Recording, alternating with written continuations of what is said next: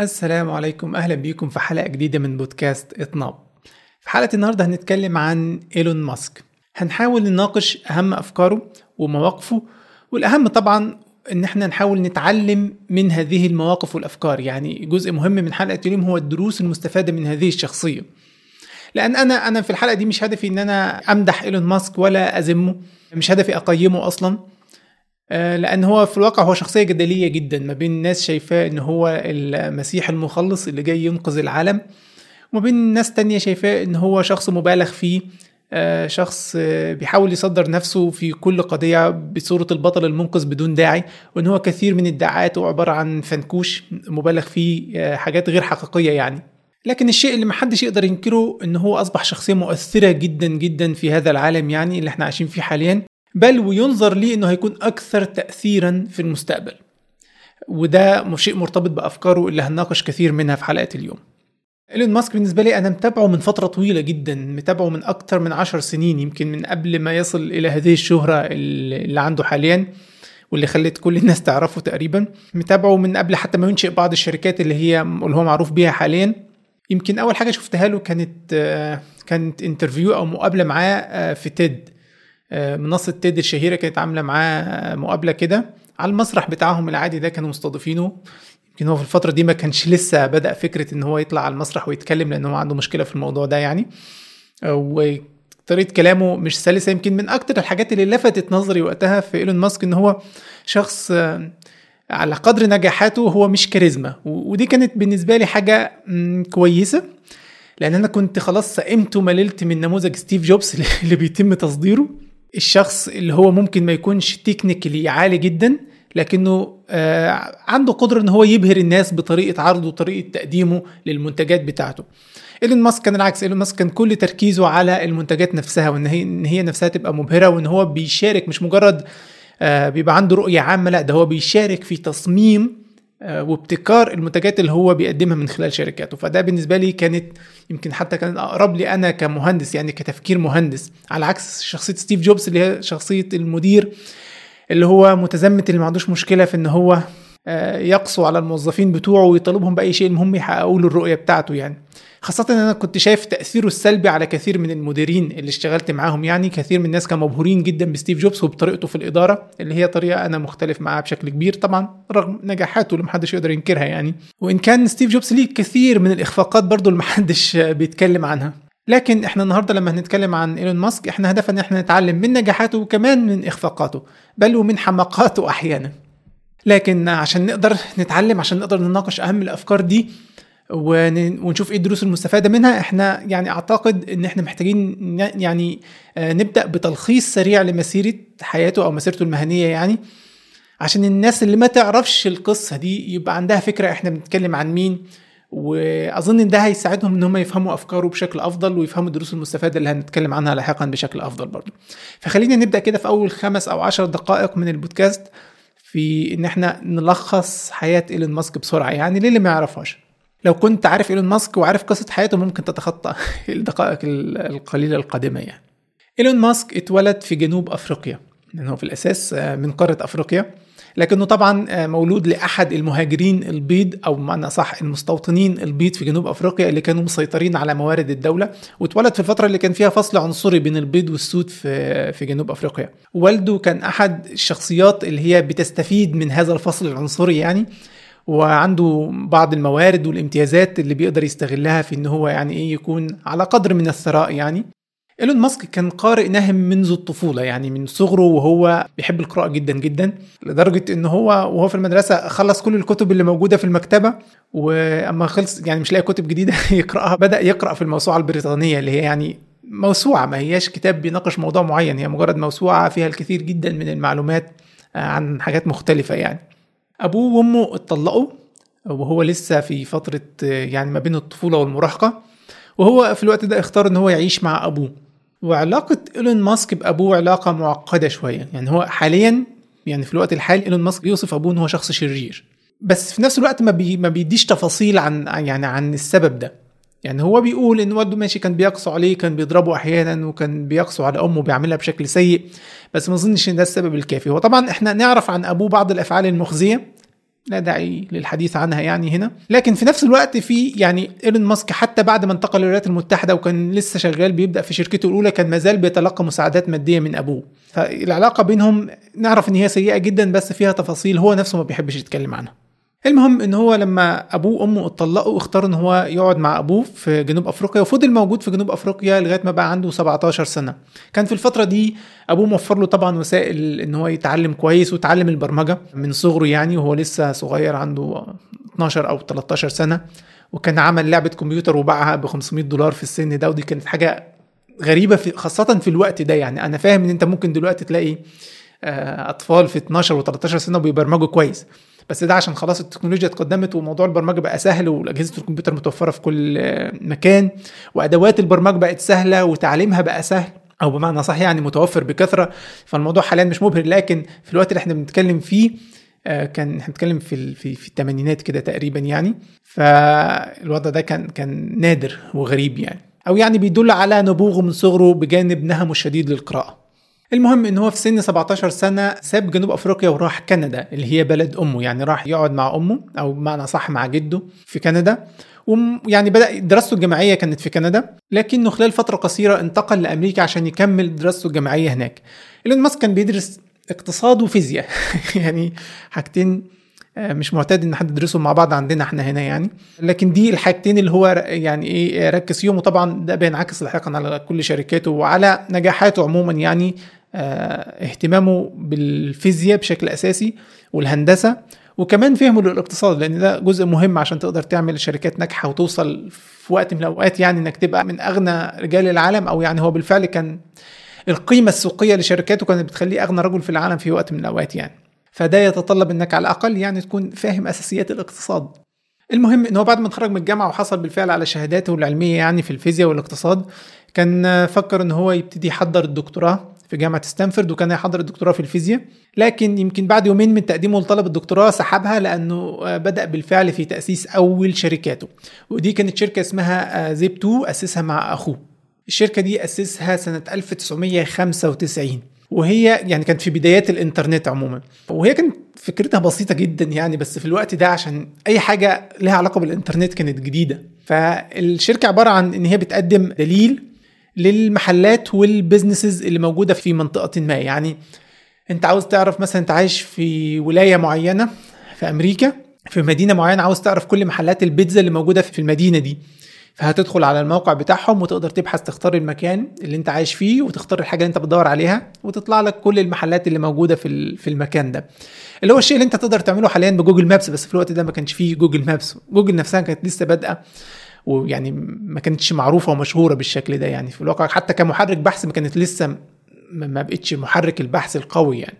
المهم إن الشركة انتشرت وكبرت وكثير بقى من ال businesses والمحلات اللي هي عماله تسمع حاجات عن الإنترنت بقت حابة إن هي تسجل تبقى موجودة فيها عشان الناس لما تبحث عنهم تلاقيهم. وهم كانوا بدأوا ياخدوا أجر مقابل إن إحنا نسجلك في الدليل بتاعنا يعني. تقدر تعتبر الشركة دي كانت كأنها كتيب بدل دليل تليفونات هو بس دليل عناوين المحلات ومجالات العمل بتاعت المحلات دي.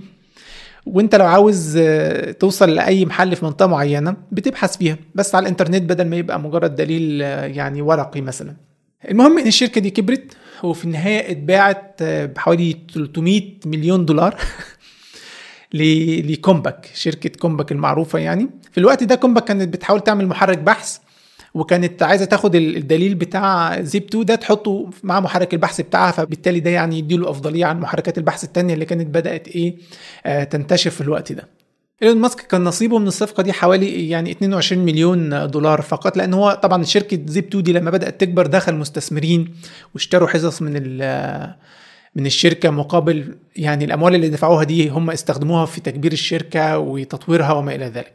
هو كان نصيبه حوالي 22 مليون دولار في الوقت ده. المهم يعني بعد ما باع الشركة دي بدأ يأسس شركة تانية مع مجموعة أخرى اسمها إكس إكس dot com. ملهاش أي علاقة بإكس اللي موجودة حاليا. هنوصل للنقطة دي بعدين.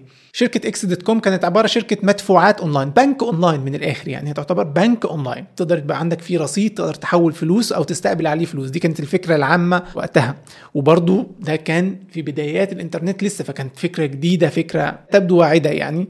وفي الوقت ده كان في حمة عامة يعني في حاجة يعني كان الناس حابة تستثمر في شركات الإنترنت في أمريكا. بالذات طبعا يعني أمريكا هم الناس شايفين إن هناك يعني هي أرض الفرص ودايما لو دخلت في حاجة بدري ده فممكن يعني إيه يكون سبب في صناعة الثروات بسهولة لاحقا. لو أنت استثمرت في شركة صغيرة من البداية بعد كده الشركة دي ضربت فبالتالي نصيبك هيبقى كبير جدا وتحقق ثروة بسهولة. فالناس كانت شايفة شركات الإنترنت عموما عندها هذا إيه؟ القابلية للنمو الكبير الضخم اللي ممكن يحقق ثروات وده صحيح. وإن كان في الوقت ده آه، الحمى دي اللي كانت بتخلي الناس تستثمر في أي شركات آه، إنترنت تسببت لاحقا في حاجة اسمها فقاعة ال dot com وانهيار في البورصة وإفلاس كثير جدا جدا جدا من شركات الإنترنت دي لأن الأمر وصل يعني في مرحلة من المراحل من مرحله سخيفة إن أي حد بيعمل أي مجرد يسجل موقع على الإنترنت ويقول إن أنا هعمل كذا فتلاقي فيلاقي الفلوس اللي المستثمرين عمالة تهل عليه. أنا أذكر إن كان أحد المواقع حد مجرد ان عمل إن هو حجز موقع اسمه Pets dot com اللي هو pets اللي هي حيوانات أليفة يعني. وكان بيقول إن ده هيبقى المكان اللي هيجي له كل محب الحيوانات الأليفة في العالم ويعرفوا كل حاجة عن حيواناتهم الأليفة يشتروا أكل لحيواناتهم يعالجوهم كل حاجة هتبقى على الموقع ده. طبعا كان مجرد موقع بسيط ما فيهوش أي حاجة. غير شوية text وصور. ورغم ذلك ده كان كافي إن يلاقي ناس كتير بقى إيه تستثمر فلوسهم في في الشركة دي. وأصحاب الشركة خدوا الفلوس صرفوها على الحفلات. والشركة كانت من الشركات الكثيرة اللي افلست لاحقا. المهم القصد إن آه، في الوقت ده كان موضوع شركات الإنترنت ده كان واعد جدا. فهو أسس الشركة اللي اسمها إكس dot com ده مع آخرين. وكان كان في شركة منافسة أخرى نفس الفكرة تقريبا بتاعت اللي هي بنك أونلاين وكان هم أفضل شركتين في الوقت ده يعني فيعني المستثمرين اتقابلوا مع بعض وقرروا دمج الاثنين مع بعض وعملوا شركة اسمها PayPal اللي هي الشركة اللي إحنا عارفينها حاليا اللي ما زالت مستمرة وتعتبر برضو من أكبر البنوك أونلاين إن لم يكن أكبرهم بالفعل. فإيلون ماسك كان من المؤسسين الأساسيين ل PayPal. في الواقع هو حتى بعد الدمج ده هو كان المدير التنفيذي للشركة لفترة من الزمن. لغاية ما هم عزلوه واستغلوا إن هو كان في أجازة وبعد كده شالوه من المنصب. أعتقد إن هو كان في شهر العسل كان كان اتجوز وراح يقضي شهر العسل ورجع لقى نفسه إن هو تمت اقالته من من منصبه يعني. ده لم يمنعه على فكرة إن هو يزود استثماراته في شركة بيبال لاحقا. المهم إن شركة بيبال في النهاية اتباعت وهو كان نصيبه 180 مليون دولار. ده بعد الضرائب. أظن كان نصيبه 250 مليون دولار وبس خدوا منه ضرائب 70 مليون. إيلون ماسك من صغره وهو مهتم بالقراءة في مجال الفضاء عموما يعني. وطبعا شيء مبهر شيء قد يعني يثير الخيال.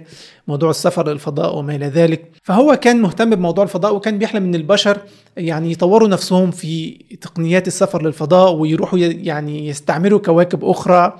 والموضوع ما يقفش بس على فكرة زيارة القمر اللي حصلت آه، في الستينات اللي عملتها أمريكا يعني اللي هو بعدها راح يعني إيه التطور في صناعة الفضاء عامة إيه انخفض خاصة بعد انتهاء الحرب الباردة بين روسيا وبين أمريكا لأن في الأساس كان الدافع الأساسي لأمريكا في فكرة إن هي الصعود للقمر يعني المنافسة بين بينها وبين الاتحاد السوفيتي لأن هو مفيش فايدة كبيرة من فكرة الصعود للقمر بس كانت فكرة إن إحنا الحضارة الأهم أو إحنا الدولة الأكبر إحنا الدولة الأقوى اللي تقدر اللي عندها التقنيات اللي تمكنها إنها تعمل شيء خيالي زي الصعود للقمر. آه، ما كانش فيه شيء مفيد بشكل خاص في الصعود للقمر نفسه وإن كان التقنيات اللي تم تطويرها عشان يقدروا يصعدوا يعني أو يوصلوا لفكرة إن هم يصعدوا للقمر في النهاية كانت مفيدة جدا في مجالات تانية كثيرة يعني غير غير الفضاء. المهم إن خلاص كان كان موضوع الفضاء ده خلاص وحتى معظم الصواريخ اللي بتستخدم بقى لها عشرات السنين لم يتم تطويرها أو تحديثها فهو كان عاوز ترجع تاني إن يرجع تاني للناس الشغف بالفضاء بس هو في الفترة دي هو مجرد إن هو واحد معاه فلوس وما بيفكرش في إن هو يعمل شركة فضاء فجت له فكرة غريبة في إن هو عاوز يحيي هذا الشغف عند الناس بالفضاء تاني لأن هو عاوز إن ال... عاوز فكرة تثير خيال الناس فيخلي الناس تضغط على الحكومة الأمريكية بحيث الحكومة الأمريكية ترجع تاني تستثمر في هذا الموضوع ب آه، يعني بكثرة زي ما كانوا بيعملوا أيام الصراع مع الاتحاد السوفيتي. المهم فكرته كانت إن هو عاوز هيروح يأجر صاروخ يروح المريخ. كل هدف إن هو ياخد معاه زي بوتقة كده أو يعني بيسموه اللي هو جرين هاوس اللي هو بيت زجاجي بيبقى جواه زرعة. كل الهدف إن هم يبعتوا الزرعة دي آه، تنزل على سطح المريخ ويصوروها صورة كده جميلة. ويبتدي تنشر الصورة دي بين الناس فتثير الشغف تاني إن إحنا ممكن نبقى موجودين على سطح المريخ وممكن ننشئ حياة هناك وما إلى ذلك يعني. فده كان كل هدفه. فطبعا آه، في الوقت ده السبيل المتاح قدامه إن هو يأجر صاروخ كانت روسيا. فراح عند روسيا وطلب منهم إن هو يأجر صاروخ يعمل يعني الفكرة اللي في خياله دي. فهم اتعاملوا معاه هناك باستهانة شديدة وشافوه إن هو مجرد واحد مليونير أحمق مشهور معاه شوية فلوس مش عارف يعمل بيهم إيه بالظبط فبيدور على الفكرة يعني, يعني فعليا حاجة شبه إنك تجيب حمام وتطيره زي المثل الشعبي المصري هو هيجيب صاروخ ويطيره وبس ومفيش فايدة من اللي هيعمله ده غير إن هو ياخد صورة في النهاية. فهم شافوه كده فحاولوا يرفعوا عليه السعر ويتعاملوا معاه باستهانة. وما كان حتى في جلساتهم معاه كان هو بيحس إن هم يعني مش واخدينه على محمل الجدية يعني. فالمهم المناقشات دي فشلت في النهاية لأن هو حاسس إن هم بيستغلوه عاوزين يدفعوه مبالغ كبيرة ومش واثق في إن هم هي يعني هياخدوا الموضوع بجدية في النهاية أو إن هم حتى هيضمنوا له نجاح المهمه يعني. فساعتها راح قفل الموضوع ده ورجع تاني بدأ يقرأ بقى بنهم عن موضوع صناعة الصواريخ. إزاي إن هو ممكن يعمل شركة بتصنع صواريخ شركة خاصة بتصنع صواريخ. واكتشف من قراءاته الكثيرة أن صناعة الصواريخ في الواقع لم تتطور بشكل كبير والأهم كمان أن هي لم تستفد من التطور التقني اللي حصل تطور اللي هو حصل في أجهزة الكمبيوتر وال microchips وال processing والحاجات دي كلها وأن الصواريخ دي كلها مصنوعة من الستينات يعني إحنا دلوقتي أنت في ال 2000 خلاص عديت سنة 2000 وما زلت بتستخدم صواريخ مصنوعة من عقود تقنياتها اتعملت من عقود. فهو حاسس إن هو ممكن ممكن يعمل شركة بدل ما بقى يقعد يصرف فلوسه على على صاروخ واحد. هو ممكن يأسس شركة تعمل صواريخ ويقدر يطورها أكتر وأكتر وأكتر. في الآخر ممكن يبقى هو الدافع إن هو الحلم ده يتحقق في النهاية ما يبقاش منتظر من الآخرين إن هم يحققوه سواء من الحكومة الأمريكية أو من ناسا أو ما إلى ذلك. طبعا إحنا هنناقش الحلم ده بعدين فكرة استعمار المريخ هنناقشها بعدين بالتفصيل يعني. المهم إنه سنة 2002 أسس شركته اللي هي سبيس إكس اللي هي حاليا أهم شركة فضاء إن لم تكن الأهم وبفرق كبير عن أي تابع ليها يعني. لكن طبعا الشركة دي في بدايتها واجهت صعوبات شديدة جدا وكانت على وشك الإفلاس فعلا يعني كانت خلاص على وشك الإفلاس. يعني هم عملوا صمموا أول صاروخ اللي هو Falcon 1 والصاروخ ده فشل ثلاث مرات في إن هو يوصل للفضاء يعني يوصل لمدار الأرض. لما بنقول فضاء نتكلم في معظم الأحيان بنتكلم عن مدار الأرض يعني.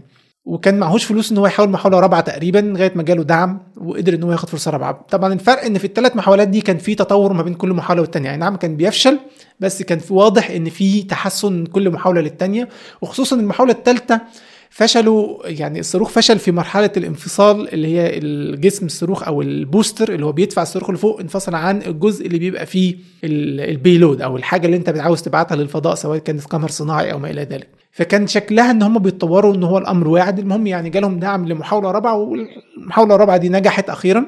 ولما نجحت بقى راحت جات له جاله عقد كبير من ناسا إن هم إيه بيبعتوا حاجات كتير للفضاء معظمها أقمار صناعية يعني. فجاله عقد مبلغ كبير جدا من ناسا ساعد إن هو بقى يستمر ويبتدي يتطور بقى في الصاروخ بتاعه راح انتقل من فالكون 1 وعمل فالكون 9 اللي هو يعتبر أكثر الصواريخ كفاءة. الصاروخ الوحيد اللي قادر إن هو جزء منه يعود للأرض ويعاد استخدامه لدرجة إن أحد هذه الصواريخ تم استخدامه أكثر من 12 مرة أظن.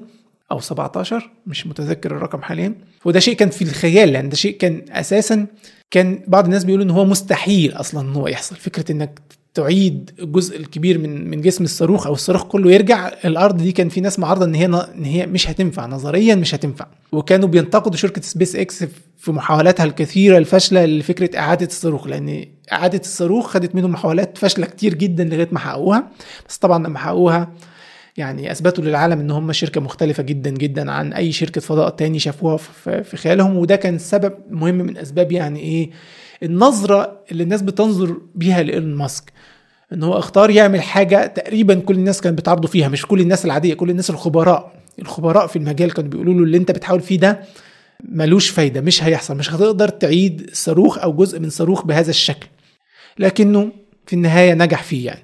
المهم شركة سبيس إكس نجحت في إن هي تخلي عملية إطلاق الصواريخ دي أمر سهل وروتيني جدا بعد ما كانت الناس بتنظر له إن هو حدث يعني نادر وعظيم إن حد يقدر ينجح فيه. طورت بعدها صاروخ Falcon Heavy اللي هو صاروخ أقوى من Falcon 9 وحاليا شغال على أكبر صاروخ عرفه البشر اللي هو اللي بيسموه Starship والهدف بقى إن Starship ده يبقى الصاروخ بالكامل بيرجع مش مجرد الجزء الأساسي فيه اللي هو ال booster اللي هو الدافع الأساسي أو اللي فيه المحركات اللي اللي بتدفع الصاروخ للوصول لمدار الأرض يعني اللي هو بيمثل 70% من جسم الصاروخ و70% من تكلفته تقريبا.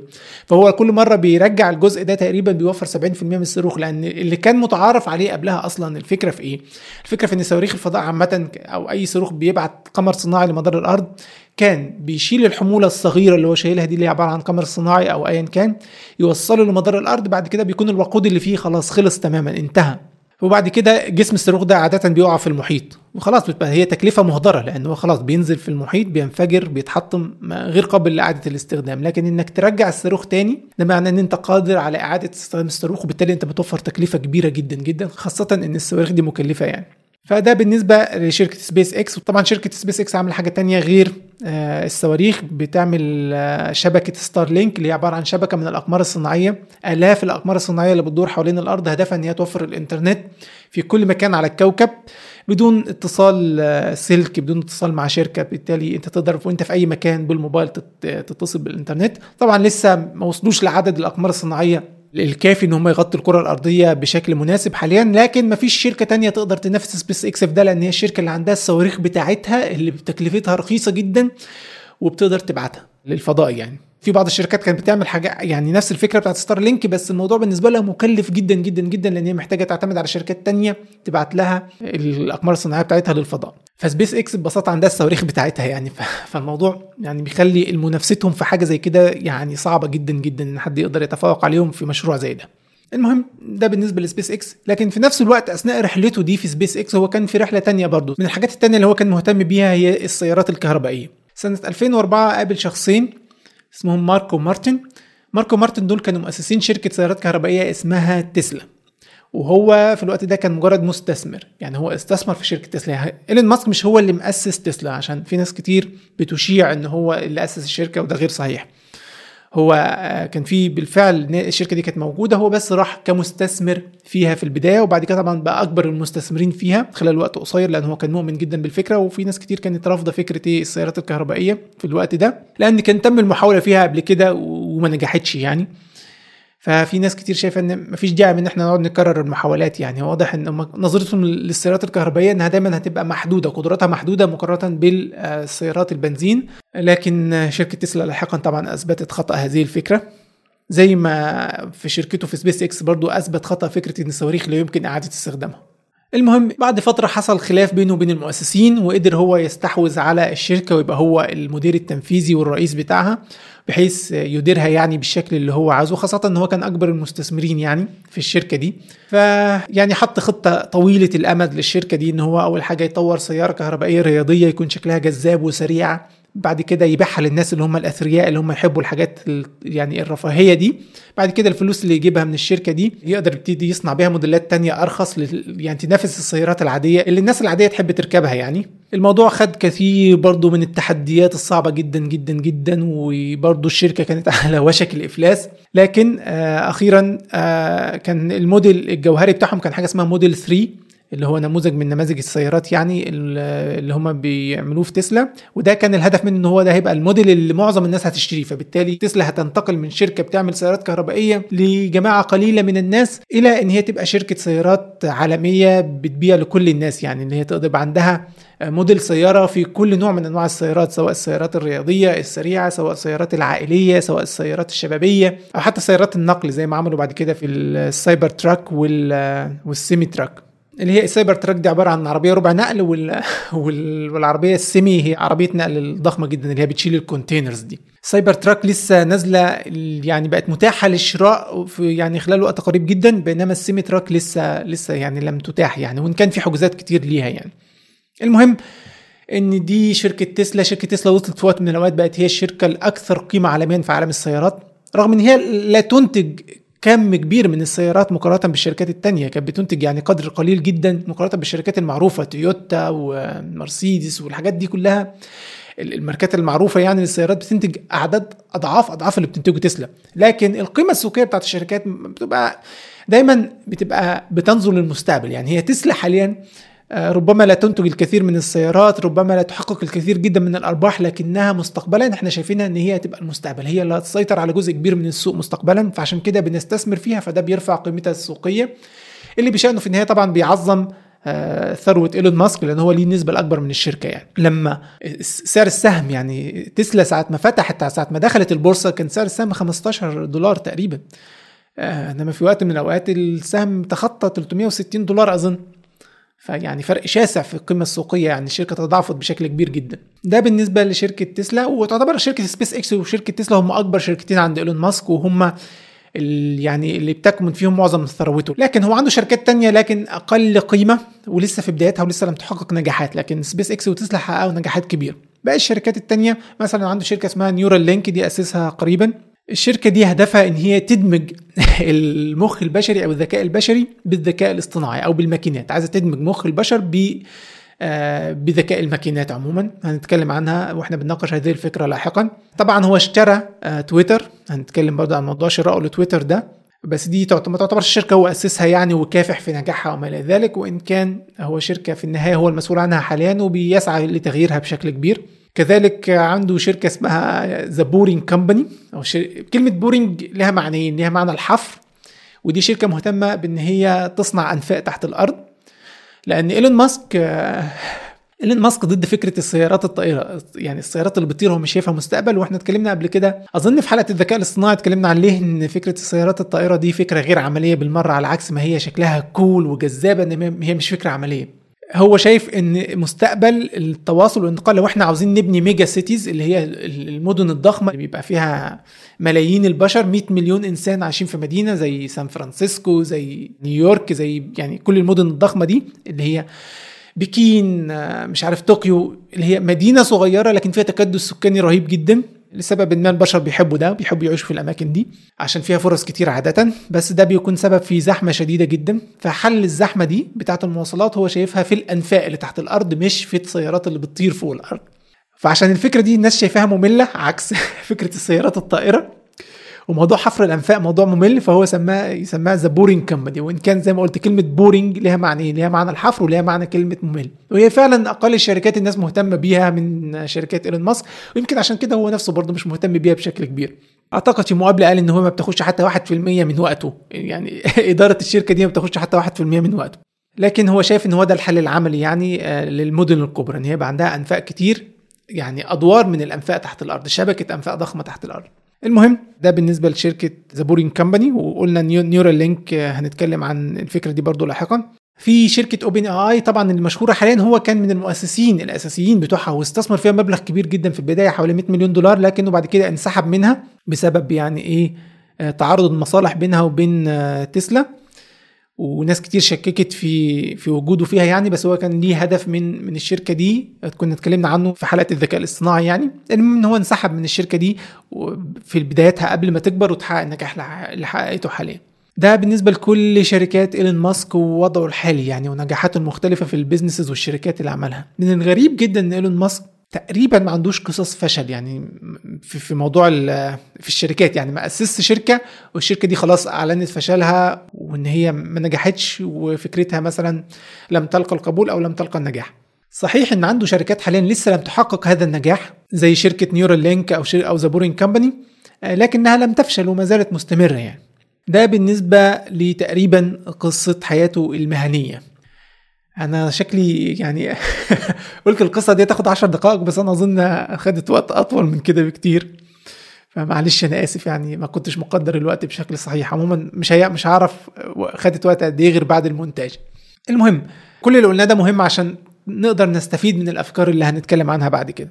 طيب يعني برضو قبل ما نبدأ في نقاش مواقفه وأفكاره عاوزين بس ناخد لمحة عن شخصيته يعني شخصية إيلون ماسك نفسها.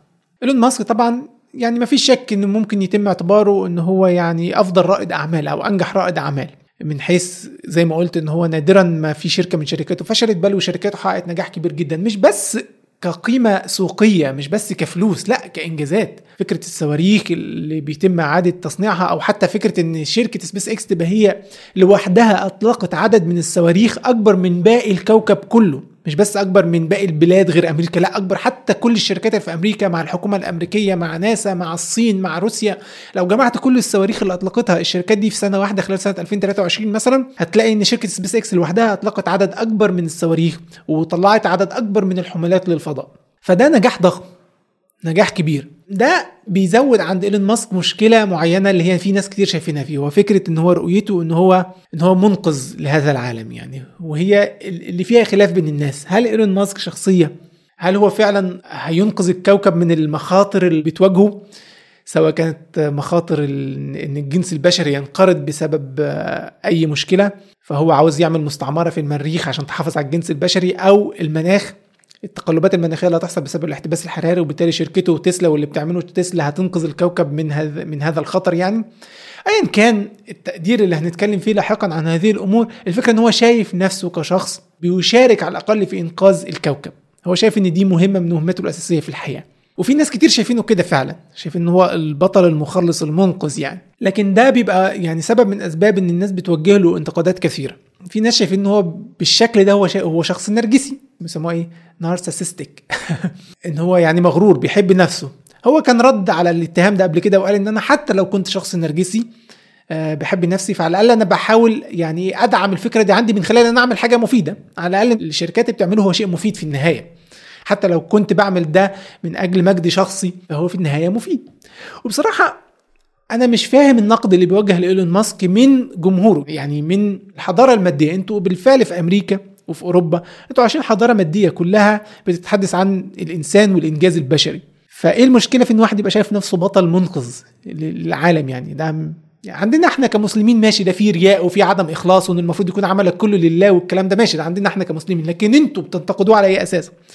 ما أنتوا برضو بتتكلموا على الانجازات الشخصية وإن الواحد يكون بيساهم في الحياة بشكل ما أو حتى يعيش حياته بشكل مبسوط فلو هو ده شيء بيبسطه يبقى ملكوش دعوة وهو يعمل اللي يعمله. فالاتهامات عادة اللي بتبقى موجهة لإيلون ماسك خاصة في الفترة الأخيرة في الواقع هي اتهامات بيبقى لها دوافع تانية غير فكرة إن هو شخص نرجسي عاوز يعيش دور البطل. لأن حتى لو عاوز يعيش دور البطل ما تسيبه يا سيدي أنت خسران إيه يعني؟ ما هو بيعمل حاجة مفيدة في النهاية. على الأقل يعني في مقاييسكم أنتوا الحضارية هي شيء مفيد. فبالتالي النقد اللي جاي له في الحتة دي من أشخاص هم بالفعل أشخاص ماديين زيهم زيه غير مفهوم بصراحة وغير مبرر. عادة دوافعه زي ما هنتكلم بعد شوية عن مواقفه السياسية هنعرف إن هي دي بيبقى غطاء لحاجة تانية. إيلون ماسك رغم إن هو يعني شخص ثري بحكم ما يملكه يعني من قيمة سوقية وشركات لأنه بصراحة ما بيتصرفش بهذا الشكل يعني. هو ما بيعيش عيشة الأثرياء وكمان كثير من المليارديرات دايما بيحبوا يعيشوا في الخفاء عشان يقدروا يعيشوا حياتهم يعني بعيد عن الأضواء وبعيدا عن عدسة المراقبين اللي ممكن تخليهم يعني يظهروا بصورة سيئة قدام الناس. في حين إيلون ماسك لا هو عادي جدا هو حابب الشهرة وموجود على تويتر طول اليوم. وهو شخص كمان اندفاعي يعني شخص ممكن نقول هو بيحب يقول عن نفسه إن هو صريح بس هو أكثر من كونه صريح. هو شخص اندفاعي كومبالسيف مش دايما بيوزن الكلام قبل ما يقوله. مش بيوزن الكلام مش معنى إن هو شرط يكون بيقول كلام غلط لأ بس بيقول كلام ليه عواقب. المشاهير عادة بتلاقيهم دايما دايما يقول لك إيه ما تجيب شخص مشهور أو ملياردير دايما تلاقيهم بيجاوبوا الإجابات الدبلوماسية اللي إحنا بنقول عليها اللي هو ما بيحاول ما بيحاولش يدي رأي صريح في قضية ما عشان ما يخسرش الجانبين أو عشان ما يواجهش انتقادات من أي جانب هو برأيه ضد هذا الجانب يعني. فدايما يقولوا كلام عايم كده عام عشان ما يزعلوش حد. لكن إيلون ماسك عكس كده خالص. إيلون ماسك بيقول اللي بيجي على لسانه مباشرة ما بيفكرش فيه. ده بيخليه يندم لاحقا وبالفعل ندم لاحقا والموضوع ده سبب له خسائر مليارية تعتبر لأن هو واحدة من المرات قال كلام ما كانش المفروض يقوله عن عن شركة تسلا. فده سبب يعني إيه؟ إن قيمتها السوقية انخفضت والسهم سعره انخفض بشكل كبير وبالتالي معناه إن هو فقد مليارات من القيمه السوقية لشركاته. في مرة من المرات كان حصلت قضية أخرى برضو كان كانت مجموعة من الأطفال اتحبسوا في كهف في تايلاند. يمكن القضية كانت مشهورة وقتها الأطفال اللي هم اتحبسوا بسبب إن هم دخلوا الكهف ده. الكهف ده ليه تضاريس معينة بتخلي لما يحصل فيضان بيقفل أماكن معينة فيه ما ينفعش تخرج منه إلا إذا كنت هتقدر تغطس وتعوم في المية دي. والمشكلة إن الكهف ده فيه أماكن ضيقة جدا ما ينفعش إلا شخص محترف جدا جدا في الغطس إن هو يعدي منها. فاللي حصل إن هو الأطفال دول كانوا في رحلة استكشافية بس ما كانش الوقت ده معروف إنه وقت فيضانات أو وقت أمطار أظن. فالمهم إن الأطفال اتحبسوا وبقت قضية عالمية والناس كلها مهتمة بيها لانهم عرفوا بعدين يعني في الأول كانوا فاقدين الأمل في إن الأطفال دول هيكونوا ماتوا غالبا لانهم قعدوا عدة أيام جوه الكهف ده مفيش خبر عنهم. لكن بعد كده في أحد الاستكشافيين وجدوهم في في مكان في جوه الكهف بقى لهم يعني عدة أيام مش فاكر الأيام بالظبط بدون طبعا أكل أو شرب بس كانوا لسه أحياء. فبقت بقى فكرة إنقاذهم بقت قضية إيه شغله الرأي العام كله طبعا. لأنه رأي عام وغد يحب دايما آه، يهتم بالقضايا اللي هي لما تبقى إنسانية بس إيه ما فيهاش مصالح. لأن فكرة الأطفال دول كل الناس حابه تنقذهم لأن ما فيش مصلحة من عدم إنقاذهم. لكن لما يبقى في أطفال تاني زي أطفال غزة مثلا تحت القصف الصهيوني الحقير فدول طبعا محاولة إنقاذهم هتبقى ضد مصالح ناس كتير فبيسكتوا. المهم يعني ده كان في الوقت كانت قضية رأي عام في الوقت ده والناس كانت بتدور على أفكار إزاي يمكن ينقذهم. الحل الوحيد اللي كان متاح وقتها الفكرة في إن في غطاسين لازم يجيبوا يعني غطاسين مهره جدا جدا يدخلوا الأماكن اللي فيها المية دي اللي هي لازم تعديها غطس ويعدوا الناحية التانية وياخد طفل طفل يحاول يركب له أنبوبة أكسجين ويعدي بيه من من الحتت الخطرة دي. بس كان في ناس بتقول ان الموضوع ده خطر على الأطفال والأطفال ممكن يفزعوا لأن هم ما لهمش خبرة بحاجة زي كده وممكن آه، يموتوا. فكانوا قاعدين يقيموا الخطة دي هتنفع ولا لا. المهم في الوقت ده لأنها قضية شغلة الرأي العام ولأنها قضية محتاجة بطل منقذ. فإيلون ماسك تطوع بالمهم مع المهندسين بتوعه في إن هم آه، عملوا حاجة زي كبسولة كده. كبسولة كبيرة تكفي إن الطفل من الأطفال دول يبقى جواه يعني يدخل جواها. الكبسولة دي آه، متوصلة بأنبوبة الأكسجين اللي بتبقى مع الغطاس. بحيث إن آه، الغطاس يدخل طفل في الكبسولة دي بعد كده يجرها يشدها يطلع بيه من الناحيه الثانية بدون ما فزع الطفل أو خوفه أو إن هو يكون الطفل ده محتاج يكون بيعرف يعوم أصلا أو بيكون بيخاف من المية أو ما يخافش أو ما إلى ذلك. فدي كانت الفكرة. وكان إيلون ماسك نشر فيديو صغير كده عن تجربة الكبسولة دي في حمام سباحة كده. وخد الكبسولة دي وراح تايلاند فعلا عند الكهف عشان يحاول يعرضها على الناس. في الوقت ده كان من ضمن الغطاسين اللي بيحاولوا ينقذوا الأطفال. كان في واحد بريطاني كده. ساعتها طلع وكان بيشرف على عملية إنقاذ الأطفال. فهو أزعجه جدا فكرة إن إيلون ماسك جاي ياخد منهم ال show وفكرة إنقاذ الأطفال اللي العالم كله متربص ومنتظر إنقاذهم يعني.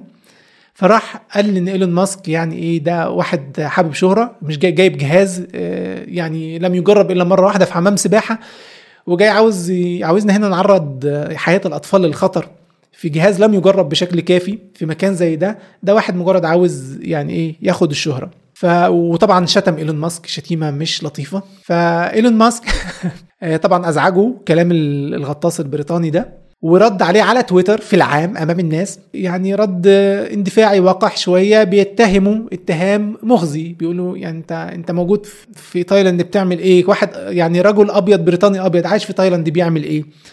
عشان يعني اتهموا في إن هو عنده ميول جنسية ناحية الأطفال الغطاس البريطاني ده. الفكرة في إن هو كتبها على العام وفي تويته فخلاص بقى دليل أنت قلت كده فعلا.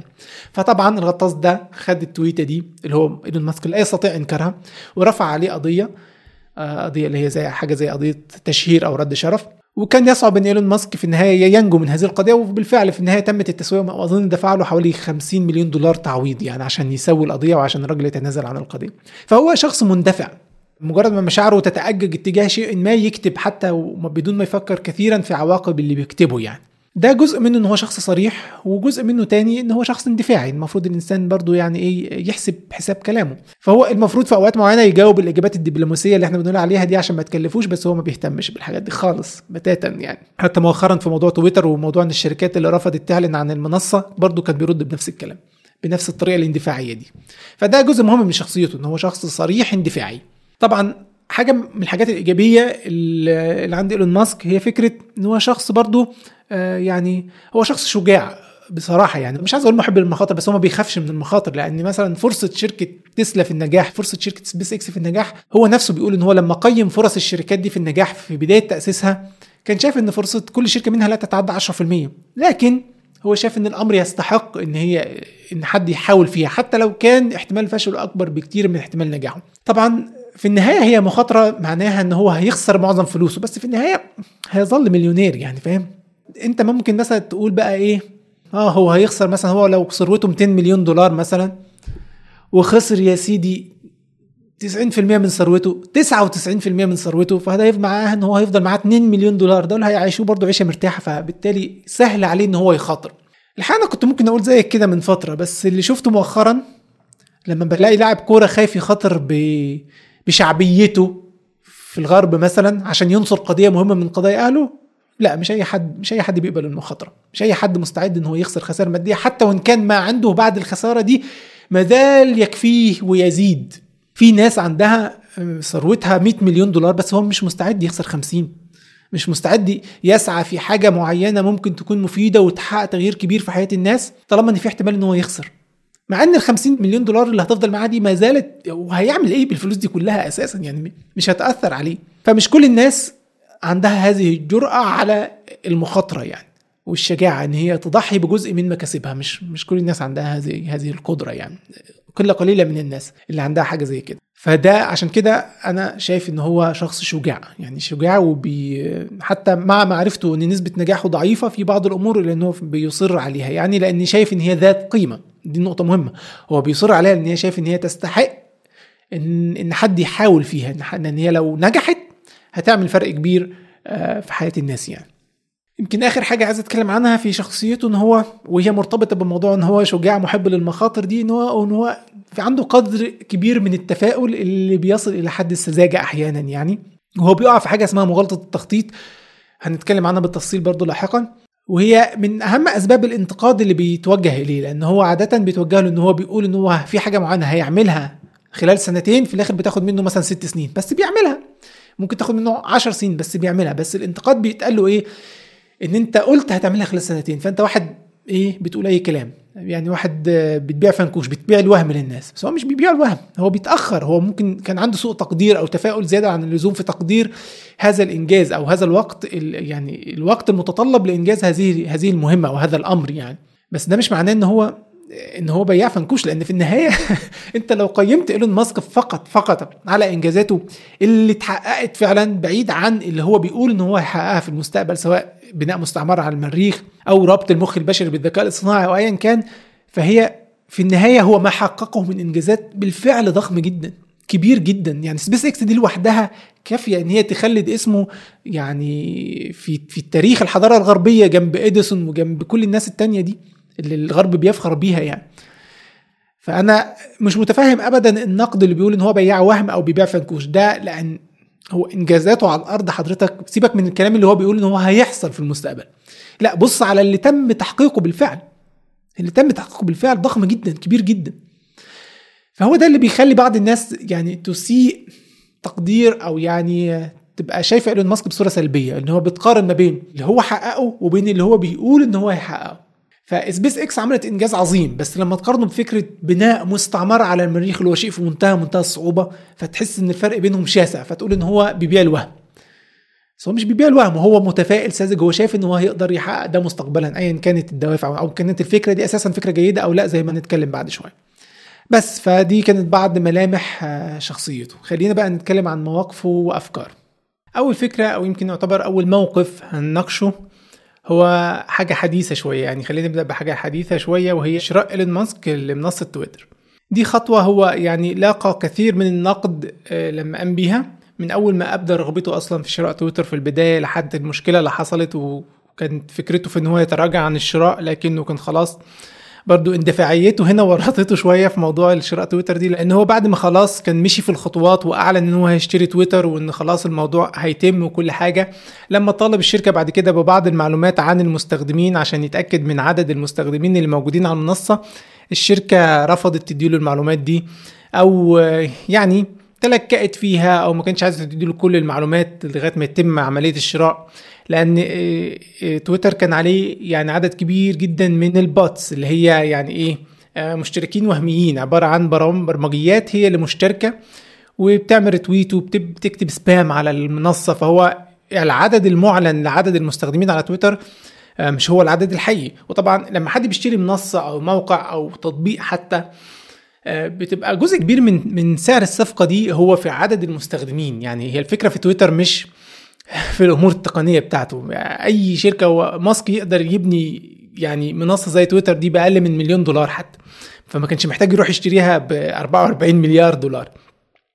لكن الفكرة أنت فعليا أنت بتشتري المستخدمين لأن دي بالفعل منصة مشهورة عدد كبير جدا من الناس بيستخدمها فأنت بتشتري خلاص ده يعني شيء المفروض جاهز. أنت بتشتريه وهو ناجح بالفعل.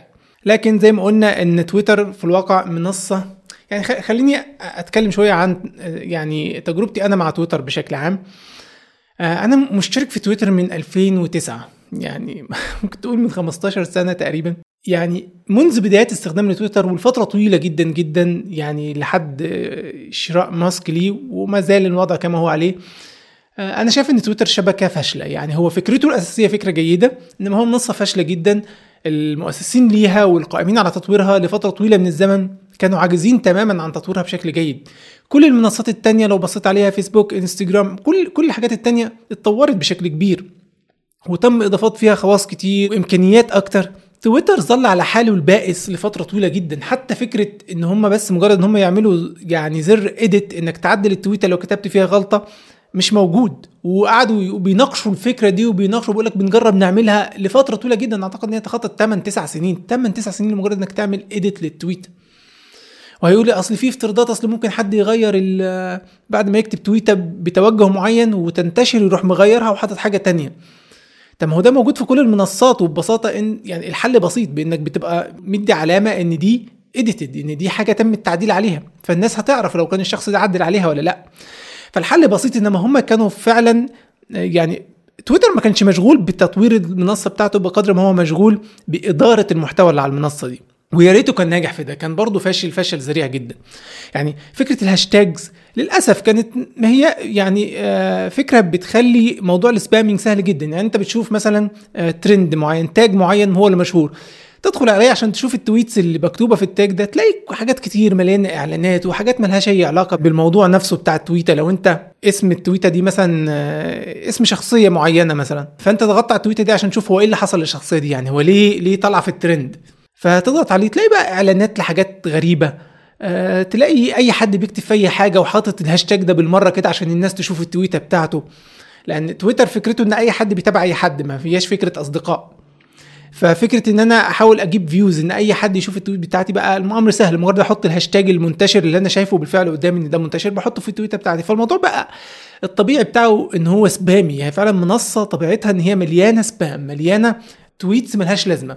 غصب عنك بتلاقي حاجات أنت بتبحث عن شيء البحث يكاد يكون ملوش لازمة في تويتر فعليا. يعني أنت أنت مش جاي هنا عشان تبحث أنت جاي هنا بس عشان إيه تقعد تكتب وتكتب حاجات بسرعة. زي ما هم بدأوا في الأول التويتة كانت مسموح لها 140 حرف وبعد كده خلوها 280 حرف. المهم إن أنا من زمان وأنا عاوز شركة محترمة تشتري تويتر كنت دايما بتمنى إن جوجل تشتري تويتر عشان تحل مشاكله الكتير. وأعتقد إن جوجل حاولت فترة خاصة بعد فشلها في عمل منصة منافسة للفيسبوك إن هي تشتري تويتر لكن تويتر كان بيبالغ جدا في تقدير قيمته السوقية وكده. فالمنصة فعلا أقل المنصات تطورا. والحاجات المؤسفة اللي تكتشفها إن بعد ماسك ما اشترى بعد ما استحوذ على الشركة آه لو سمعتوا الأخبار إن هو فصل عدد كبير جدا من الموظفين استغنى عن عدد كبير جدا من الموظفين في الشركة. معظمهم دول كانوا مسؤولين عن إيه؟ مسؤولين عن إدارة المحتوى. اللي كانوا ماسكين الشركة تويتر كانوا بينتموا للتيار اليساري الليبرالي. وكان كل همهم يعني واضح إن موجهين معظم طاقتهم في إن هم يتأكدوا إن مفيش حاجة بتت يعني أفكار بتنتشر تدعم اليمين. الجمهوري في أمريكا أو التيارات اليمينية بشكل عام أو التيارات المحافظة أيضا. فواضح هم كان يعني إيه معظم تركيزهم على المحتوى وعلى التوجه السياسي بتاع المنصة ودعم طبعا كل الموبقات اللي في الدنيا. تويتر كان أكتر المنصات اللي بتدعم الحاجات دي. فكانت منصة بائسة. أنا استخدامي ليه كان مجرد هو وتويتر فيه قيمة إن هي سهولة المتابعة إنك تقدر تتابع أي حد بيقدم قيمة. فأنا ببساطة كان عندي عدد معين من الأفراد أنا مهتم باللي باللي بيكتبوه بينشروه. فكان طريقة سهلة إنك تتابع الأشخاص دي سواء مثلا بينشر لينك لمقال هو كتبه أو لفيديو هو عمله على يوتيوب أو لحاجة مهمة هو وجدها على الإنترنت وبيشاركها معانا. ففي عدد قليل من الناس أنا صعب أقدر يعني أتابعه على منصة تانية بشكل بسيط لأن هو دايما تويتر ميزته إن أنت لو بس محتفظ بالناس دي اللي بتويتها فهتلاقي إن أنت تدخل على تويتر نظرة سريعة تأكد لك في حاجة جديدة ولا مفيش فتسيبها وتخرج. طبعا هم مع الوقت بدأوا يغيروا ده بحيث دايما زي كل منصة عاوزاك تفضل قاعد على المنصة بتاعتها. بس تويتر طبيعته مش كده يعني هي فكرة دايما ال tweets اللي هي الحاجات ال posts السريعة الصغيرة. عشان كده تويتر كان مميز في موضوع الأخبار. أنت لو عاوز تشوف حدث حاجة لسه حصلت حالا وعاوز تشوف تتابعها كان تويتر بيبقى الأفضل دايما ليه؟ لأن سرعة الكتابة إنك تكتب حاجة صغيرة بسرعة وسرعة انتشارها وإن مفيش limits ما هياش محدودة بأصدقائك بس اللي يشوفوها أو ما إلى ذلك. فده كان بيساعد آه، موضوع الانتشار بسرعة. طبعا وبرضه بيزود الأخبار الكاذبة. تويتر أكبر منصة تلاقي عليها إشاعات. طبعا موجود على كل المنصات بس على تويتر الموضوع أسهل بكثير إنك تدس أي إشاعة. زي ما قلنا في موضوع الترند ده الناس بتتكلم عن آه، قضية سياسية معينة أو حدث معين حادثة معينة مثلا. انفجار حصل في حتة معينة. فسهل إن أنت تاخد نفس الهاشتاج وتروح كاتب معلومة من دماغك عن عدد القتلى عن عدد الضحايا عن مين اللي عمل الانفجار ده وتكتبها في وسط الزحمة. وأي حد بي search بيضغط على الترند هيشوف ده يبتدي يشوف أنت بقى كتبت حاجة مثيرة مش هيلحق يتاكد منها هي صح ولا غلط هيعمل retweet وهكذا. فهو منصة خصبة جدا لانتشار الإشاعات. لكن يظل الاستخدام الوحيد اللي كنت بستخدمه فيه هو إن أنا أتابع مجموعة من الأفراد. عارف إن هم بيكتبوا حاجات مفيدة قيمة فعشان أبقى متابع لو هم لقوا برضو يعني مش بس هم بينتجوا محتوى مفيد هم كمان لو وجدوا محتوى مفيد بيشيروه. فكانت بصراحة بتبقى طريقة سهلة للوصول لمحتوى جيد بسهولة. وعشان كده أنا تقريبا ما كنتش بعمل posting على تويتر. أنا بس بتابع بس لكن ما بكتبش ما بكتبش حاجة. لا أنا مش مقتنع بالمنصة بصراحة قوي يعني. رغم إن أنا مسجل فيها من فترة طويلة. وحتى استخدامي ليها حاليا مجرد إن أنا بس لو أنا عملت فيديو جديد على يوتيوب بنشر ال link على الحساب بتاعي. ليس ليس مش أي حاجة تانية تقريبا على حسابي على تويتر. أنا مش مقتنع بصراحة بالطريقة اللي بتدار بيها المنصة ابدا. وزي ما قلت إن اللي كانوا ماسكين الشركة فعلا فشل يعني فعلا الكام حاجة اللي غيرها إيلون ماسك بعد ما مسك الشركة دي تثبت لك إن الناس دي المفروض تتحاسب. يعني الناس دي كانوا قاعدين 10 سنين وأكتر من 10 سنين بياخدوا مرتبات مقابل إيه؟ المنصة تقريبا على حالها من وقت ما بدأت. ما حصلش فيها تطوير كبير زي الفيسبوك التغيرات الكتير اللي كانت بتحصل في الفيسبوك. ما فيهوش إمكانيات كتير على أي حال يعني ما فيهوش حاجات كتير تقدر تعملها. ف أنتوا كنتوا قاعدين بتتقاضوا كل هذه الأموال مقابل إيه بالظبط؟ فهي كانت شركة فاشلة بس يعني هي في حاجة اسمها value proposition أو يعني إن المنصة دي بتقدم قيمة معينة مميزة بس مش عارفة تقدم غيرها ومش عارفة تطورها. فده كان الواقع يعني واقع مؤسف جدا. وعشان كده كنت بتمنى إن أي حد آه، يشتريها. يمكن يقدر يحل مشكلتها. فبالنسبة لخبر شراء إيلون ماسك للمنصة طبعا أنا بالنسبة لي كنت مبسوط بيه. يعني أنا كنت شايف إنه حاجة كويسة مش لأني مؤمن إن إيلون ماسك هيحل مشاكلها. لا لا خالص. أنا بس حاسس إن المنصة دي عايزة حد جاد يمسكها لأن اللي كانوا ماسكينها أشخاص غير جادين بالمرة. آه، أشخاص مبسوطين بوضعها الحالي راضيين بيه ومستمرين عليه.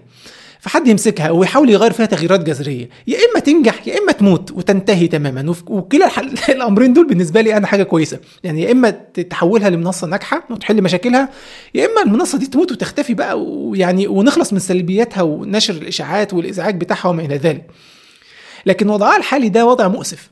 فعشان كده آه كنت يعني إيه سعيد بفكرة إن إيلون ماسك يشتريها خاصة أنا عارف إن إيلون ماسك عنده فكرة التغييرات الجذرية ما بيخافش. بيخافش إن هو يغير ما بيخافش إن هو يجرب حاجة جديدة. وبسرعة كمان ما بيقعدش يتكاسل وياخد كل تعديل يقعد معاه سنين. وخلال فترة قصيرة جدا هو جرب حاجات كتير. حاجات منها فشلت حاجات كويسة حاجات مش كويسة. وحتى الآن في الواقع مش واضح معالم المنصه دي يعني مش واضح هل هي هتنجح هتفشل مش واضح. يعني شركات إيلون ماسك كلها في بدايتها بتعاني خاصة لما بيبقى عمال لسه بيقرر هي الدنيا هتمشي إزاي هو المفروض يعمل إيه إيه المفروض يتعمل وإيه المفروض ما يتعملش. فهو بداية كونه تخلص من عدد كبير من الموظفين والشركة لسه شغالة دي حاجة كويسة جدا. تثبت لك إن هو بيحاول يرفع كفاءة الشركة إن الشركة تبتدي تشتغل بكفاءة. طبعا بالنسبة لبعض التغيرات اللي عاوز يعملها هو يعني موضوع العلامة الزرقاء تبقى اشتراك مدفوع هو بيحاول يوفر مصادر دخل إضافية للشركة لأن هو عاوز الشركة كده كده مش هتنجح إلا لما تكون بتعمل فلوس. فهو بيحاول يدور على أي مصادر دخل تانية تزود الموضوع ده خاصة انه هو عنده له توجه في موضوع حرية التعبير هيمنع بعض الشركات الكبيرة اللي هي معظمها بيسيطر عليها للأسف شخصيات يسارية ليبرالية ممكن يمنعهم أو يأثر على حجم الإعلانات اللي هم بيعملوها على المنصة والإعلانات هي المصدر الدخل الوحيد لتويتر أو يعني كانت مصدر الدخل الوحيد قبل ما إيلون ماسك يبتدي يعمل موضوع الاشتراكات الشهرية ده. وبالتالي يقدر يتوفر له دخل يقدر يطور منه المنصة. طبعا هو شيء مؤسف أصلا إن كل المنصات الكبيرة دي يبقى معتمدة في دخلها على الإعلانات. لأن زي ما شرحنا في بودكاست سابق معنى إن هو معتمد على اعلانات إن هو بيضطر عادة يتعدى على خصوصية المستخدمين عشان يقدر يعمل لهم targeting أو استهداف بالإعلانات اللي ممكن فعلا تكون في موضوع اهتمامهم عشان يقدروا يضغطوا عليها ويشتروا منها أو ايا كان. فدايما موضوع الإعلانات مرتبط بانتهاك الخصوصية بشكل عام. لكن خلينا نحاول نفهم هو إيه دوافع إيلون ماسك في إن هو يشتري منصة تويتر أساسا يعني. وهل ده قرار جيد ولا لا؟ طبعا هو في مجموعة من الدوافع بعضها المعلن وبعضها اللي ممكن استنتاجه يعني. أظن إن دافع رئيسي يعني يعتبر غير معلن هو إن ماسك ابتدى يحس إن هو محتاج يكون عنده منصته الخاصة إن هو وصل لحجم معين من التأثير. ما ينفعش يبقى في حد تاني بيتحكم في طريقة تواصله مع الناس مع جمهوره الغفير كبطل منقذ يعني للكوكب. يمكن لما شاف كمان اللي حصل مع دونالد ترامب لما لما تم يعني إيقاف حساباته أو حذف بعض ال tweets أو الحاجات بتاعته من على تويتر وكمان على فيسبوك فبدأ يقول لك إن حتى يعني رئيس الجمهورية نفسه لما عارض تيار معين لما يعني أما دخل في ملفات معينة بشكل مش عاجب آه، التيار الرسالي الليبرالي ده يعني هم نفسهم منعوه يعني شكلوا عليه رقابة إن هو يوصل للناس. فهذا شيء مش ظريف ابدا خاصة إيلون ماسك مؤمن جدا بفكرة حرية التعبير. اللي هي إن أنت يعني بقدر الإمكان تسيب أي حد يقول أي حاجة ما لم تشكل خطر على حياة الآخرين. هو إن ده في النهاية هينتج عنه واقع أفضل من إن أنت تبتدي تشتغل بتعمل دور الرقيب وتبتدي تحدد مع نفسك إيه هو الصح وتبتدي تحاسب كل الناس عليه. لأن مين اللي هيحدد الصح؟ ما كل واحد شايف الصح بطريقته خاصة مع الطيارات اللي هناك يعني سواء كان طيار يميني أو يساري كل واحد شايف الحق بشكل مختلف فمين اللي هيحدد؟ اللي حاصل في الواقع إن معظم الشركات التقنية مسيطر عليها طيارات يسارية وليبرالية في أمريكا من أول آبل وجوجل وفيسبوك أكيد وتويتر طبعا كان يعني غارق تماما في موضوع دعم التيارات اليسارية الليبرالية وأجنداتها المختلفة وقضاياها المختلفة. فبالنسبة لإيلون ماسك ده معناه إن مفيش حرية حقيقية وده صحيح مفيش حرية حقيقية. لما تبقى الواحد حتى في أمريكا نفسها اللي عمالة تقول إن هي بلد الحريات ورغم ذلك الواحد مش قادر يقول رأيه بحرية وتبقى مهدد. إما إن رأيك هيتحذف أو هيتم التعليم عليك وهيتم التشهير بيك ومقاطعتك بشكل ما وعزلك عن باقي الناس. حاجة بيسموها cancel culture إن يبتدي يتعلم عليك من الآخر إن الشخص ده من أنصار القضية الفلانية فإيه ابتدوا بقى قاطعوه ابتدوا إيه ارفضوا أي كلام يقولوا مهما كان منطقي مهما كان حقيقي. لذلك كان من الدوافع المهمة برضه بالنسبة له إن هو يشتري المنصة دي عشان يسمح عليها بقدر أكبر من حرية التعبير لكل التيارات يعني يمين ويساري يعني هو إيلون ماسك على فكرة زمان يعني هو موقفه الحالي حاليا يعتبر كأنه الظاهر منه أو يعني جزء كبير من الظاهر منه إن هو ضد اليسار الليبرالي وكأنه يميني محافظ لكن ده مش صحيح. إيلون ماسك عمره ما كان يميني محافظ. هو الفكرة بالعكس زمان اليسار كان مرحب جدا بإيلون ماسك والليبر يعني هو دايما كان بيقول إن هو دايما كان بيصوت للحزب الديمقراطي أو لمرشح الحزب الديمقراطي في الانتخابات.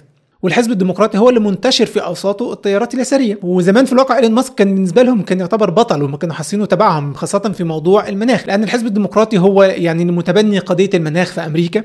وأمريكا طبعا يعني كأقوى كيان في العالم ما أحبش أسميهم دولة أنا مش شايفهم حقيقة إن هم دولة طبيعية. يعني أنا شايف إن من قصر النظر إنك تنظر لأمريكا إن هي دولة عبارة عن شعب بيختار حكامه وان هي دولة ديمقراطية زي ما بيقولوا. ده مش صحيح. أمريكا أقرب لكونها شركة مش مش دولة مش بلد. عموما يعني بس عشان ما ما ندخلش في الموضوع ده زيادة عن اللزوم أو ما يعني ما نخرجش عن الخط الأساسي بتاع البودكاست بتاعنا. كان إيلون ماسك بيتلقى الكثير جدا من الترحيب والمديح من التيار اليساري لأنه كان مناصر جدا لقضية المناخ. ده هو عنده شركة كاملة شركة تسلا المفروض إن هي يعني ال mission بتاعتها. يعني ال mission statement بتاع شركة تسلا اللي هو يعني إيه هدفها أو إيه مهمتك يا شركة انت في الحقيقة؟ يعني أي حد بيعمل شركة بيحدد ال mission بتاعتها اللي هو إحنا أنشأنا الشركة دي ليه؟ عشان تعمل إيه؟ فشركه تسلا ال mission بتاعتها أو المهمة بتاعتها أو الهدف بتاعها إن هي تسرع من انتقال البشر لاستخدام الطاقة النظيفة. إن هي تنتقل من الوقود الأحفوري اللي بيتحرق سواء كان فحم أو بترول أو غاز تنتقل إلى مصادر نظيفة سواء كانت رياح أو طاقة شمسية يعني أو ايا كان مصادر نظيفة لل للطاقة يعني لتوليد الطاقة. لأن ده له الكثير من المزايا على رأسها المناخ. فهو كان بيلقى الكثير جدا من الدعم والمديح من التيار الديمقراطي. لكن لأنه عارضهم في أشياء تانية فهم انقلبوا عليه بالكلية. يعني أنا أذكر إن كان في مجموعة من المواقع كانت دايما يعني قاعدة بتعظم في إيلون ماسك وهي اللي بتروج لفكرة صورة البطل المنقذ دي. مؤخرا بعد شراء تويتر وبعد ما بدأ يصرح عن ارائه في قضايا أخرى ضد توجه اليسار الليبرالي ده بدأوا يهاجموه بدأوا يتريقوا عليه بدأوا يشككوا في إنجازاته. فكأن الأمر في الأساس مش مرتبط ب ب بإنجازاته الحقيقية سواء الهندسية أو التقنية هو مرتبط بتوجهاته السياسية أكتر. والموضوع موضوع تحزبات في النهاية وتعصب يعني. طيب هي إيه أهم القضايا اللي إيلون ماسك اختلف فيها مع اليسار؟ اولا موضوع الرقابة واحتكار فكرة الحقيقة إن هم اليسار فعلا شايفين إن هم بس عارفين الحقيقة وعارفين معنى الحياة وعارفين الصح وكل باقي البشر دول يعني ملزمين إن هم يمشوا على التيار اللي إحنا بنفرضه عليهم من خلال الإعلام من خلال منصاتنا ومن خلال شركاتنا زي مثلا الترويج لفكرة أو دعم فكرة الشذوذ الجنسي اللي دايما اللي محددين له شهر معين في السنة يقعدوا يغيروا اللوجوهات بتاعت الشركات بتاعتهم والمنصات بتاعتهم تروج ليه. ومش بس كده يعني ما سكتوش على فكرة الترويج ليه وسط الكبار ده كمان دلوقتي بيستهدفوا الأطفال. فإيلون ماسك ضد ده لأنه أساسا شايف التوجهات اليساريه عموما ضد فكرة الأسرة أصلا ضد فكرة حفظ المجتمع وإن ده مع الوقت هيؤدي لفكرة هو شايفها هو شايفها كده هو شايفها انقراض الجنس البشري. إن أنت عمال تحارب فكرة الأسرة عمال تحارب فكرة حتى الأم مثلا المربية اللي بتقعد في البيت. يعني إيلون ماسك كتب تويتة قبل كده بيقول فيها إن الأم اللي قعدت في البيت عشان تربي أولادها دي بتقوم بمهمة عظيمة لا تقل عن أي آه، أي حد بيعمل إنجاز عظيم في الحياة يعني. ده عكس التوجه اليساري اللي شايف ربة المنزل دي واحدة مضطهدة واحدة حياتها بلا قيمة أو ضاعت في شيء بسيط وإن هي المفروض إنجازاتها وقيمتها في الحياة في سوق العمل وما إلى ذلك. فكثير جدا من الأفكار اليساريه بتنتهي في النهاية لفكرة إن هي بتقضي على المجتمع. بتحول المجتمع لمجموعة من الأفراد مش عبارة عن أسر ومجتمعات أو يعني مجموعات من البشر ليهم قضايا وهموم واحدة. هم عاوزين يخلوا البشر دول كلهم مجرد إيه فرادة كل واحد بيفكر في نفسه فقط وفي لذاته. آه نقطة أخرى كمان مهمة جدا سبب خلافه مع مع التيار اليساري الليبرالي هو فكرة دور الحكومة. آه، إيلون ماسك مؤيد لفكرة اليمين المحافظ أو الحزب الجمهوري فكرة إن هم بيقلصوا دور الحكومة لأبعد الحدود يعني ما يخليش الحكومة تتحكم في في كثير من الأمور. دايما يعني يسيبوا كل حاجة للشركات الخاصة. هو عاوز فكرة السوق الحر الرأسمالية اللي هي يعني على أبوها زي ما بيقولوا. رأسمالية متطرفة شوية. أنت كل لأن هو بيشوف إن كل ما الحكومة تدخلت في أمر ما كل ما عطلته. هي الحكومة بتدخلها بتعطل التطور بتعطل التقدم. روتينية جدا. طبعا في ناس شايفة تانية إن تدخل الحكومة مهم عشان الرقابة وعشان احتكار الشركات وعشان أنت ما تأمنش الشركات دي على المجتمع. يعني الشركات دي في النهاية اصحاب لها أصحاب لهم أهداف ربحية. فهيحاولوا يعظموا ربحهم بأي شكل حتى على حساب المجتمع نفسه وده وجهة نظر ليها آه، واجهتها طبعا. بس في نفس الوقت برضو تدخل الحكومة في فساد في روتين في تعطيل آه، في تعقيد للأمور. فبس إيلون ماسك عموما ميال ليه للتيار اللي بيقول لا أنا مع فكرة تقليص دور الحكومة وإن أنت تسيب الشركات تشتغل ولما الشركة تبقى تعمل حاجة غلط تبقى تعالى حاسبها. لكن ما تحاولش تحط قوانين كتير تعقد الأمور وعشان تنظمه من البداية. لأن ده مساوئه أكتر من آه، فوائده بشكل كبير. دي وجهة نظري يعني. وده موضوع كبير إحنا مش هنناقشه دلوقتي موضوع دور الحكومة المفروض يكون إيه بالظبط في الدولة مش موضوعنا. بس عموما دي نقطة من من نقاط الاختلاف خاصة النقطة دي دي موجودة من زمان طبعا بس هي ما ظهرتش غير بعد ما هو شركاته كبرت. خاصة فترة الكورونا فترة الكورونا هو دخل في صدام مع مع الحكومة. إن هم اجبروه يقفل المصانع بتاعته في وقت هو كان عنده أزمة. هو في شركة تسلا كان عاوز يوصل لعدد إنتاج معين من السيارات. وجي في الفترة دي راحت جت فيروس كورونا وجائحة كورونا واجبروه وقضايا اترفعت وهو رفض حتى يستجيب لأوامر الحكومة بتاعة العزل وقفل المصنع. وكانت مشكلة كبيرة يعني. وهو حتى راح قعد في المصنع وقال للموظفين ما تخافوش تعالوا ولو جت الحكومة عشان يعني تقبض على حد هيقبضوا عليا. ايا كان المهم دي كانت فترة صدام كبيرة بينه وبين التيارات اليسارية الليبرالية اللي كانت مؤيدة جدا لإجراءات العزل بتاعت كورونا بينما المحافظين كانوا ضدها بشكل كبير. يعني شايفين إن هي فيها جزء كبير من تقييد الحريات بدون داعي. فبس فعشان كده المشاكل كترت ما بينهم. اختلاف في موضوع حرية التعبير إن هو شايف إن كل الناس من حقها تقول اللي هي عايزاه حتى لو ضد الشذوذ حتى لو ضد قضايا اليسار مؤمن بيها. اليسار مش مؤمن كده اليسار مؤمن إن إحنا طالما عندنا القوة إن إحنا نمنع الناس تقول الحاجة اللي إحنا شايفينها غلط فإحنا بنمنعهم. طبعا واليمين بيعمل كده لما يبقى عنده القوة برضو يعني بس في النهاية عشان هم دلوقتي مش مالكين الإعلام ومش مالكين الشركات فبيقولوا حرية التعبير. ف دايما اللي بيطالب بالحرية هو الشخص اللي معهوش السلطة. اللي معاه السلطة بيبقى خلاص بقى معاه السلطة في حرية مين؟ ما أنا معايا السلطة أنا أعمل اللي أنا عاوزه. أنا عندي حرية مش مهم الباقيين يبقى عندهم حرية. المهم آه، موضوع الشركات وعشان كده كمان هو من ضمن الحاجات اللي عملها إن هو نقل آه، شركة سبيس إكس ونقل كتير من نشاطاته من كاليفورنيا اللي هي معقل الحزب الديمقراطي تعتبر في أمريكا إلى تكساس اللي هي واحدة من أكبر الولايات اللي هي داعمة للحزب الجمهوري.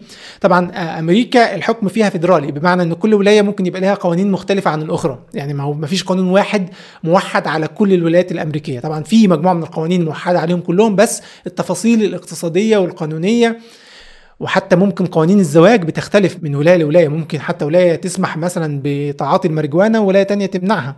فدي هي دي فكرة الحكم الفيدرالي إن كل يعني كل محافظة أو كل ولاية يبقى عندها بعض القوانين الخاصة بها تتمتع بقدر من الحرية لوحدها يعني.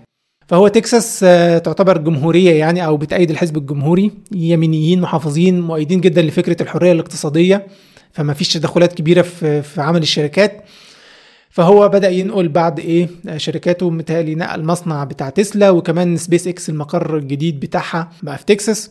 فكل دي خلافات بينه وبين التيارات اليساري الليبرالي. فطبعا كانوا معارضين جدا فكرة شرائه لتويتر لأن هو منصه في النهايه كبيرة. أي نعم مش زي فيسبوك أو يوتيوب أو إنستجرام بس في النهاية منصة كبيرة.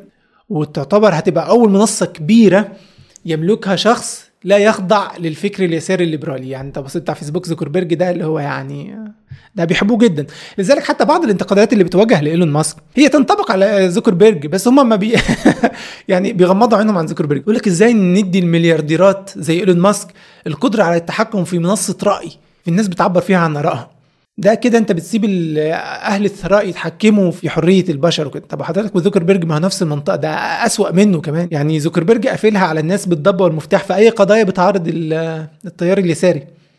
يعني هتتكلم طبعا عن موضوع غزة وفلسطين كلنا عارفين اللي بيحصل لكن حتى ضد الشذوذ ضد أي حاجات تانية آه لا بيقفلوا علينا الباب يعني. فلكن عشان معانا فإيه سيبك منه لكن ده مش معانا فإحنا نهاجمه. بس فزي ما قلنا هو ده السبب الرئيسي في آه، انتقادهم لشراء إيلون ماسك ومهاجمته إن هو اشترى تويتر أو سيطر عليه يعني. طبعا مش معنى كلامي على فكرة إن إيلون ماسك معناه إن هو كده خلاص يعني هو التوجه إن هو بقى يميني محافظ لا لأنه فعلا بيعارض برضه اليمين المحافظ في حاجات تانية كتير. آه، أولها موقفه من موضوع المناخ. لأن التيارات اليمينية هناك مؤيدة جدا ل أو مسيطر عليها أساسا شركات البترول. ف يعني موضوع المناخ والاحتباس الحراري ده مش في حساباتهم أصلا. يعني بيحاولوا يهونوا منه بشأن كبير وفي تهويل منه. وإن التغير اللي بيحصل في المناخ ده تغير طبيعي ودورة من دورات المناخ في الأرض ملهاش علاقة بحرق الوقود وكده يعني. كمان في مواقف سياسية يعني آه إيلون ماسك مخالف فيها بشكل كبير للاثنين سواء يساري أو يميني. حتى مثلا بسيط موقفه من من الحروب الكبرى في الساحة حاليا يعني موقفه من حرب أوكرانيا موقفه من تايوان ومحاولة الصين السيطرة عليها أو غزوها المتوقع. حتى موقفه من غزة. هو ليه وجهة نظر بسيطة جدا آه تبدو ساذجة في كثير من الأحيان. يعني هي طبعا هي هي بتدعم فكرة السلام إن هو يعني ما فيش شيء يستاهل إن الناس تموت هو شايف كده. ما فيش شيء يستاهل إن الناس تموت. فأنا يعني نتنازل عن الحقوق يعني. فحتى بالنسبة لأوكرانيا هو شايف إن المفروض أوكرانيا آه، بس تنسحب توقف الحرب وتتقبل شروط بوتين عليها يعني. فهو حتى موافق إن أوكرانيا تتنازل عن جزء من أرضها لبوتين آه، مقابل السلام ويوقفوا الحرب دي. في تايوان هو شايف طبعا موضوع تايوان إن آه، الصين شايفة إن تايوان جزء منها وتايوان شايفة إن هي دولة مستقلة وأمريكا بتدعم تايوان بكل السبل عشان في النهاية دعمها هو شيء ضد الصين وبالتالي بيحجم من قدرات الصين والصين شايفة إن تايوان جزء مهم جدا لازم تسيطر عليه. خاصة كمان تايوان مميزة جدا في صناعات ال microchip اللي هي صناعة يعني خطيرة جدا في العصر الحالي صناعة ال processors وما إلى ذلك والخبراء اللي موجودين فيها وكده. فهم مش عاوزين الصين تسيطر على تايوان لهذا السبب. إنما هو شايف إيلون ماسك إن آه خلينا واقعيين تايوان عمرها ما هتقدر تقف ضد الصين. مستحيل. فالشد والجذب اللي هم عايشين فيه ده آه إيه الأفضل؟ إن تايوان تقبل بصفقة معينة مع الصين إن هي أي نعم مش هتنضم ليها ومش هتبقى تحت سيطرة الحكومة الصينية بس تبقى تابعة ليها. برضو زي موضوع فكرة الحكم الفيدرالي ده إن في النهاية هي تبع الصين الشعبية هي جزء من الصين لكن بتتمتع بقدر من الاستقلال في حكم نفسها. ودي صفقة الصين ممكن تقبلها يعني. لكن طبعا أمريكا نفسها سواء حزب ديمقراطي أو جمهوري ضد الفكرة دي لأن هم ضد الصين قلبا وقالبا الاثنين يعني هم رافضين التوسع ورافضين أي شيء يزيد من قوة الصين عامة. لكن إيلون ماسك شايف إن ده الحل الأكثر سلاما لأنه مش شايف أي حل تاني هيكون فيه سلام هيكون في حرب وغالبا هينتهي بانتصار الصين بشكل ما. فما فيش داعي من البداية.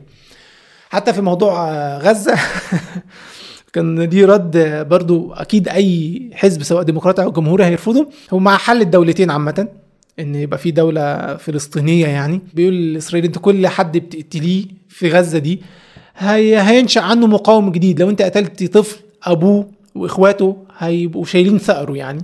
فهم هيطلعوا يقاوموا. لو قتلتوا أب هيجي ابنه يشيل ثأره. فأنت مش هتقدر تقضي على المقاومة في فلسطين بأي شكل من الأشكال بموضوع القمع اللي بتعمله والقتل ده. إلا إذا قررت تعمل إبادة جماعية وده مستحيل يحصل في في, في الوقت الحالي هو شايف كده يعني أو هو ده نص كلامه يعني مش هتقدر تعمل إبادة جماعية وده شيء محدش هيقبله عشان تقضي عليهم كلهم مرة واحدة فتقضي على مقاومتهم.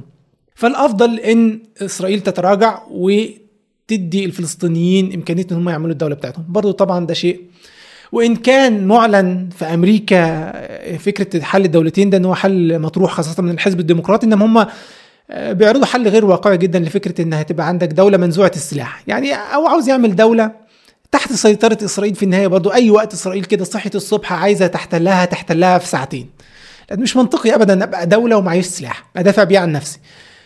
ده ده ده حتى وأنت لو رضيت بفكرة إن ترضى بدولة إسرائيل يعني حتى الفلسطينيين نفسهم يعترفوا بإسرائيل. طبعا في جزء من. من السلطة الفلسطينية مش هقول الفلسطينيين معترفين بإسرائيل عليهم من الله ما يستحقون مش موضوعنا.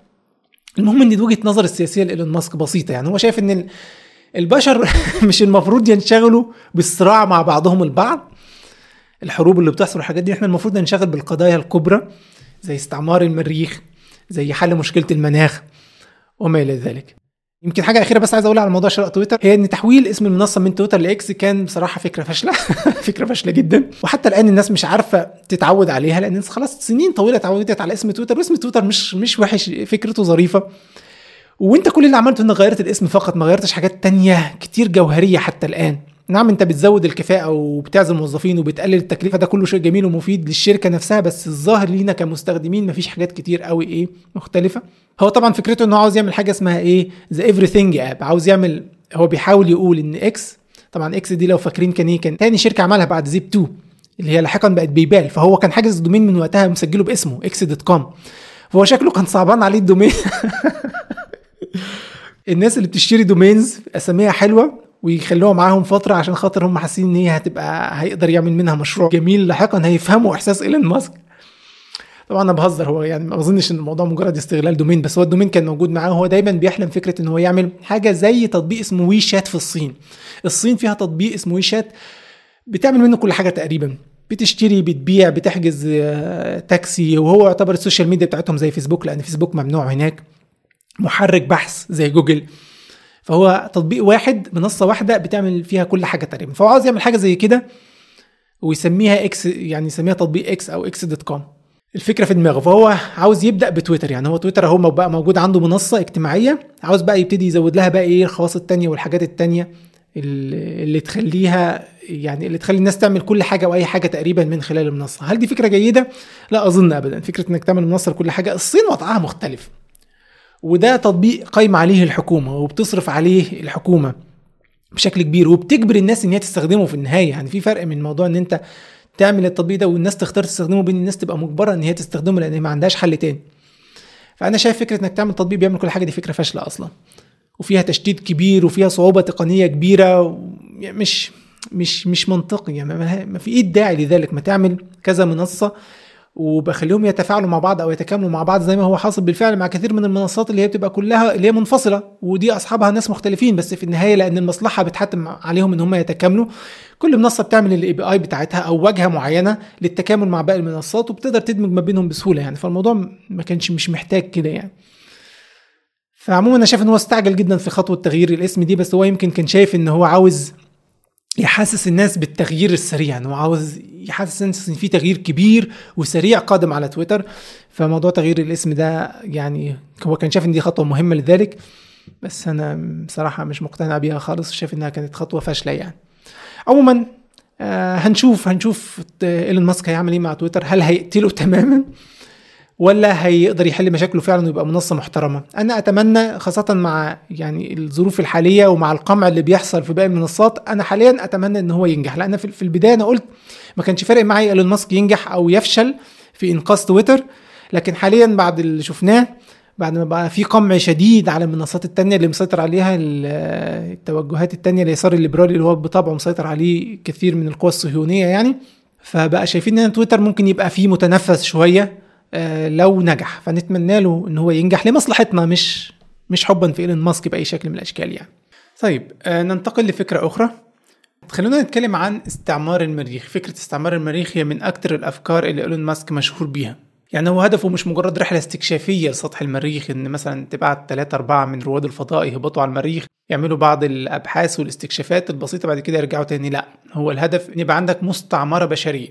مستعمرة بشرية آه، مستقلة ما تبقاش معتمدة على الكوكب الأرض عشان تقدر تعيش وتستمر في الحياة. بمعنى إن هم يبقوا قادرين على زراعة الغذاء بتاعهم أو صناعته بأي شكل كان ده حتى لو ما فيش زراعة يعني بأي تقنية موجودة. المهم يعني إن هم قادرين على إن هم ياكلوا يتنفسوا ويطوروا من نفسهم كمان بدون الحاجة للاعتماد على كوكب الأرض. وطبعا في ناس كتير شايفة إن ده يعني اولا هو شيء ما فيش داعي منه أصلا وفي ناس شايفة إن هو صعب جدا جدا أصعب من إن هو يتم تحقيقه ومفيش دوافع كافية آه، لتحمل شيء في منتهى الصعوبة زي ده. فده يدفعنا لأول سؤال هو إيه أساسا دوافع إيلون ماسك على الأقل المعلنة يعني؟ أه لحاجة زي كده ليه عاوز ينشئ مستعمرة بشرية على المريخ؟ إيلون ماسك بيقول والله إن كوكب الأرض ده بيمر كل فترة زمنية طويلة بأحداث عظيمة ممكن تؤدي لانقراض آه، جنس كامل آه، من على الكوكب ممكن تؤدي لانقراض حتى الكائنات الحية كلها من على كوكب الأرض. آه، مثلا يعني كويكب ولا مذنب ضخم يخبط في الأرض يحولها كلها لزلازل وبراكين قاضية كلها يعني تنهي الحياة تماما على كوكب الأرض. ممكن حروب عالمية حروب نووية تخلي كوكب الأرض غير قابل إن هو يعني يصبح مناسب لحياة البشر يعني لو لو انطلقت حرب نووية ضخمة جدا على مستوى كبير بين الدول وتم تفجير عدد كبير جدا من القنابل النووية فده ممكن يؤدي إن كوكب الأرض يبقى صعب الحياة عليه.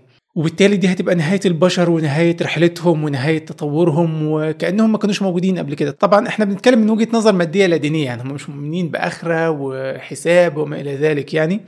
فهو شايف إن لو البشر انتهوا خلاص كده كل شيء انتهى وانتهى ذكرهم ولا كأنهم كانوا موجودين أصلا قبل كده. وعشان كده هو عاوز يعمل زي ما تقول كده إيه نسخة بشرية.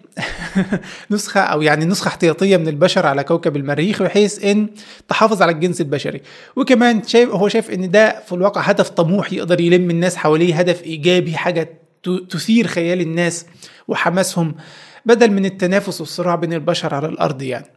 فدلوقتي دي دوافعه المعلنة برضو. في ناس تانية شايفة برضو إن هو يعني الهدف ده من باب إنه ده برضو بيديله هو نفسه كإيلون ماسك صورة برضو منقذ البشرية اللي هو بيساعد البشر في إن هم يحافظوا على نسلهم إلى الأبد وإن هم ما فيش أي حاجة ممكن تقضي عليهم يعني. فبرضه هو هدف متسق جدا مع صورة البطل المنقذ يعني اللي يمكن هو بيحب يعيشها. لكنه في النهاية هو يعني الراجل ما بيحاولش يعمل حاجة غير قانونية مثلا أو ياخد حق حد أو ينصب حد. فهو لو عاوز يعيش دور البطل اللي هينقذ الجنس البشري ويعمل منه نسخة احتياطية على الكوكب المريخ ده من حقه إن هو يسعى لشيء يعني زي كده. يعني ما خاصة إن هو ما بيعملش كده بفلوس حد مش بفلوس الضرايب مثلا. دي في النهاية شركاته الخاصة اللي بتسعى لذلك. وهي في الواقع شركات مربحة أساسا يعني هو مش بيعمل ده تطوعا يعني. فهل هل الدوافع دي منطقية؟ بعد شوية هنجاوب. هل ده أساسا فكرة عملية؟ يعني فكرة إنشاء مستعمرة على المريخ هل هي فكرة عملية أصلا؟ هل هي ممكنة ولا لأ؟ بس خلينا نتكلم عن الدوافع نفسها. نحلل الدوافع هل هي دوافع منطقية؟ الحقيقة في كثير من الاعتراضات على الدوافع دي. مبدئيا إنشاء مستعمرة على المريخ مستعمرة مستقلة ما تبقاش محتاجة لمساعدة الأرض بالمعونات والتقنيات والأكل وال... وكل حاجة. فكرة يعني صعبة جدا جدا جدا لدرجة إن هي أصعب من إنك تبني مكان آمن على الأرض يحميك في حالة وجود آه، براكين أو زلازل أو حرب نووية. يعني إنك تنشئ مكان تحت الأرض تحت عمق كبير من الأرض تقدر البشر يعيشوا فيه يقدروا يتنفسوا يقدروا يزرعوا يقدروا ياكلوا ويشربوا أسهل بمراحل من إنشاء مستعمرة على المريخ. فلو الهدف الحفاظ على الجنس البشري من الكوارث اللي بتحصل فده ما زال أسهل إنك تعمله على كوكب الأرض حتى مع الحاجات اللي هو آه، بيتكلم عنها. مفيش مرصود لينا يعني ممكن طبعا يبقى في نيزك ضخم يخبط الأرض يقضي على عدد كبير جدا من البشر بس ما فيش نيزك بالحجم اللي يقدر يقضي على كل البشر اللي إحنا شايفينه يعني أو يعني اللي الأجهزة بترصده. وحتى الآن طبعا حركة الكواكب آه، والنيازك والكويكبات بيقدر يتم تخمينها لفترة طويلة جدا في المستقبل يعني لمئات السنين في المستقبل مجرد ما بترصد الاتجاه اللي بيتحرك فيه النيزك وسرعته بتقدر تتوقع إلى حد كبير بنعمل محاكاة للموضوع بحيث نقدر نحسب هو هل ممكن فعلا هيصطدم بالأرض ولا لأ.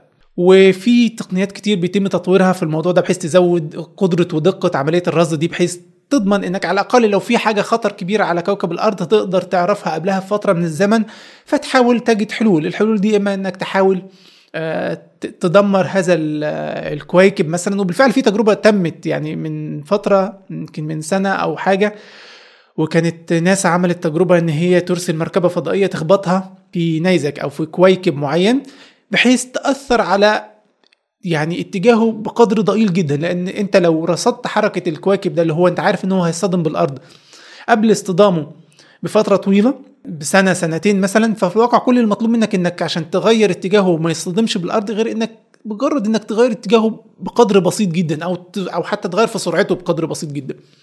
وده شيء ممكن يعني وبالفعل التجربة دي نجحت إن هي بالفعل خبطت في آه، اصطدمت في الكويكب ده وأثرت عليه القدر المطلوب.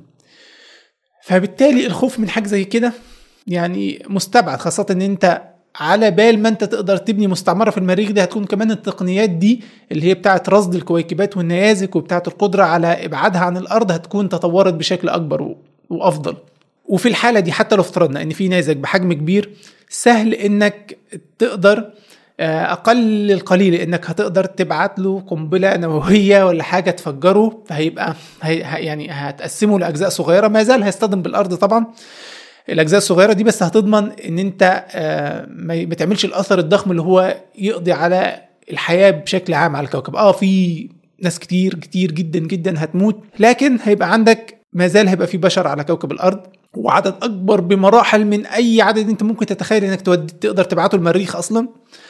وفي النهاية كوكب الأرض ده كوكب إحنا عارفينه صالح للحياة يكفي يكفي إنك تقدر تتنفس بيه بدون بدون بدلة وبدون مولد أكسجين. ف فيبدو إن الدافع صراحة مش يعني مش مقنع. دافع إن أنا آه، فكرة الخوف من انقرا يعني انقراض الجنس البشري على كوكب الأرض بعيد جدا. يعني آه، حتى بالحاجات اللي إحنا راصدينها اللي إحنا ممكن تحصل.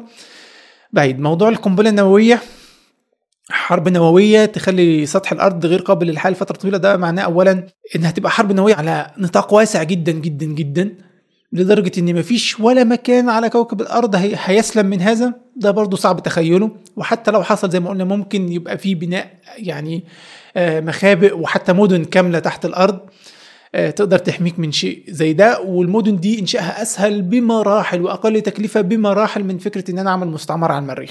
فبالتالي لا تبدو الدوافع قوية بصراحة. فكرة إنشاء مستعمرة على المريخ. هو الهدف شكله جميل شكله cool شكله حاجة يعني تثير الخيال. إن إحنا نبقى جنس بشري زي ما هو بيقول multi uh, planetary يعني إحنا متعددي الكواكب. إحنا هنبتدي بقى ننشئ حضارتنا. ويمكن ده هدف آخر هو بيسعى إليه. برضه بيقول إن إحنا عاوزين نوسع حضارة البشر إن هي ما تبقاش بس محدودة بكوكب الأرض إن إحنا نوصل لإيه؟ كواكب تانية.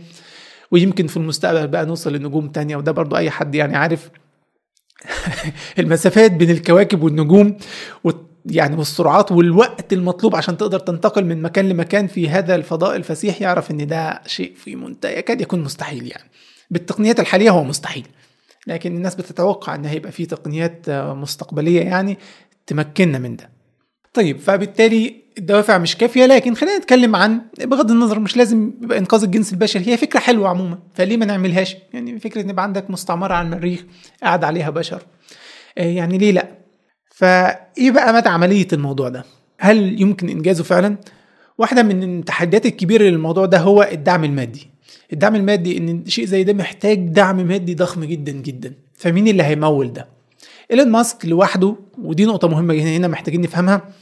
إيلون ماسك كل اللي بيعمله في موضوع مستعمرة المريخ ده هو نفسه قال كده كل اللي بعمله إن أنا بوفر وسيلة المواصلات إن هو عاوز يوفر وسيلة مواصلات سهلة ورخيصة للمريخ. لكن مش هو اللي هيبني المدينة وهو ما يعرفش يبنيها إزاي ولا في نطاق آه، عمل شركاته أصلا. لأن ده محتاج قدر كبير جدا من الأبحاث والتقنيات اللي هو متوقع إن كيانات زي ناسا هي اللي هتشتغل عليها. بتمويل من الحكومة الأمريكية. بس هل الحكومة الأمريكية عندها الدافع ده إنها تصرف كل الفلوس ده عشان تعمل مستعمرة على المريخ؟ لا. يعني حتى الصعود لسطح القمر هو ما كانش ما كانش الهدف وراه ابدا هدف علمي يعني أو أي شيء. لأن القمر بالفعل قريب مننا وبنقدر نرصده بدقة بالتلسكوبات اللي موجودة ونقدر نبعت اي مش لازم نبعت البشر يعني عليه. فهو في الواقع موضوع صعود الصعود للقمر ده كان كله صراع مع الاتحاد السوفيتي. كان بس إثبات قوة. مين الطرف الأقوى؟ مين الطرف المتقدم تقنيا أكتر؟ فعشان كده وقتها أمريكا دعمت ناسا بشكل كبير لدرجة إن أظن ميزانية ناسا كانت في الوقت ده عشان تعمل مشروع أبولو ده اللي هو بتاع الصعود للقمر وصل تقريبا ل 10% من ميزانية الدولة ككل وده رقم مهول جدا جدا جدا لو تعرف يعني ميزانية أمريكا قد إيه فده رقم مهول. لكن ده كان هدفه في وقتها صراع مع الاتحاد السوفيتي فهو كان برضه شيء ليه هدف على الأرض. إثبات مين الأقوى ومين المفروض اللي هو يكون المسيطر على هذا الكوكب يعني. بس ومجرد ما الاتحاد السوفيتي تفكك أمريكا فقدت تقريبا كل الاهتمام بهذا المشروع أو بإن هي تبين قد إيه هي متقدمة على الاتحاد السوفيتي في صراع الفضاء. لأن خلاص ما بقاش في رغبة هي أثبتت تفوقها فخلاص والموضوع انتهى بالنسبة لها. ما فيش أهداف علمية تستحق يعني صرف كل هذه الأموال. لكن اللي بيطمح ليه إيلون ماسك إن هو لو وفر وسيلة المواصلات يعني وسيلة مواصلات رخيصة من كوكب الأرض لكوكب المريخ فهو في ناس كتير هتجد إن في مصلحتها وإن في فرص ممكن يبقى في فرص بيزنس هو بيشبه الموضوع بالطرق السريعة يقول لك إن لما الدولة بتعمل طريق سريع لحتة معينة في الصحراء هتلاقي فجأة كده هتلاقي الناس إيه استغلت الطريق ده وراحت بقت بنت بقى هناك. ممكن تبدأ بمحطات بنزين بعد كده بتبدأ بإكشاك ومطاعم استراحات بعد كده مش عارف بتبني ممكن بيوت ممكن حد يروح يسكن جنب المكان ده. وفجأة تلاقي المكان تم يعني إيه آه تم عماره تم استعماره يعني. بعد فترة من الزمن لمجرد إن أنت كل اللي عملته في البداية إنك وفرت الطريق السريع اللي تقدر توصل بيه للمكان ده. فهو بيراهن على كده إن هو لو وفر وسيلة المواصلات السهلة الرخيصة باقي الحاجات دي هتحصل بشكل تلقائي. طيب خلينا بقى نناقش فكرة وسيلة المواصلات. هل هو فعلا قادر إن هو يوفر وسيلة مواصلات سهلة ورخيصة؟ طيب الصاروخ اللي هو بيعتمدوا على ذلك اللي هو بينشئه وبيصنعه حاليا على ذلك هو حاجة بيسميها Starship Starship ده يعتبر أكبر صاروخ عمله البشر صاروخ ضخم جدا جدا. والميزة الأساسية اللي فيه الميزة المهمة الأساسية اللي فيه إن هو قابل لإعادة الاستخدام بالكامل. مش زي Falcon 9 اللي هو بيعاد استخدامه بنسبة 70% لا ده الصاروخ كله قابل لاعاده الاستخدام. وبالتالي أنت في كل مرة بتطلق فيها حمولة جديدة للفضاء أنت ما بتضطرش إن أنت تضحي بالصاروخ ده وتقدر تعيد استخدامه أكتر من مرة. فده بيقلل من التكلفة بشكل كبير جدا جدا جدا. فاولا إنك تبقى تعمل صاروخ قادر إن هو يبعت حمولة كبيرة للمريخ لأن أنت لو عاوز تعمل مستعمرة للمريخ مش هينفع تبقى بتبعت يعني حاجات قليلة جدا في كل رحلة خاصة إن السفر للمريخ مشكلة عندنا من كوكب الأرض. إحنا المريخ يعتبر في أوقات كتير في معظم الوقت بيبقى بعيد جدا عن كوكب الأرض بشكل ما نقدرش نبعت له أساسا حمولة بصاروخ. لكن كل سنتين الكوكبين بيقربوا من بعض مسافة كافية إنك تخلي عملية إطلاق صاروخ من كوكب الأرض ممكن تصل للمريخ في غضون ست شهور. يعني الرحلة بتستغرق ست شهور. وده بيه وده بتبقى فرصة كل سنتين مرة واحدة كل سنتين. فالأمر مش بهذه السهولة ابدا يعني. والوقت ده بيبقى متاح غالبا بيبقى في شهر خمسة وستة يعني ما بين شهر خمسة وستة شهر مايو وشهر يونيو في السنة دي اللي المريخ بيقرب فيها من الأرض وبتبقى لفترة معينة يعني أظن عدة أسابيع ما هياش فترة طويلة فأنت محتاج تبقى مجهز كل الصواريخ اللي أنت عاوز تطلقها بحيث تطلقها في الوقت ده لو أنت عاوز تبعت إيه حمولات كبيرة جدا عشان تقدر بعدين تنشئ المستعمرة اللي عاوز تنشئها دي. فالأمر في منتهى الصعوبة. المشكلة كمان أكبر من كده. إن الفكرة بغض النظر طبعا هو Starship صاروخ Starship ده حتى الآن لم ينجح في الوصول لمدار الأرض. حتى يعني إحنا لسه ما وصلناش لمدار الأرض بس هو متوقع ان ينجح في ذلك. ولما ينجح في ذلك ده في حد ذاته إنجاز عظيم. هنرجع تاني لمشكلة إيلون ماسك ما بين إن هو بيحط هدف ضخم جدا جدا جدا زي استعمار المريخ فبالتالي لما بيحقق إنجازات عظيمة الناس ما بتشوفهاش إن هي عظيمة لأن هي بتقارنها بالهدف الضخم جدا جدا اللي هو بيتكلم عنه. فإنك تعمل أكبر صاروخ في تاريخ البشرية بيقدر يشيل 150 طن لمدار الأرض ده إنجاز رهيب جدا ده إنجاز عظيم تقني عظيم.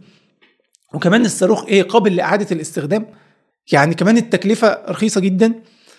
فده إنجاز ماديا إنجاز رهيب جدا. بس الناس بتقارنه مع فكرة استعمار المريخ لأنه في النهاية أي نعم هو إنجاز عظيم بس هو أقل بكثير وبعيد جدا عن مدى صعوبة فكرة زي فكرة استعمار المريخ. فالناس بقى هنا ما بين ناس شايفاه إن هو يعني راجل عظيم إنجازاته المادية كبيرة جدا وما بين ناس تانية شايفاه إن هو بيبيع الوهم للبشر. فعموما حتى في حالة نجاح ستار شيب في إن هو يعني الصاروخ خلاص يوصل يبقى يبقى جاهز للإطلاق. ففي مشكلة الصواريخ عامة هي بتستهلك معظم الوقود اللي فيها لمجرد وصولها لمدار الأرض أصلا. عشان كده الصواريخ اللي إحنا اللي بيتم إرسالها للمريخ بيبقى صاروخ ضخم جدا جدا وفي الآخر بيبعت حمولة صغيرة جدا جدا مقارنة بحجم الصاروخ. يعني ال robots اللي تم إرسالها قبل كده للمريخ في أكتر من روبوت استكشافي اللي بيبقى شكلهم زي السيارة الصغيرة ده فيهم عجل كده وبيتحركوا على الكوكب. بيرصدوا بعض الحاجات اللي موجودة في الكوكب هناك درجة الحرارة بيصوروا طبعا أهم حاجة بيصوروا سطح المريخ ويرسلوه للأرض. ففي بالفعل أكتر من روبوت تم إرساله للمريخ. كان أهمهم روبوت اسمه Curiosity ومؤخرا برضو بعتوا حاجة تانية اسمها Perseverance أظن اللي هو مثابرة أو مقاومة. وفي هليكوبتر اسمها Ingenuity دي جربوها مؤخرا. كانت من آخر الحاجات اللي تم إطلاقها. هليكوبتر صغيرة جدا حجمها صغير. طبعا سطح المريخ الغلاف الجوي للمريخ يعني ضعيف جدا جدا جدا تقريبا واحد في المية من الغلاف الجوي للأرض. فكثافة الهواء خفيفة جدا. فإزاي تقدر تعمل يعني حاجة بتطير؟ لأن عشان تعمل حاجة بتطير زي الهليكوبتر أنت معتمدة بشكل أساسي على دفع الهواء. فهم عاملين هليكوبتر صغيرة كده المروحة بتاعتها بتلف بسرعة رهيبة جدا جدا. يمكن 2000 دورة في الثانية.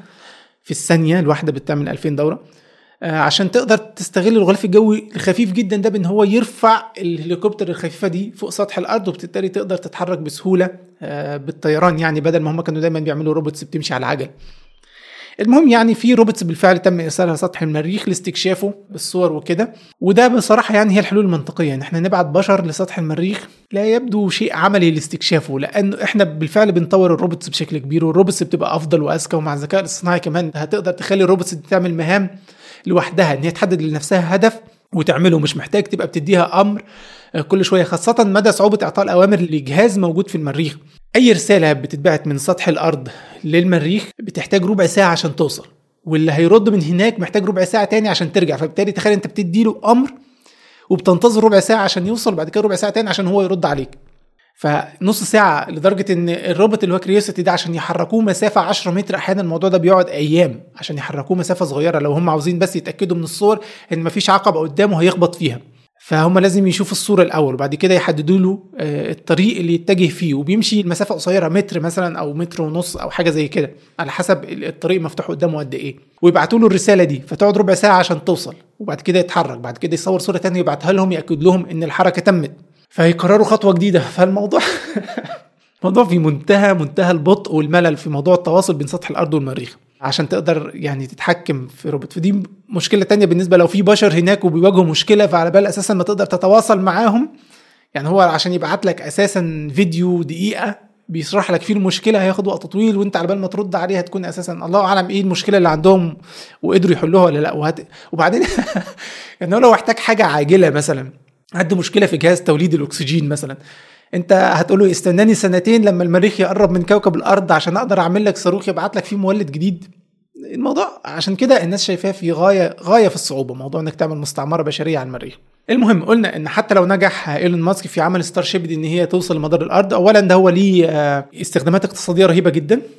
إنك تبقى عندك صاروخ بالحجم ده بيقدر يرسل الوزن والحجم ده للفضاء لأن برضو الحجم مهم. يعني الجزء اللي بتتحط فيه الحمولة اللي انت تبعتها للفضاء سواء كانت مركبة فضائية أو أقمار صناعية أو ايا كان اللي انت عاوز تبعته للفضاء الحجم مهم مش بس الوزن. يمكن آه، عشان تعرف المشكلة دي لو في حد فيكم متابع ويعرف كان في تلسكوب اسمه جيمس ويب. التلسكوب ده يعتبر أقوى تلسكوب عملوه البشر وكان مطلوب إن هو يتم وضعه في في في مكان معين في الفضاء. مشكلة التلسكوب ده إن هو عشان يشتغل بالكفاءة اللي هو يشتغل بيها هو محتاج يبقى حجمه كبير. بس مفيش أي صاروخ متاح عندنا حاليا كبشر بيقدر يشيل الحجم ده. المشكلة مش في الوزن المشكلة كانت في الحجم. فعشان يقدروا يحطوا حجم كبير جوه آه، مكان صغير اللي هو الجزء اللي بيشيل الحمولة جوه الصاروخ اضطروا يخلوا التلسكوب ده بيبقى بيشتغل زي الاورجامي يعني بيتطبق على نفسه. يعني هو يبقى منكمش أو يعني حجمه صغير متطبق على نفسه زي الورق كده وبعد كده تبعته للفضاء ولما يوصل للنقطة اللي هو المفروض يبقى موجود فيها يبتدي إيه؟ يتفرد تاني بحجمه الأصلي. فعملية إن أنا أخلي التلسكوب أساسا دي يبقى بينكمش وينفرد خلت تصميم التلسكوب في منتهى التعقيد وخليته ياخد وقت أطول بكتير جدا جدا وميزانية أكبر بكتير جدا جدا من اللي كانت مرصودة. يعني عشان تعرف الفرق في الميزانية والوقت آه، جيمس ويب كان مرصود إن هو هيتكلف مليار دولار فقط يعني مليار واحد وهيتم إطلاقه سنة 2010 اللي حصل إن هو اتكلف 10 مليار دولار 10 مليار دولار يعني 10 أضعاف التكلفة الأولية وتم إطلاقه سنة 2021 يعني اتأخر 11 سنة عن الميعاد الأصلي. فتخيل منتهى التعقيد ده وده كان سبب أساسي للمشكلة دي إن ما عندناش صاروخ بيقدر يشيل حجم كبير يقدر لحمولة يوصلها للفضاء سواء كانت قمر صناعي تلسكوب مركبة فضائية ايا كانت. فالمهم إن إيلون ماسك لما ينجح في إطلاق الصاروخ ده ويوصله لمدار الأرض والموضوع ده بيتم حاليا وهم آخر تجاربهم. طبعا إيلون ماسك شركاته بتعتمد فكرة التجارب الكثيرة وإن هو بيتعلم من الفشل ودي نقطة هنتكلم عنها في الدروس المستفادة. كانت يعني في تطور كبير ما بين كل تجربة والتانية فعلا بيحققوا نجاح ما بين كل تجربة والتانية وبيقربوا أكتر. فمتوقع إن هم هينجحوا في الخطوة دي إن هم هيعملوا أكبر صاروخ عرفوا البشر يوصل واللي هو بيقدر يبعت أكبر حمولة لمدار الأرض. لكن هل الصاروخ ده بقى هتقدر تبعته للمريخ.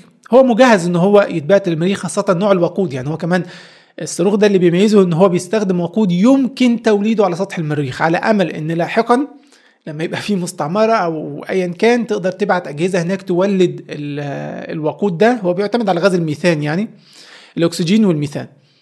فتقدر تولد ده من سطح كوكب المريخ وتقدر تملى الصاروخ تاني أو الستار شيب دي بالوقود وتقدر ترجع بيها تاني لكوكب الأرض. فهم بيحضروا الصاروخ إن هو يبقى قابل لل يعني للإطلاق من على سطح المريخ لاحقا يعني. المهم إن أي صاروخ عشان يوصل حتى لمجرد إنه يوصل مدار الأرض هو بالفعل بيكون استهلك يعني معظم الوقود اللي موجود فيه ان لم يكن كل الوقود وده كان من أهم الأسباب اللي كانت الناس بتشكك فيها في إيلون ماسك في إمكانية إنك تخلي الصاروخ يرجع تاني لكوكب الأرض إن هو إعادة الاستخدام اللي هي تمت بالفعل في فالكون 9 لأن أنت بالفعل بتكون استهلكت كل الوقود وأنت عشان الصاروخ ده يقدر ينفع يرجع تاني أنت محتاج قدر من الوقود عشان تقدر تهبط هبوط بطيء. يعني الصاروخ مجرد ما يوصل للفضاء بعد كده بيسقط سقوط حر بعد ما ينفصل عن الحمولة اللي هو عاوز يوصلها بيبدأ في السقوط سقوط حر. بس أنت لو سبته سقوط حر هيوصل بسرعة رهيبة لدرجة إن هي هتدمر الصاروخ نفسه. يعني هيبقى في تصادم وارتفاع درجة حرارة نتيجة الاحتكاك في الهواء فهيتدمر. فأنت لازم تبطئ سقوطه. مش هتعرف تبطئ سقوطه إلا بإنك يبقى في عندك محركات بتشتغل بتشتغل في اتجاه معاكس للسقوط. يعني زي ما الوقود بيحترق عشان الصاروخ يطلع لفوق في نفس الفكرة. وهو بيسقط أنت بتشغل المحركات دي عشان تبطئ من عملية سقوطه فتحافظ على الصاروخ من إنه ينفجر أو يحترق يعني. أو إن في النهاية أنت محتاج برضو تبطئه جدا جدا جدا في اللحظة اللي هيبتدي يرجع فيها على سطح الأرض عشان ينفع يقف عشان لو سبته يسقط سقوط حر هينزل ينفجر. فالمهم ففي ناس كانت شايفة إن إحنا يا دوب إحنا بن بن يعني بنحرق كل ذرة موجودة في الوقود ده عشان بس نضمن إن الحمولة بتاعتنا توصل لمدار الأرض. فأنت عاوز توصل الحمولة لمدار الأرض. بعد كده كمان تخلي عندك وقود كفاية إنك تبطئ الصاروخ وهو بيسقط وبعد كده كمان عشان تبطئه لما يجي يقف على سطح الأرض أصلا. فعشان كده الناس كانت بتشكك في إمكانية إعادة الصواريخ يعني. لكن هو عملها بفعل في فالكون 9 وفي Starship هنا المشكلة الكبيرة إيه؟ في إن أنت ماشي هتحرق معظم الوقود بتاعك عشان توصل لمدار الأرض. لكن عشان تقدر تهرب من جاذبية الأرض من مدار الأرض وتروح كوكب تاني أنت محتاج وقود تاني كتير جدا. فمفيش إمكانية أن يبقى عندك الوقود الكافي إنك توصل لمدار الأرض بعد كده كمان تنطلق من مدار الأرض ده وتقدر تهرب بيسموها escape velocity سرعة الهروب. لازم المركبة تبقى بتنطلق بسرعة كبيرة جدا تمكنها من الهروب من جاذبية الكرة الأرضية عشان تقدر تروح في اتجاه تاني. فالخطة إيه أساسا؟ الخطة إنك بعد ما توصل Starship دي لمدار الأرض هتسيبها بتلف حوالين آه، كوكب الأرض. بعد كده هتطلق صواريخ تانية متتابعة فيها حمولة وقود. يعني هتطلق Starship تانية صاروخ تاني هيطلع مركبة تانية. الحمولة بتاعتها إيه؟ الحمولة بتاعتها هي لا شايلة تلسكوبات ولا مركبة فضائية ولا أقمار صناعية لا شايلة وقود. وتروح تلتحم بال بالستار شيب اللي هي لسه بتلف حوالين كوكب الأرض دي تلتحم بيها وتفرغ فيها الوقود. يمكن لو أقرب حاجة للموضوع ده لو حد شاف من منكم أي فيديو لموضوع نقل الوقود بين الطيارات. بيبقوا طيارتين طيارة طايرة في الجو بالفعل ومحتاجة وقود فطيارة تانية بتطلع لها وبتوصل بينهم حاجة زي خرطوم كده وبيتم نقل الوقود بالفعل للطيارة الطايرة. يعني ده شيء ممكن وبيحصل بالفعل حاليا بالنسبة للطيارات. لكن طبعا طيارات حاجة والصواريخ والمركبات الفضائية حاجة تانية وإنك تنقل ده في وضع انعدام جاذبية ده موضوع تاني برضو يعني تحدي تاني وما تمش قبل كده لم يتم يعني الفكرة دي لم تحدث من قبل في, في مدار الأرض أو يعني آه بالمستوى ده لم تحدث من قبل. فدي حاجة لسه لسه سبيس إكس عايزة تجرب تعملها. المشكلة كمان مش إنك عشان تديها الوقود الكافي عشان تروح المريخ أنت مش محتاج يعني نقلة واحدة من الوقود لأ ده في ناس بتخمن ما بين 7 ل 14 نقلة وفي ناس تانية بتقول 16 يعني الرقم ده آه لسه لما يتم الاتفاق عليه انت محتاج يعني كام حمولة وقود بالظبط عشان تملى Starship دي اللي فوق اللي بتلف في مدار الأرض تديها قدر كافي من الوقود إن هي بعد كده تقدر تنطلق تروح المريخ تهبط على المريخ بعد كده تقدر يبقى فيها ما يكفي من الوقود إن هي ترجع تاني لكوكب الأرض. لأن المفروض إن أنت تدي الناس إمكانية إن هي ترجع. لو أنت بتخطط إنك تبعت بشر فأنت لازم تديهم أمل الرجوع. إلا إذا كنت يعني الخطة في إنك في النهاية أنت هتقعد تبعت روبوتس هي اللي تبني المستعمرة والمدينة دي ولما تتأكد إن المدينة دي والمستعمرة دي بقت خلاص قابلة وجاهزة تماما إن البشر يقعدوا فيها ممكن بعض البشر يضحوا بفكرة إن هم مش هيروحوا هناك ومش هيرجعوا تاني. ودي صعبة جدا يعني فكرة صعب تخيلها آه، وإن كان بعض المجانين هيعملوها بس الفكرة في إن بعض الناس ممكن تقبلها بس هل هم هيتحملوا ده نفسيا ولا لأ؟ أصلا في مشكلة أخرى هي فكرة القدرة النفسية على تحمل مجرد حتى الرحلة. يعني إحنا بنقول إن الرحلة من كوكب الأرض للمريخ هتقعد ست شهور.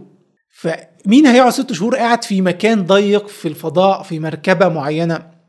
فده نفسه في تحدي في تحدي نفسي. هل البشر قادرين على تحمل ذلك؟ وطبعا كان في تجارب نفسية اتعملت آه، على كوكب الأرض بالفعل يعني راحوا بعض الصحاري. اللي هي صحاري جرداء جدا وبنوا حاجة زي مستعمرة للمريخ وأجبروا الناس إن هم يعيشوا بستايل معين كأنهم عايشين جوه مستعمرة على سطح المريخ يعني. يعني لما بيخرجوا من جوه المباني بتاعتهم اللي عاملينها دي لازم يبقوا لابسين بدلة معينة اللي هي شبه البدلة اللي هيلبسها رواد الفضاء ويبتدوا يتعاملوا ويبتدوا يزرعوا أكلهم هناك. طبعا ما زال ده أسهل بكتير من المريخ لأن في النهاية أنت عايش على كوكب الأرض يعني. ما عندكش مشكلة في الأكسجين ما عندكش مشكلة في إنك تزرع الأكل وما إلى ذلك. المهم يعني بس هي حاجة كانت مقاربة عشان بس يختبروا التأثير النفسي إن الناس عايشة في عزلة تامة لفترة طويلة في في وضع صعب هتستحمل ده ولا لأ؟ وكثير من التجارب حصل فيها مشاكل والناس اتخانقت مع بعض وكان هيقتلوا بعض ويعني نفسية البشر ما تتحملش ذلك. فأنت عاوزه يتحمل رحلة مدتها ست شهور في الفضاء في مكان مقفول اللي هي الستار شيب دي اللي هي رايحة المريخ وبعد كده كمان يهبط يعيش هناك. فأي نوع من أنواع التدريبات اللي عاوز تعملها للبشر وكمان لو ما كنتش ضامن إن هم قادرين على الرجوع ده ممكن يكونوا تأثيره على نفسيتهم إيه بالظبط؟ برضو حاجة إحنا ما نعرفهاش لسه.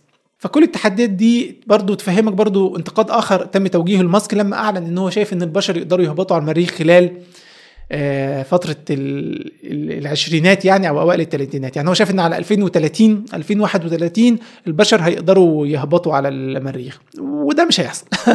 التحديات أكبر بكتير والحاجات بتاخد وقت أطول بكتير. هو نفسه يعني معظم المشاريع بتاعته اللي أعلن عن وقت معين هتنتهي فيه معظمها خدت وقت أطول من كده بكتير. وده طبيعي لأن حاجات صعبة وحاجات معظمها برضو بتبقى حاجات هو بيعملها لأول مرة البشر بيعملوها لأول مرة فمتوقع إن هي تاخد وقت طويل لأنها صعبة. بس في ناس تانية بتبص لوعوده دي وزي ما قلنا تتهمه بإن هو إيه بيقول أي كلام أو بيبيع الوهم للناس وما إلى ذلك. فموضوع إن البشر ممكن يهبطوا على سطح المريخ وكمان إيلون ماسك بيقول إن أول ناس هتروح المريخ هتبقى بتضحي بحياتها هو معترف بذلك. إن أول ناس هتروح المريخ إحنا مش ضامنين إن كل حاجة هتشتغل وغالبا مش هتشتغل بالشكل المطلوب.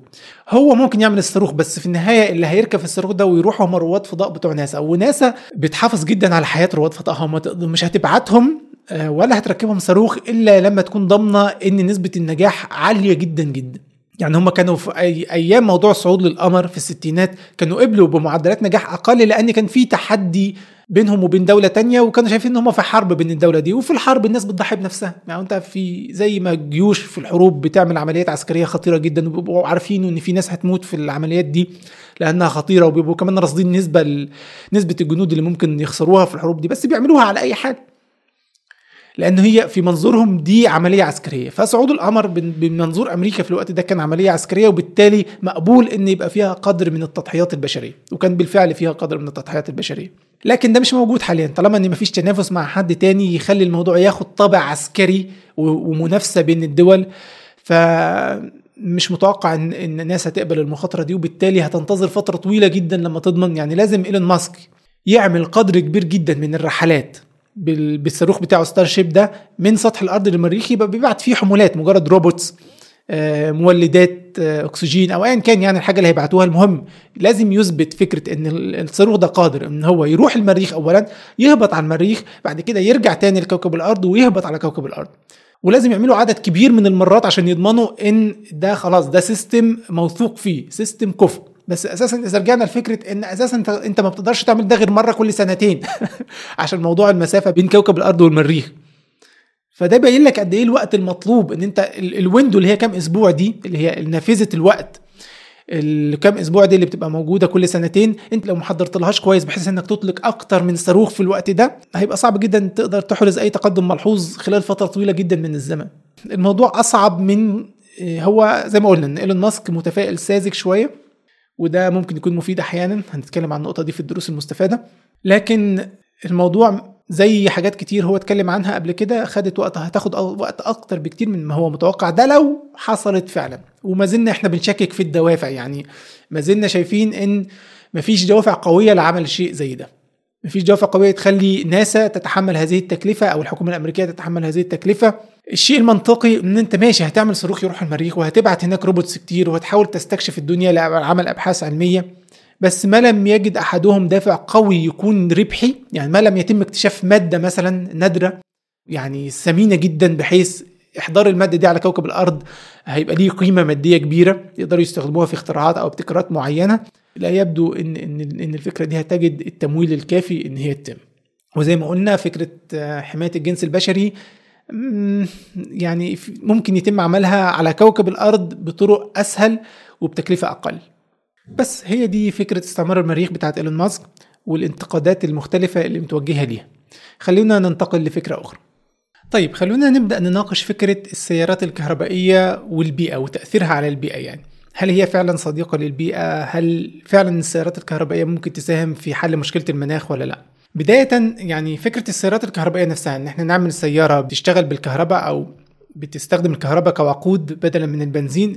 الفكرة دي مش جديدة على الإطلاق. في الواقع أولى السيارات اللي تم عملها كانت في الواقع بتشتغل بالكهرباء وده من يعني أنا بتكلم من أكتر من 130 سنة. يعني السيارات في بداياتها عامة وهي لسه بتنشأ كفكرة كان في توجه إن هي تبقى بتشتغل بالكهرباء بالمواتير الكهربائية. وكان حتى أديسون بيحاول يعمل بطارية آه، يعني قابلة لشحن الموتور بحيث يبقى مداها طويل وتقدر العربية الكهربائية يعني تسير فترة طويلة يعني أو تسير لمسافة أطول بمعنى أصح. فبالتالي هي فكرة مش جديدة بس هي سرعان ما انقرضت يعني هي بدأت في بداية السيارات كان في فكرة السيارات الكهربائية لكن انتهت بسرعة بمجرد إيه آه، ظهور محرك السيارات العادية اللي بيشتغل بالبنزين. وكان يعني الفرق الجوهري العقبة الأساسية اللي كانت أمام السيارات الكهربائية في كل مرة كان بيحاول يعني كانت الناس بتحاول تتم إحياء فكرة السيارات الكهربائية كانت أكبر عقبة هي فكرة الوقود الشحن الكهرباء. هي مشكلة من جانب إنك أولا محتاج تشحن السيارة دي لما الكهرباء اللي فيها تخلص. هتشحنها فين بالظبط؟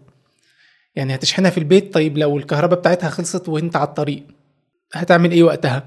والمشكلة التانية هي المدى المسافة الطويلة. عادة السيارات الكهربائية ما كانتش بتقدر تمشيك مسافة طويلة مقارنة بالبنزين. في حين إن العربية اللي بتشتغل بالبنزين المحركات يعني اللي شغالة بالبنزين أنت غير إن هيكون عندك محطات وقود في أكتر من مكان وتقدر تجيب وقود من أكتر من مكان أنت ممكن حتى تشيل الوقود ده جوه العربية نفسها. ممكن يبقى عندك يعني إناء أو جيركن أو ايا كان في كمية من الوقود. لما الوقود بتاع السيارة تخلص تقدر تملى التانك البنزين بتاعك تاني وتكمل تكمل مسيرتك يعني.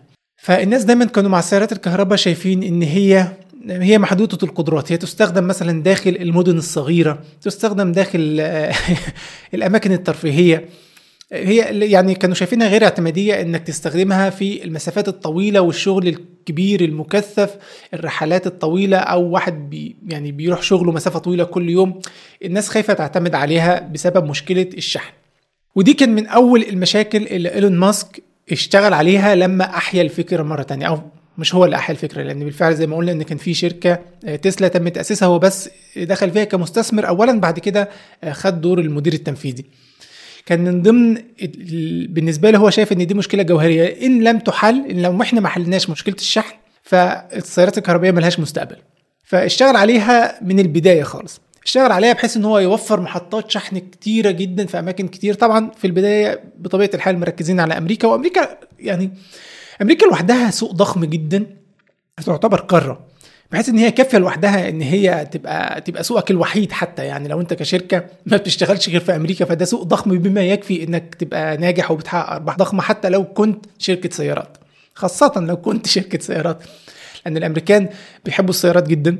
هم بالفعل عايشين في مساحات مترامية جدا. بيحبوا التنقل بين الولايات وبعضها البعض. فالسيارات لها دور كبير في حياتهم يعني وبيشتروها بشكل كبير.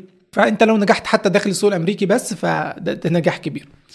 فهو ركز على أمريكا في إن هو يعمل الكثير جدا من محطات الشحن بحيث تبقى موزعة بحيث أي حد يقدر يركب العربية هيبقى مطمن ان هو هيجد لو العربية بتاعته يعني خلاص الشحن بتاعها هيخلص لأي سبب من الاسباب هيبقى مطمن ان هو هيلاقي مكان قريب يشحن منه السيارة. وطبعا السيارة نفسها فيها برنامج كمبيوتر على الشاشة بتاعها يعني بيقول لك إن أنت دي أقرب محطة شحن كهرباء ليك لو أنت عاوز تشحن في الواقع. هو بيحذرك لأن هو في النهاية السيارة الكهربائية هي مجرد كمبيوتر على عجل. يعني الفكرة دي مهمة جدا. السيارة الكهربائية حاليا بيتم تطويرها على أساس إن هي كمبيوتر ماشي على عجل مش سيارة عادية فيها كمبيوتر. لا هي مع الوقت بتتحول فعلا لكونها كمبيوتر آه، يعني مركبين له عجل. فالمهم إن السيارة بتعرف إن أنت خلاص شحن يعني لو أنت كمان محدد في في الشاشة أو في النظام بتاع السيارة إن أنت المكان اللي رايحه فين فهو عارف المسافة وعارف قدر الشحن اللي موجود في البطارية وعارف إن هو هيكفيك ولا مش هيكفيك. فبيقترح عليك إنك تغير تغيير بسيط في الطريق ويكتب لك ويرسم لك الخريطة بتاعته يعني إنك تعدي على محطة شحن تشحن فيها قدر معين من الوقت. كمان بيقترح عليك الوقت مش شرط إنك تشحن البطارية كاملة وهكذا. فعمل محطات شحن كتير ووجود البرنامج اللي بيشيل من دماغك انت هم التفكير والمفروض أروح اشحن إمتى واشحن فين واشحن قدر قد إيه هو البرنامج بيحسب لك كل ده في العربية. فده حل جزء كبير من المشكلة. لكن الجزء الثاني في موضوع الشحن الكهرباء هو موضوع الوقت لأن للأسف البطارية بتاعت العربية ضخمة جدا وبتاخد وقت طويل جدا في الشحن. بتاخد ممكن تاخد 3 4 ساعات واحيانا 5 ساعات على حسب. لكن هم مع الوقت برضو مؤخرا قدموا فكرة الشحن السريع. فأول نص ساعة بتشحن فيها جزء كبير من البطارية. طبعا تقنية الشحن السريع هي موجودة في كل حاجة حتى الموبايلات دلوقتي فيها موضوع الشحن السريع وبرده في أول نص ساعة أو أول 10 دقائق بتقدر تشحن نسبة كبيرة من البطارية بس بعد كده ما يقدرش يكمل بنفس المعدل ده لأن هتبقى في مشكلة في ارتفاع درجة الحرارة وممكن البطارية يحصل فيها مشكلة. المهم إن هو حاولوا يحلوا مشكلة عملية الشحن نفسها والقلق الناتج عن إن الشحن الكهربيه يفضى مني وأنا سايق العربيه عمل عدد كبير من محطات الكهرباء وعمل شحن سريع وإن البرنامج هو اللي يقترح عليك ويشيل عنك هم حسابات والتفكير في الموضوع ده. آه طبعا في ناس شايفة إن ده مش كافي في النهاية ده لا يقارن برضو بالبنزين. البنزين محطات البنزين هتبقى أكتر. آه عملية شحن الوقود في البنزين يعني أنت لما تروح تقف في محطة بنزين أنت ما بتستغرقش دقائق. يعني هم دقيقتين ثلاثة بس بتكون خلاص تنك البنزين بتاعك اتملى. على عكس شحن البطارية حتى لو بالشحن السريع فأنت بتقعد محتاج على الأقل ساعة. ناس تانية شايفة والله انت كده كده مش محتاج تعمل ده غير كل ما تمشي مسافة طويلة جدا بالفعل ممكن كل 400 كيلو ولا كل 500 كيلو. فأنت على أي حال هتبقى محتاج تريح يعني هتبقى محتاج تاخد راحة من السواقة أو من القيادة يعني. فأنت بتستغل أوقات الراحة والقيادة دي في إنك تشحن العربية بتاعتك ولذلك يعني تسلا كانت بتحاول تعمل محطات الشحن الكهرباء بتاعتها فيها كافيتريات زي المحطات البنزين العادية بحيث أنت كده كده هتريح كده كده هتروح تشرب قهوة ولا هتشرب شاي ولا هتاكل سناك خفيف. فخلال الوقت ده أنت بترتاح والعربية بتاعتك بتشحن. فدي كانت مشكلة جوهرية. إيلون ماسك يستحق الثناء عن هو إداها أولوية في التفكير وفي الحل. يعني كان دايما أي شركة بتحاول تحيي فكرة السيارات الكهربائية كانت بتواجه مشكلة في العقبة دي. وما بتركزش فيها. هي شايفة إن هي تعمل سيارة كهربائية ظريفة جميلة ده هيكون كافي. لكن ده مش كافي لأن الناس بتحتاج خاصة في أمريكا بتحتاج السيارة بتاعتها إن هي تمشي بيها مسافات طويلة جدا. فده كانت نقطة تحسب له يعني من الحاجات اللي ركز عليها في البداية لأن هو طريقة تفكيره هو دايما بيفكر في أساس المشاكل. ليه حاجة زي دي ما تنجحش؟ وإيه اللي يخلي حاجة زي كده تنجح؟ ودي برضو من الحاجات اللي هنتكلم عنها في الدروس المستفادة. طيب نرجع للسؤال الأولاني. هل فعلا يعني إيه الدافع وراء إنك تعمل سيارة كهربائية؟ ماسك هيقول لك إن ده حاجة مفيدة للمناخ مفيدة للبيئة إنها السيارات الكهربائية مش بتلوث البيئة بنفس القدر اللي بتلوثه السيارات العادية اللي بتحرق الوقود وبيصدر عنها عوادم في الجو. فإيه مدى صدق هذا الإدعاء؟ ناس كتير طبعا أنت لو شفت سيارة كهربائية ما بتطلعش صوت ما بتطلعش دخان. قارنتها بسياره عادية هتلاحظ فعلا فرق كبير بينهم قدام عينيك. ما بين واحدة فيهم مزعجة يعني مش بس تلوث الجو دي كمان تلوث ضوضائي من صوت المحرك والموتور. وبين التانية واحدة صامتة تماما ما بتطلعش أي عوادم بأي شكل من الأشكال. لكن لو يعني لو ما تبحث في الأمر بشكل أعمق هتكتشف أن الموضوع مش بهذه البساطة. نصف كمية العوادم والدخان والكربون اللي بيطلع في الجو بسبب أي سيارة معينة بيكون ناتج أصلا عن مراحل تصنيع السيارة دي. يعني المصانع اللي بتصنع السيارة نفسها بت... عادة بتستخدم وقود أحفوري عشان تشغل الماكينات بتاعتها. المعدن ده عشان يتم صهره وتشكيله الكاوتشات العربية المطاط عشان يتم تشكيلها والإلكترونيات اللي في العربية عشان يتم تصنيعها. الجلد الكراسي كل ده بيتم في مصانع بتستخدم الوقود الأحفوري. يعني بتستخدم الوقود العادي سواء فحم أو بنزين أو بترول أو غاز طبيعي أيا كان يعني. ف لما بتقيم لما بتحسب حجم كمية العوادم الناتجة عن سيارة معينة في رحلة عمرها كلها بداية من تصنيعها لغاية ما يتم تكهينها بحيث خلاص ما بقتش قابلة للاستخدام بعد 30 40 سنة من استخدامها مثلا لو حسبت كمية الكربون الناتجة عن كل ده هتكتشف إن الفرق بين السيارات الكهرباء والسيارات العادية مش كبير لأن هم هينتجوا نفس كمية الكربون والعوادم في مرحلة التصنيع. هم هم كلهم بيستخدموا معادن الومنيوم وحديد ومطاط وبلاستيك وجلد ايا كان. ايا كان الحاجات اللي بتستخدم ففي النهاية هم في مرحلة التصنيع متساويين. واصلا مرحلة التصنيع دي لوحدها بينتج عنها نص كمية الكربون اللي بتنتج عن السيارة كلها. فده اولا. فالفرق أنت عندك كده الفرق نزل 50% قبل لسه العربية ما تتحرك أصلا. المشكلة الثانية هي مشكلة إن الكهرباء اللي بيتم شحن بيها العربيه السيارة الكهربائية دي هي أصلا بيتم توليدها إزاي؟ معظم الكهرباء بيتم توليدها في محطات الكهرباء اللي هي بتستخدم بنزين أو فحم أو غاز طبيعي.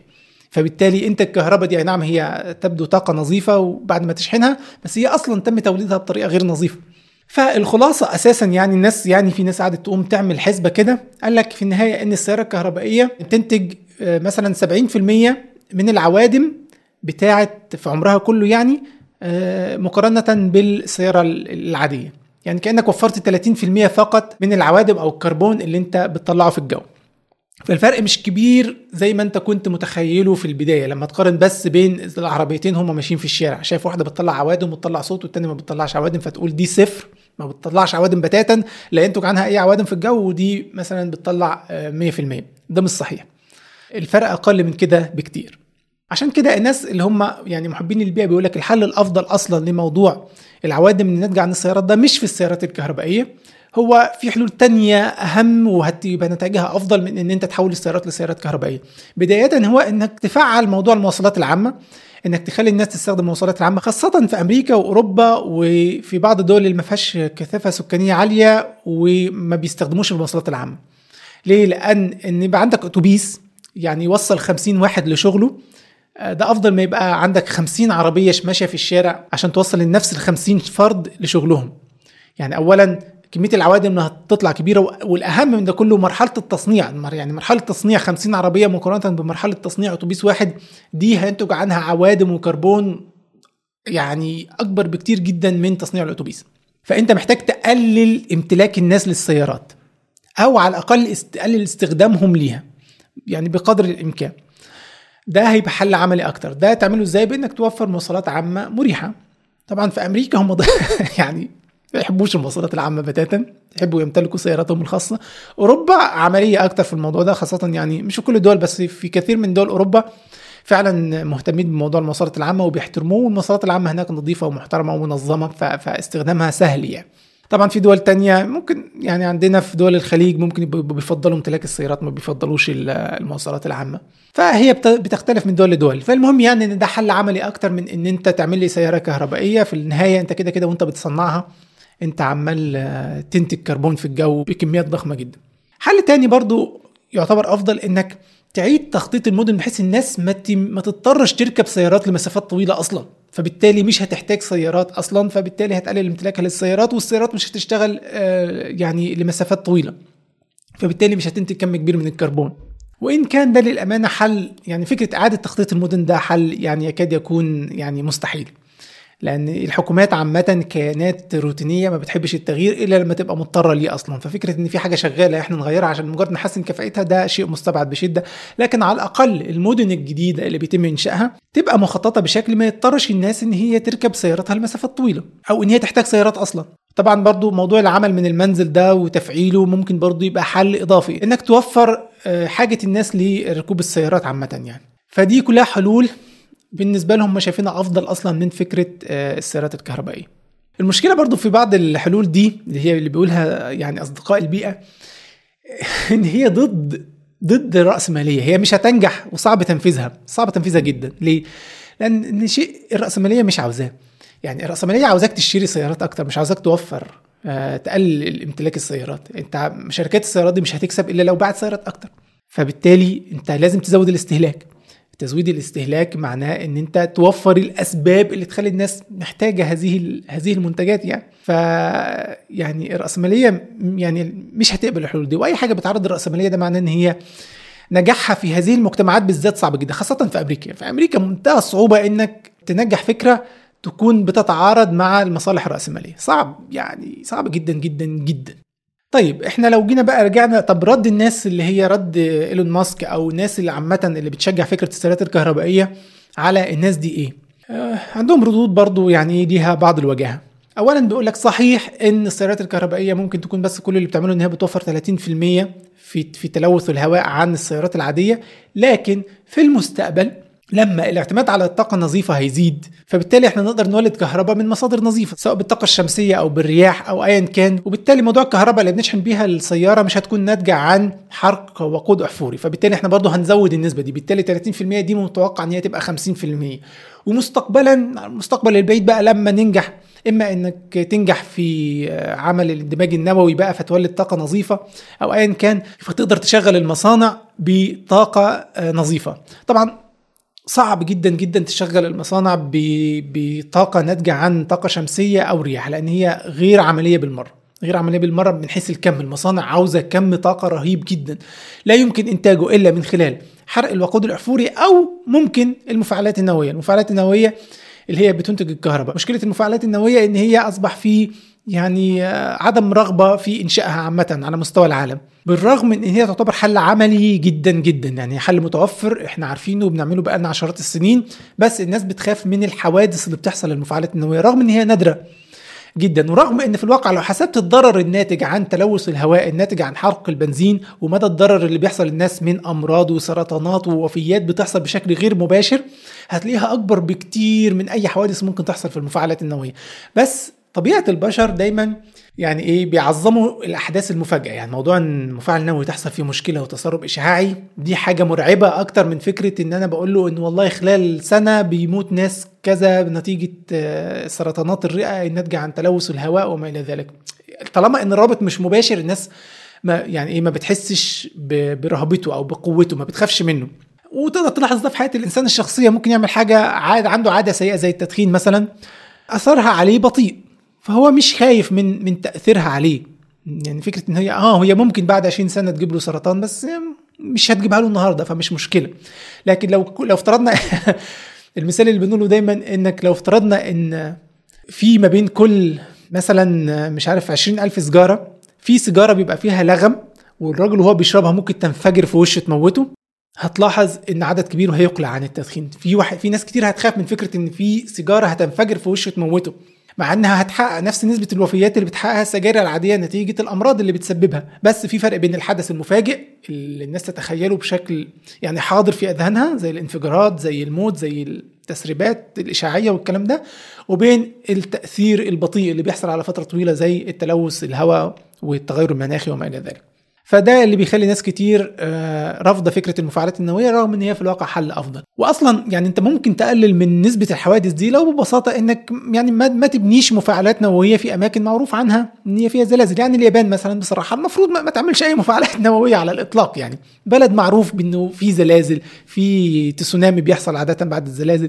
ففي عندهم الطبيعة هناك صعبة جدا إن أنت يعني بتعرضك لخطر فعلا إن تحصل مشكلة في المفاعلات النووية دي. فما تعملش مفاعلات نووية في الأماكن دي. في أماكن كتير تانية مستقرة فتقدر تبني فيها المفاعلات النووية. المفاعلات النووية فيها سبل أمان كتيرة جدا. يعني حاليا تطورت بحيث يبقى فيها سبل أمان كتيرة جدا. مش مجرد أي مشكلة هتحصل هيحصل تسرب إشعاعي. يعني الموضوع مش كده. يعني الموضوع فيه سبل أمان واحتياطات أمان كتيرة جدا. طبعا في فرق جوهري بين الطاقة اللي بيتم توليدها بحرق البنزين أو المفاعلات النووية وبين الطاقة الشمسية والرياح. آه، الطاقة الشمسية والرياح يعني هي توليد متغير غير ثابت. يعني مثلا إحنا نقدر نولد طاقة شمسية في النهار والشمس طالعة والواحه الشمسية دي شغالة لكن بالليل مش بنولد كهرباء. كذلك الرياح بولدها لما على حسب قوة الرياح. فده متغير وما بقدرش أقدرش أعتمد عليه. فعشان أقدر أعتمد عليه شوية بعمل إيه؟ بعمل محطات تخزين كهرباء اللي هي بطاريات. فأنا محتاج أصنع كم كبير جدا من البطاريات اللي هو في حد ذاته برضه مشكلة وهينتج عنه حرق كربون المصانع اللي بتصنع البطاريات دي. وعمرها الافتراضي مش يعني يعني ده عمر افتراضي 20 سنة 30 سنة مش كبير. وهحتاج أجددها كل فترة. فعشان كده الاعتماد عليها صعب. الاعتماد عليها ممكن نعتمد عليها في الإنارة في تشغيل المنازل مثلا. ممكن ممكن تعتمد عليها بالشكل ده. بس مصانع حتى الآن الطاقة النظيفة اللي هي سواء طاقة شمسية أو رياح لا يمكن الاعتماد عليها بهذا الشكل. في حين إن المفاعلات النوويه البنزين هي بتصدر كهرباء طول ما هي شغالة. وقت ما تعوز توقف توقف. مش محتاج تخزن كهرباء. مش محتاج تخزن الكهرباء الناتجة عنها. أنت بالفعل بتدخلها في الشبكة مباشرة يعني. ولو عاوز توقفها بتوقفها عاوز تشغلها بتشغلها. فعشان كده هي عملية أكتر. طبعا في النهاية لو قارنا حجم الكهرباء والطاقة اللي بتحتاجه المصانع أكتر بكتير جدا جدا جدا من اللي بتحتاجه المنازل. فعشان كده يعني هم شايفين إن موضوع إن الاعتماد على الطاقه النظيفة ده آه هو شيء قادم بس هياخد وقت طويل جدا. يعني في ناس متوقعة ل 2050 بعد 2050 حتى لغاية سنة 2050 وممكن حتى بعد كده هتبقى ما زلت محتاج تحرق بنزين ووقود. يعني أي نعم المفروض الاعتماد عليه يقل لكنه هيفضل موجود خاصة في موضوع المصانع. يعني لازم يتم يا إما يحلوا لغز الاندماج النووي عشان هو آمن أكتر من المفاعلات النووية العادية يا إما الناس بقى تشيل مخاوفها من موضوع المفاعلات النووية ده وتعتمد عليه. لكن يبدو من الصعب جدا تخيل إن المصانع ينفع تشتغل بكهرباء ناتجة عن طاقة شمسية أو رياح أو حتى السدود يعني. السدود برضو بتولد كمية كهرباء قليلة جدا ما تكفيش كم الإنتاج الصناعي المطلوب. طيب هل معنى ده إن تسلا مش مكتوب لها النجاح؟ في الواقع في ناس شايفة إن تسلا بالفعل نجحت. يعني هو إيه إيه قلنا إيه الميشن بتاع تسلا؟ إيه المهمة اللي هي معلنة عنها وهدفها إيه؟ شركة تسلا إن هي تسرع من عملية الانتقال من الوقود الأحفوري للمصادر النظيفة. وده بالفعل تم بشكل كبير لأن تسلا أثبتت مدى عملية السيارات الكهربائية بعد ما كانت الناس رفضها لفترة طويلة لدرجة دلوقتي إن مفيش شركة سيارات إلا وأنتجت يعني بتنتج سيارة كهربائية أو بتخطط إن هي تنتج. بل إن كثير من الشركات المشهورة جدا أعلنت إن هي هتوقف إنتاج السيارات العادية اللي بتشتغل بمحركات البنزين خلال عدد معين من السنوات خمس سنوات أو عشر سنوات. ففي الواقع تسلا أثبتت إن مستقبل السيارات هو السيارات الكهربائية ليه؟ لأن تسلا مش بس أثبتت إن الموضوع صديق للبيئة، لا لا هي أثبتت إن السيارات دي أحسن في الواقع، لأن قلنا إن هي حولت السيارة لكمبيوتر ماشي على عجل. يعني سيارات تسلا أولاً سريعة جدا. يعني تقدر تخليها أسرع بمراحل من السيارة من المحركات العادية اللي بتشتغل بالبنزين. نسبة الترفيه فيها عالية. الأهم من ده كله السيارات الكهربائية أبسط في تصنيعها وتصميمها من السيارات العادية. عدد الأجزاء اللي فيها أقل بكثير. المحرك محرك السيارات ده آه، يعني السيارات العادية اللي بتشتغل بمحرك البنزين معقدة جدا جدا وفيها ميكانيكا يعني صعبة جدا وأجزاء كتيرة جدا ونسبة الإهلاك فيها عالية. الاستهلاك اللي كلها في النهاية يعني تروس عمالة تخبط في بعض تكسر في بعض. فهي في النهاية السيارات الكهربائية بالنسبة للشركات في الواقع هي لو انت عملت سيارة كهربائية كويسة هي مربحة أكتر بالنسبة لك لأنك هتقدر تنتجها بتكلفة أقل وبعدد موظفين أقل وفي النهاية هي فيها مميزات رفاهية أكتر الناس بتحبها. وتسلا بالفعل حلت المشاكل الكبيرة أثبتت على الأقل لجميع الشركات إن المشاكل الكبيرة بتاعت الشحن والحاجات دي يمكن حلها. مجرد ما كل الشركات دي تدخل بقى ويعني حتى تسلا ساعدت ذلك في إن هي وفرت محطات الشحن بتاعتها شحن الكهرباء شحن السيارات بتاعتها للشركات التانية اللي بتنتج سيارات كهرباء. فبالتالي ده بيشجع طب يعني ليه تسلا تعمل حاجة زي كده؟ انت كده كأنك بتساعد المنافسين بتوعك. لأن هي من مصلحة تسلا إن فكرة السيارات الكهربائية خلاص تسيطر وتنتشر. فهي لما تشجع باقي الشركات إن أنا كمان هساعدكم في حل المشكلة دي فالشركات التانية تنتج سيارات كهرباء فكده خلاص بقى هي أثبتت فكرة إن السيارات الكهرباء هي المستقبل وهي الحل العملي فعلا. وده بما إنها هي أساسا شركة سابقة في هذا الأمر فاصلا معظم الناس لما تيجي تشتري سيارة كهرباء عندهم هناك أول حاجة بيبص عليها تسلا. فهو ده من مصلحتها يعني نجاح المجال كله في النهاية بيصب في مصلحتها أكتر من الضرر الناتج عليها نتيجة مساعدتها لبعض المنافسين. فبالتالي تسلا يعني حتى لو كل اللي عملته إن هي سرعت شوية من انتقال العالم من السيارات العادية للسيارات الكهربائية مثلا بمدى 10 15 سنة فده إنجاز عظيم برضه إنجاز كبير. لأن يبدو إن من بعد 10 سنين من الآن يصعب تخيل ان هيبقى لسه في سيارات عادية بمحركات عادية لسه بيتم إنتاجها. آه هيبقى في موجود في الشوارع لأن في حاجات كتير بيتم إنتاجها حاليا ما زالت بمحركات عادية. ودي هتفضل موجودة ممكن السيارة تعيش 40 سنة حتى فهتفضل موجودة. كمان تسلا طورت جدا في موضوع البطاريات. يعني هي بتصنع البطاريات بتاعتها بنفسها وبتصنع بطاريات عالية الكفاءة وبتعمل محطات تخزين كهرباء وبتعمل ألواح شمسية كفايتها عالية جدا وشكلها جميل جدا لأن في ناس كتير خاصة في أمريكا وأوروبا يعني ما كانوا ما بيحبوش يستخدموا الألواح الشمسية في توفير الطاقة الكهربائية لبيوتهم لأن شكلها يعني شكل الألواح الشمسية الزرقاء دي العادية التقليدية آه، مش لطيف على أسطح منازلهم الفخمة. هم عاوزين منازلهم تبان فخمة يعني وكده وجميلة. هم في النهاية يعني حضارة مادية فبتحب التباهي بالممتلكات عامة. فتسلا اخترعت يعني ابتكرت الواح شمسية آه، شكلها شكل نفس القرميد العادي اللي هم بيحطوه على أسقف بيوتهم ده. فتشوف انت تشوف البيت انت مش شايف عليه الواح شمسية بس في الواقع السقف بتاعه ده في الواقع هو عبارة عن الواح شمسية متنكرة في شكل قرميد. وغير كده كمان إن هي بتساعدهم في موضوع الثلوج. يعني لما الدنيا تمطر تلج عندهم الألواح الشمسية دي اللي عاملاها القرميد اللي عاملاه تسلا ده بيسخن بدرجة معينة بيدوب التلج اللي عليه فالتلج يسقط بدل ما يتكوم على سطح البيت. ده غير إن هي صلبة جدا وبتعيش مدة أطول. هي بس ما زالت مكلفة مقارنة بالألواح الشمسية العادية. فالمهم إن تسلا بالفعل نقدر نقول لو مهمتها هي تسريع الانتقال لمصادر الطاقة النظيفة فهي بالفعل نجحت في ده وما زالت مستمرة فيه. يمكن أهم نجاح لتسلا هي إن هي خلت السيارة الكهربائية فكرة جذابة للناس العادية. بدل ما كان يقول للناس تعالوا اشتروا السيارة الكهربائية اللي هي إمكانياتها ضعيفة دي بس معلش عشان هي صديقة للبيئة لا دلوقتي بيقول لك تعالى اشتري السيارة الكهربائية دي اللي مفيش أسرع منها في السوق لو أنت بتحب السرعة اللي فيها إمكانيات زي ذاتية القيادة ودي الفكرة الثانية اللي هنتكلم عنها بعد شوية اللي مريحة جدا وتعتبر كمبيوتر ماشي على عجل ف تعال اشتريها عشان هي سيارة حلوة مش عشان انت بتحاول تضحي عشان انت عاوز آه، تحافظ على البيئة. فخلينا ننتقل للفكرة الثانية عن موضوع آه، ذاتية القيادة. هل هي فكرة جيدة ولا غير جيدة أصلا؟ طيب فكرة أخرى بيروج لها إيلون ماسك بشدة. هي مش فكرته الأساسية هي فكرة موجودة من قبل كده. فكرة إن إحنا نخلي السيارات ذاتية القيادة إن السيارة تقود نفسها بنفسها بدون تدخل بشري. الحقيقة أنا شخصيا من أكثر المؤيدين لهذه الفكرة يعني. أنا يعني اتعلمت القيادة من فترة قريبة مش كبيرة يعني ممكن أقول ثلاث سنين. فأنا حديث شوية في موضوع القيادة ده. واللي بشوفه حقيقة على الطريق يعني خاصة في مصر يقول لك إن ترك كثير من البشر يقودوا السيارة ده يعني حاجة جنونية يعني حاجة فيها مخاطرة غير محسوبة على الإطلاق. أصلا لو بصينا في مصر مثلا على سبيل المثال عدد الوفيات الناتجه عن حوادث السيارات سنويا من خمسة لسبع ألاف حالة. أنت متخيل في من خمس لسبع ألاف إنسان بيموتوا سنويا في السنة الواحدة بسبب حوادث السيارات؟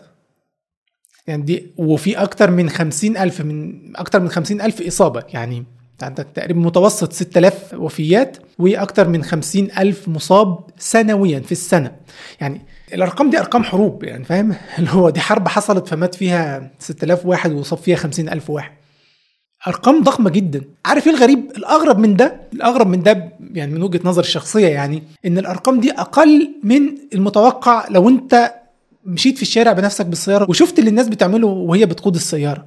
منتهى العشوائية منتهى ال... الناس فعلا غير مؤهلة إن هي تقود سيارة. يعني أنت بتشوف ناس بتغير اتجاهاتها بدون ما تدي إشارة بدون ما يبص وراه أساسا في عربية جاية ولا مش جاية. اللي بتعمله الميكروباصات وعربيات التاكسي مثلا وما شابهها من إحنا عندنا سائق الأتوبيسات. معروف دايما في في يعني في العالم إن سائق الأتوبيسات دول من أكتر الناس رزانة في السواقة في القيادة ولازم يبقى عندهم مهرة ومش عارف إيه. إحنا عندنا فعليا سواق أتوبيس بيسوقوا بعقلية توك توك. هو سايق موتوسيكل. هو يعني هو متخيل نفسه سايق موتوسيكل مش مش أتوبيس ضخم شايل معاه 80 إنسان جوه الأتوبيس ده. يعني أنا بقول فعلا في مصر دي من أكتر الحاجات اللي أنا ما بشوفش فيها إن هي ماشية بالأسباب. يعني لو الأمور ماشية بالأسباب فعليا الأسباب المادية فعدد القتلى في مصر من السيارات يكون المفروض يكون أكتر من كده بكتير رغم إن 6000 ده رقم ضخم أصلا. بس الواحد كل ما بيمشي بالسيارة بيشوف حاجات وعشوائية رهيبة وناس ما بتفكرش لدرجة إنك تتوقع إنك دايما هتجد حوادث دايما هتجد حوادث. ومع العدد الضخم للسيارات في مصر ومع عدد السكان تتوقع إن المفروض العدد يكون أكتر من كده. يعني أنا سمعت مقولة قبل كده وحاسسها صادقة جدا رغم إن هي مش مش اللي قايلها ما بيتكلمش عن مصر أصلا. بقول لك هيجي وقت في المستقبل الناس تفكر إنه كان من الجنون إن إحنا نسيب بشر عاديين غير مهرة يقودوا ماكينات حديدية بسرعات رهيبة. يعني أنت العربية بتمشي بسرعات كبيرة جدا. حتى فوق ال 60 كيلومتر دي تعتبر سرعة كبيرة إنك تبقى لو في حتى تصادم حصل على سرعة 60 كيلومتر بين سيارتين ده غالبا هيكون مميت. ف إن إحنا سيبنا بشر كثير من البشر غير مهرة أصلا يقودوا السيارات دي في المستقبل هيتم النظر ليه لأن هو كان مخاطرة غريبة. إحنا إزاي قبلنا بحاجة زي كده؟ خاصة لما تبقى طبعا في الدول بتاعتنا لما يبقى يعني حتى اختبارات القيادة يعني في ناس بتحصل على رخصة القيادة بدون بدون ما تكون مؤهلة على الإطلاق. في منهم بيحصل عليها بدون ما يتم اختباره أصلا. أنا حصل معايا موقف وأنا في اختبار القيادة. اولا هو كان اختبار بسيط جدا جدا غير معبر تماما عن مدى قدراتك في القيادة. يعني مجرد مشيت في خط كده يعني على شكل حرف يو مثلا. اللي هو أنت بتعرف هو أنت بتعرف تشغل العربية وبتعرف تدوس بنزين وبتعرف تلف بالدركسيون بس مش أكتر من كده. مش محتاج أي حاجة أكتر من كده. وطبعا بدون سيارات جنبك ماشي لوحدك مجرد بتمشي حرف هو ده لا يمكن يكون اختبار. يعني لا يمكن يكون اختبار كافي لتحديد مهارة الأشخاص يعني.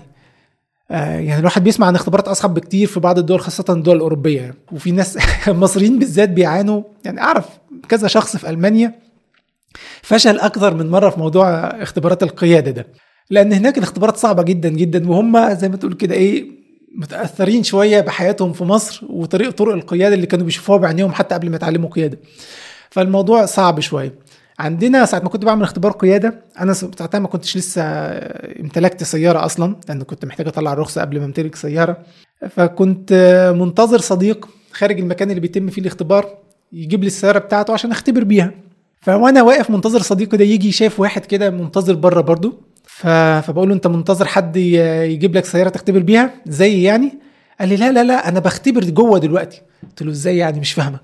قال لي أنا دلوقتي بمتحن. جوه قلت له إزاي؟ أنت واقف قدامي أهو. قال لي لا ما هو أنا صاحبي دخل مكاني يعمل الاختبار. أنت متخيل؟ مفيش حتى يعني المفروض الاستمارة اللي بيبقى عليها صورتك.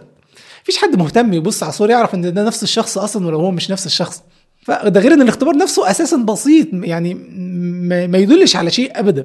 فتخيل إن أنت بتجيب الناس دي بقى اللي هم خدوا الرخص القياده دول وتروح تقول لهم يلا بقى اركبوا سيارة وسوقوها بسرعة 80 و90 كيلومتر يلا على الطرق السريعة جنب باقي الناس. انت متخيل؟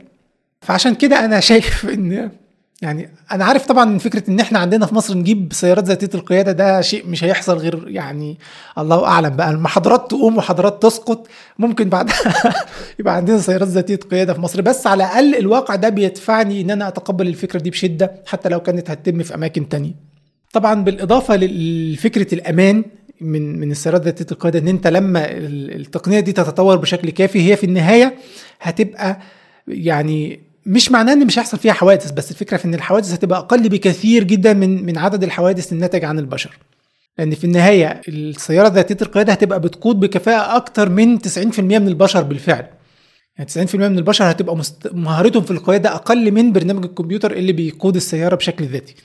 فده هيقلل بشكل كبير آه، الحوادث. طبعا غير كده السيارات ذاتيه القيادة هتسمح لك إنك آه، توفر وقتك. يعني الشخص اللي بيقود السيارة ده بيبقى غز... لازم يبقى مركز في الطريق. ممكن يبقى لو هو بياخد ساعة يوميا المقر عمله فدي ساعة ضايعة ساعة رايح ساعة جاي مش قادر يعمل فيها حاجة تقريبا أي نعم ممكن يستمع لشيء بس مش هتبقى بنفس فكرة إن هو قادر إن هو يضع كل تركيزه في أمر ما يعني على الأقل ما بيقدرش يستخدم البصر. كل اللي بيقدر يعمله إن هو يستغل حاسة السمع وفي نفس الوقت ما تبقاش بتركيز كامل لأنه في النهاية جزء من تركيزه بالفعل على القيادة. فبالتالي هي ممكن تخلي عملية الانتقال لأماكن العمل أو في الرحلات أفضل بكتير. تخلي الشخص قادر يستغل الوقت ده ولو حتى في النوم يعني. تنام جوه العربية تكمل نومك في العربية لو انت ما نمتش كفاية في البيت ومحتاج الساعة الزيادة دي اللي انت بت- بتاخدها في القيادة فتنامها في العربية مثلا أو تشتغل على الكمبيوتر. مش لازم يبقى عندك الكمبيوتر بتاعك انت متهيألي أظن إن كمبيوترات ال- السيارات ذاتيه القيادة دي بتبقى قوي جدا لدرجة إنك ممكن أنت تشتغل عليه تعمل شغلك عليه بالمرة يعني. فبالتالي هي فكرة رائعة جدا تنفيذها هيواجه صعوبات آه، بطبيعة الحال. طيب في ناس بتنتقد يعني في مشكلة من مشاكل ذاتية القيادة بيقول لك لو إنسان عمل حادثة على الأقل إحنا هنعرف مين اللي عمل الحادثة دي ونحاسبه بينما لو السيارة ذاتية القيادة عملت حادثة نحاسب مين؟ بيحاولوا يفلسفوا موضوع بسيط يعني هو الموضوع مش محتاج فلسفة ومين المخطئ هنا ومين مش المخطئ. هو أصلا أنت عاوز تعرف المخطئ ليه؟ عشان تحاسبه. طيب في حوادث السيارات أنت بتحاسب المخطئين إزاي؟ والله لو كان الشخص ده متعمد فده قتل قتل عمد فبالتالي بتحاكمه لو كان مش متعمد عادة بيكون الحساب هو عبارة عن انه يدفع تعويض تعويض ما. شركات التأمين هي اللي تدفعه أو ايا كان.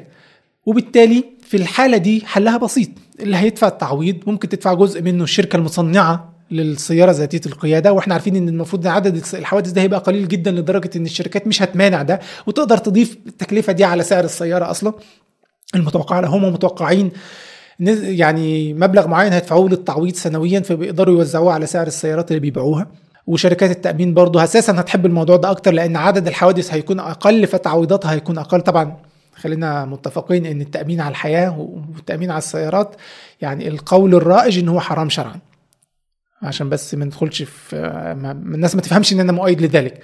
وشركات التأمين دي أساسا يعني شكل من أشكال النصب القانوني لما تشوف تفاصيلها وتفاصيل العمل اللي بتشتغل بيها صراحة ده شكل من أشكال النصب المسموح به المهم فدي مش معضلة. والله لو قتل عمد أصلا فهو السيارة ذاتيه القيادة هتصعب عليه عملية القتل العمد دي. إلا إذا كان واحد بقى ماهر جدا في إن هو يعمل hacking على ال system بتاع السيارة فيخليها بعد كده تقوم بعملية القتل دي وده شيء صعب جدا ونادر. عدد الناس اللي تقدر, تعمله قليل جدا وبرضه يمكن تتبعه. يعني ميزة السيارة ذاتيه القيادة إن هي فيها حاجة زي الصندوق الأسود زي الطيارات بالظبط. فبالتالي لما بتحصل حادثة أنت في الواقع تقدر تعرف إيه سبب الحادثة. على عكس السيارات العادية لما الناس بتقودها اللي كل واحد ما بيطلعش نفسه غلطان. يعني أنا كنت لسه مؤخرا حصل لي موقف إن في سيارة صدمتني صدمة خفيفة كده من على الجنب بالجنب يعني.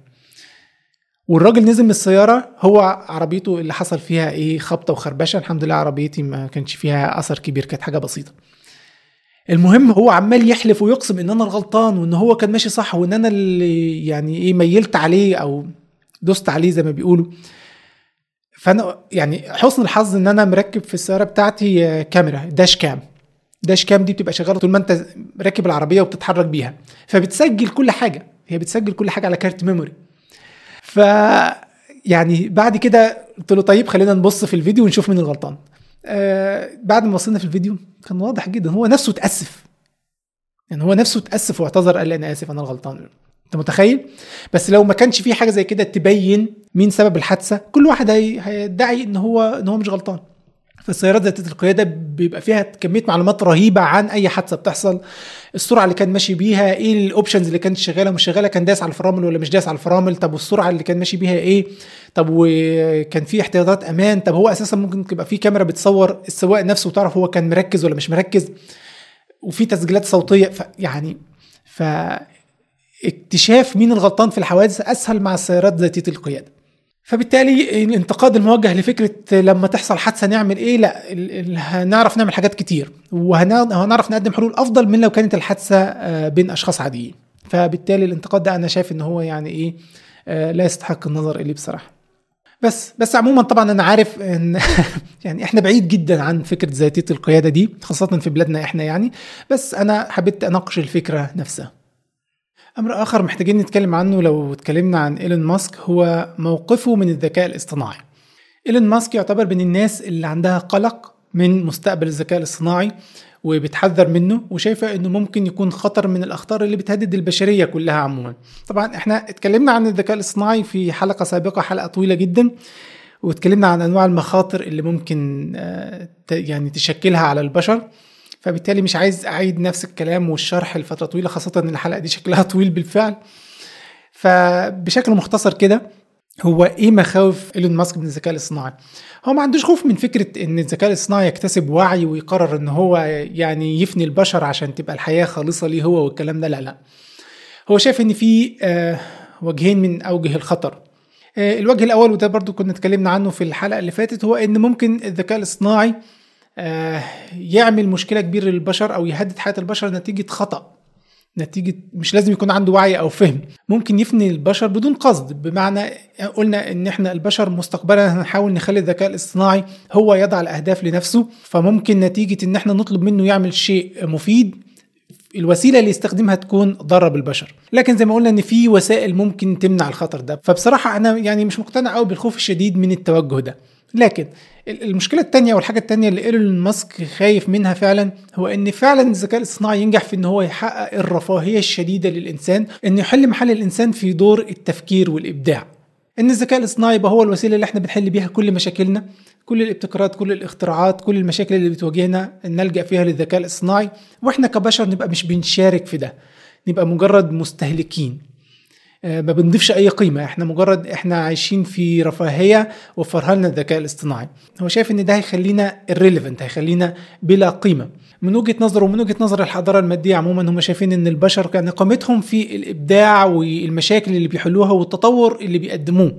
فأنت لو نزعت منهم الشيء ده وخليتهم مجرد مستهلكين كأنك بتربي شوية سمك زينة قاعد تأكله وتلعبه بدون أي معنى. إيه إيه القيمة في إنك تبقى مجرد سمكة زينة؟ هو شايف إن ده الخطورة خاصة بالنسبة لواحد زي إيلون ماسك نفسه اللي هو أصلا شايف نفسه حلال مشاكل أو بطل منقذ عاوز يحل المشكلة. هو أصلا شايف قيمته في إن هو يحل المشاكل الصعبة اللي بتواجه البشرية. فأنت لما تيجي تقول لي لا أنا هجيب ذكاء اصطناعي هو اللي يحل المشاكل دي فهو شايف إن ده هيكون شكل من أشكال النهاية. وإنه ممكن يؤدي بالبشر إلى موت نفسي حتى لو لم يكن موت يعني موت الجنس نفسه أو موت جسدي ممكن يؤدي بيهم إلى موت نفسي إن هم يبقوا لا يجدوا قيمة في الحياة اللي عايشينها أصلا غير إن هم مجرد كائنات مرفهة يعني. لكن عموما يعني زي ما قلت هو شايف إن إن ممكن يبقى فيه خطر شديد جدا من الذكاء الاصطناعي سواء بإن هو يعمل ضرر كبير أو إن هو في الواقع يعمل منفعة كبيرة جدا لدرجة إنه يبقى هو يستبدل الإنسان في موضوع التفكير والإبداع وبالتالي يخلي الإنسان بلا قيمة. يعني تخيل لو إن الذكاء الاصطناعي بالنسبة لإيلون ماسك هو بقى اللي حل مشكلة السفر للمريخ أو حل مشكلة المناخ. فهو إيلون ماسك هيحس إن هو أمال أنا كنت جاي أعمل إيه يعني فاهم؟ المهم طيب في النهاية ده خطر. يعني في النهاية برضه هو شايف الذكاء الاصطناعي خطر. فطالما في خطر يبقى المفروض إيلون ماسك يقدم حل. أو يعني يحاول يقدم حل من الحلول. هو ده دوره في الحياة. فإيه وجهة نظره في في الموضوع ده؟ طبعا آه، برضو نقطة مهمة. هو كان خايف من فكرة احتكار شركة معينة لتقنية الذكاء الاصطناعي. شركة أو بلد معين بس هو على المستوى القريب كان شايف جوجل خطر كبير. كان شايف إن جوجل متطورة جدا في وفرقه كتير عن كل منافسيها في الذكاء الاصطناعي. فهو كان خايف إن هي لو لو وصلت لدرجة معينة من التطور في التقنية دي إن ده يخليها تسيطر على كل الأسواق تقريبا. يعني هو يخلي جوجل بقى يعني إيه المتحكم الأول والأخير في أي شيء هي عايزة تدخل تنافس فيه طالما إن هي عندها التقنية اللي تساعدها على التميز في أي في أي مجال تشتغل فيه. كان بالنسبة له ده هيشكل شكل من أشكال الاحتكار هيخلي المنافسة شبه مستحيلة معاها يعني. وهو عموما خايف من أي كيان سواء كيان خاص سواء كشركة أو كبلد إن هي توصل لمرحلة الذكاء الاصطناعي الخارق وتستخدمه بقى في سيطرتها على العالم بشكل عام. لو عاوز تعرف إيه هو الذكاء الاصطناعي الخارق إحنا اتكلمنا عن ده بالتفصيل في حلقة الذكاء الاصطناعي فما فيش داعي من تكرار نفس الكلام هنا. المهم هو بقى عاوز يقدم حل للمشكلة دي. فهو شايف إن فكرة إنك تقول للناس وقفوا تطوير ذكاء اصطناعي ده حل مش عملي وغير غير ممكن تطبيقه يعني. آه، اولا الشركات مش هتوقف. الشركات شايفة إن دي فرصة لزيادة أرباحها فكله هينافس فيها بشدة وأنت مش هتقدر تجبر الشركات إن هي توقف. ده ضد فكرة الحريات والسوق المفتوح عموما. كمان إنك حتى لو نجحت إنك توقف الشركات في أمريكا فأنت مش هتوقف الصين. عن تطوير الذكاء الاصطناعي لأن هم في النهاية يعني دلوقتي البلاد دي شايفين إن هو قوة قوة ضخمة جدا يعني يصنف كقوة عسكرية. الدولة اللي هتملك أفضل تقنيه ذكاء اصطناعي ممكن تستخدمها في حاجات كتير جدا في السيطرة على العالم. حتى استخباراتيا آه، زي ما قلنا تسيطر على أسواق معينة لمنتجات معينة آه، تعمل فرق في التطور التقني بينها وبين الدول التانية سواء تقنيات عسكرية أو غير عسكرية تخليها مسيطرة على العالم. فبالتالي حتى لو أمريكا وقفت خوفا من أخطار الذكاء الاصطناعي أكيد الصين مش هتوقف يعني فبالتالي هو لا مفر من إن إحنا ماشيين في الطريق ده لآخره بقى الله أعلم هيروح بينا فين. فبالتالي هو بالنسبة لمشكلة الاحتكار كان حاول يقدم لها حل لما ساهم في تأسيس شركة OpenAI كان فكرة تأسيس الشركة دي إنه هيعمل شركة ذكاء اصطناعي تبقى مفتوحة المصدر أو يعني بتشارك اللي بتوصل له لكل الناس فبالتالي ما يبقاش في قوة واحدة هي المحتكره أفضل تقنية الذكاء الصناعي طبعا الفكرة دي فشلت لأن OpenAI بعد فترة بعد ما هو انسحب منها آه، بسبب تعارض المصالح اللي قلنا عليه بين شركة تسلا وبين OpenAI في ناس اتهمته إن هو التطوير اللي هيعمله في OpenAI هيستفيد منه في شركة تسلا والمفروض إن OpenAI دي معمولة حاجة مفتوحة المصدر يعني حاجة لعموم الناس مش لمصلحة شركة معينة. فهو انسحب منها لكن بعد ما انسحب منها القائمين على شركة OpenAI حولوها لشركة خاصة هدفها ربح وقفلت على التقنيات اللي وصلت لها وبطلت تنشر أو تتكلم عنها بشكل مفتوح لأن في النهاية هي شايفة هي وصلت لمنتج أو تقنية متطورة جدا فليه تديها لباقي الناس مجانا؟ خاصة إن ممكن ناس أشرار ياخدوها زي يعني ممكن الصين تاخد اللي هم يعني عرضوا كل اللي وصلوا له وازاي ممكن تعمله فده ممكن حد تاني ياخده يستغلوه في استغلالات آه، ضد مصلحة أمريكا ضد مصلحة الشركات عموما يعني أو حتى ضد المصلحة الشخصية ليهم هم شخصيا. المهم يعني إن في النهاية قرار شركة اوبن اي إن هي هتقفل على نفسها مش هتبقى open بقى. المفروض يغيروا اسم الشركة بس هم محتفظين باسم الشركة يسموها Closed AI مش عارف أي حاجة. آه، فالمهم يعني إن دي كانت محاولته في صد مشكلة الاحتكار بتاعت آه، وخوفه من جوجل لكنها لم تلقى يعني النجاح بسبب اللي حصل زي ما قلنا. أما بقى بالنسبة لمشكلة مستقبل البشرية وإن البشر ممكن يبقوا irrelevant أو ما يقدروش يواجهوا الذكاء الاصطناعي ما يبقوش قادرين إن هم يستمروا في إنتاج حلول للمشاكل والإبداع زي الذكاء الاصطناعي فهو عمل شركة اسمها Neuralink Neuralink دي شركة هدفها تدمج ما بين الذكاء البشري وذكاء الماكينات عموما. يعني زي ما إحنا قدرنا نزود قدراتنا الجسدية باستخدام الماكينات زي ما بقينا نقدر نتحرك أسرع باستخدام السيارة نقدر آه، نحفر نقدر نكسر نقدر نبني باستخدام الأدوات الميكانيكية دي اللي هي ادتنا قدرات فوق قدراتنا الجسدية. فاحنا كذلك نقدر نعمل ده بالنسبة للقدرات الذهنية والتفكير بإن إحنا نربط نفسنا بالماكينات. إزاي تربط بقى المخ البشري بالماكينات هو ده دور شركة Neuralink. الهدف ان هي تعمل chip شريحة كده microchip تزرعها في مخك ومن خلالها تقدر تتواصل مع جهاز كمبيوتر تاني وتتبادل المعلومات بسرعة فائقه ليه؟ لأن هو إيلون ماسك أصلا شايف شايف المخ البشري كجهاز كمبيوتر. كثير من الناس في علوم التقنية شايفين المخ البشري كجهاز كمبيوتر وأنا أنا ما بحبش التشبيه ده بصراحة لأن المخ البشري يعني فيه حاجات كتير غير حل المشكلات يعني الكمبيوتر دوره الأساسي حل المشكلات المخ البشري بيعمل حاجات تانية كتير مرتبط بالمشاعر مرتبط بالعلاقات الإنسانية فهو أكبر من كده. الأمر بالظبط زي ما قلنا إن أنت لو قعدت تحاكي الطائر وعملت طيارة ده مش معناه إن الطائر ده يعتبر طائرة يعتبر ماكينة ما ينفعش تفكر فيه بالطريقة دي لأن في النهاية هو ده كائن حي بينمو ويتكاثر. الطيارة مش بتنمو ولا بتتكاثر. ده في مشاعر في علاقات معينة مع باقي أبناء جنسه. ففكرة تشبيه المخ بإن هو مجرد جهاز كمبيوتر عضوي فكرة بصراحة أنا شايفها مش صحيحة ومش هتؤدي بيهم يعني في النهاية إن هم يحاكوا المخ البشري طالما هم مصرين إن هم يختزلوه في دوره كماكينه حل مشكلات.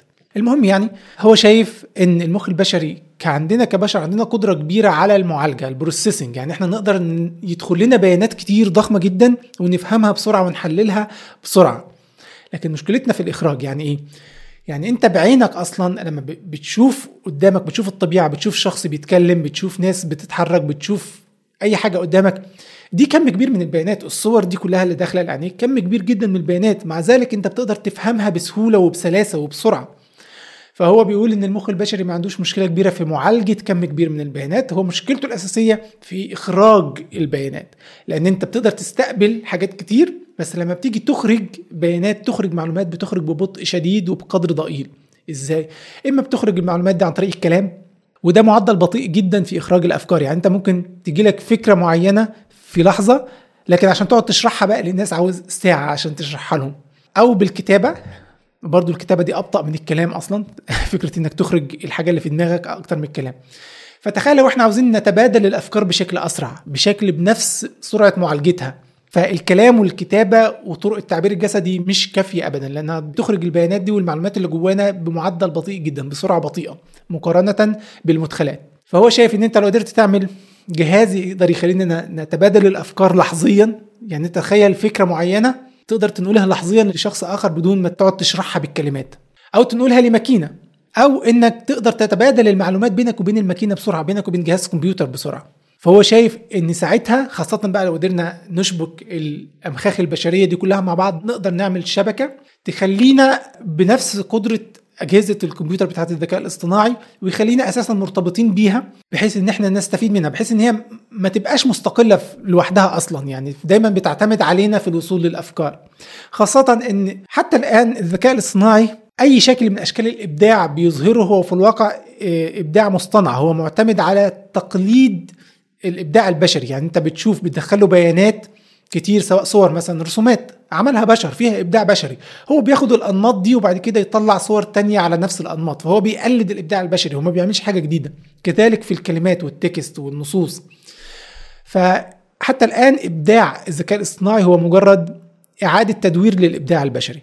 وبالتالي لو إحنا مش عاوزين نحرم نفسنا من من الإبداع البشري اللي هو متجدد والله أعلم في المستقبل ممكن الإنسان يفكر في إيه أو يبدع بأي شكل فاحنا ندمج الاثنين دول مع بعض. ده هيخلي البشر relevant هيخليهم دايما مشاركين في موضوع حل المشكلات والإبداع. مش هيبقوا مجرد مستهلكين لما ينتجه الذكاء الاصطناعي. وهنحل مشكلة البشر اللي بتخلينا أساسا رايحين نعتمد على الذكاء الاصطناعي. في سرعة إخراج المعلومات وسرعة تبادلها اللي بطبيعة الحال هيزود قدرتنا على الإبداع ويزود سرعتها يعني.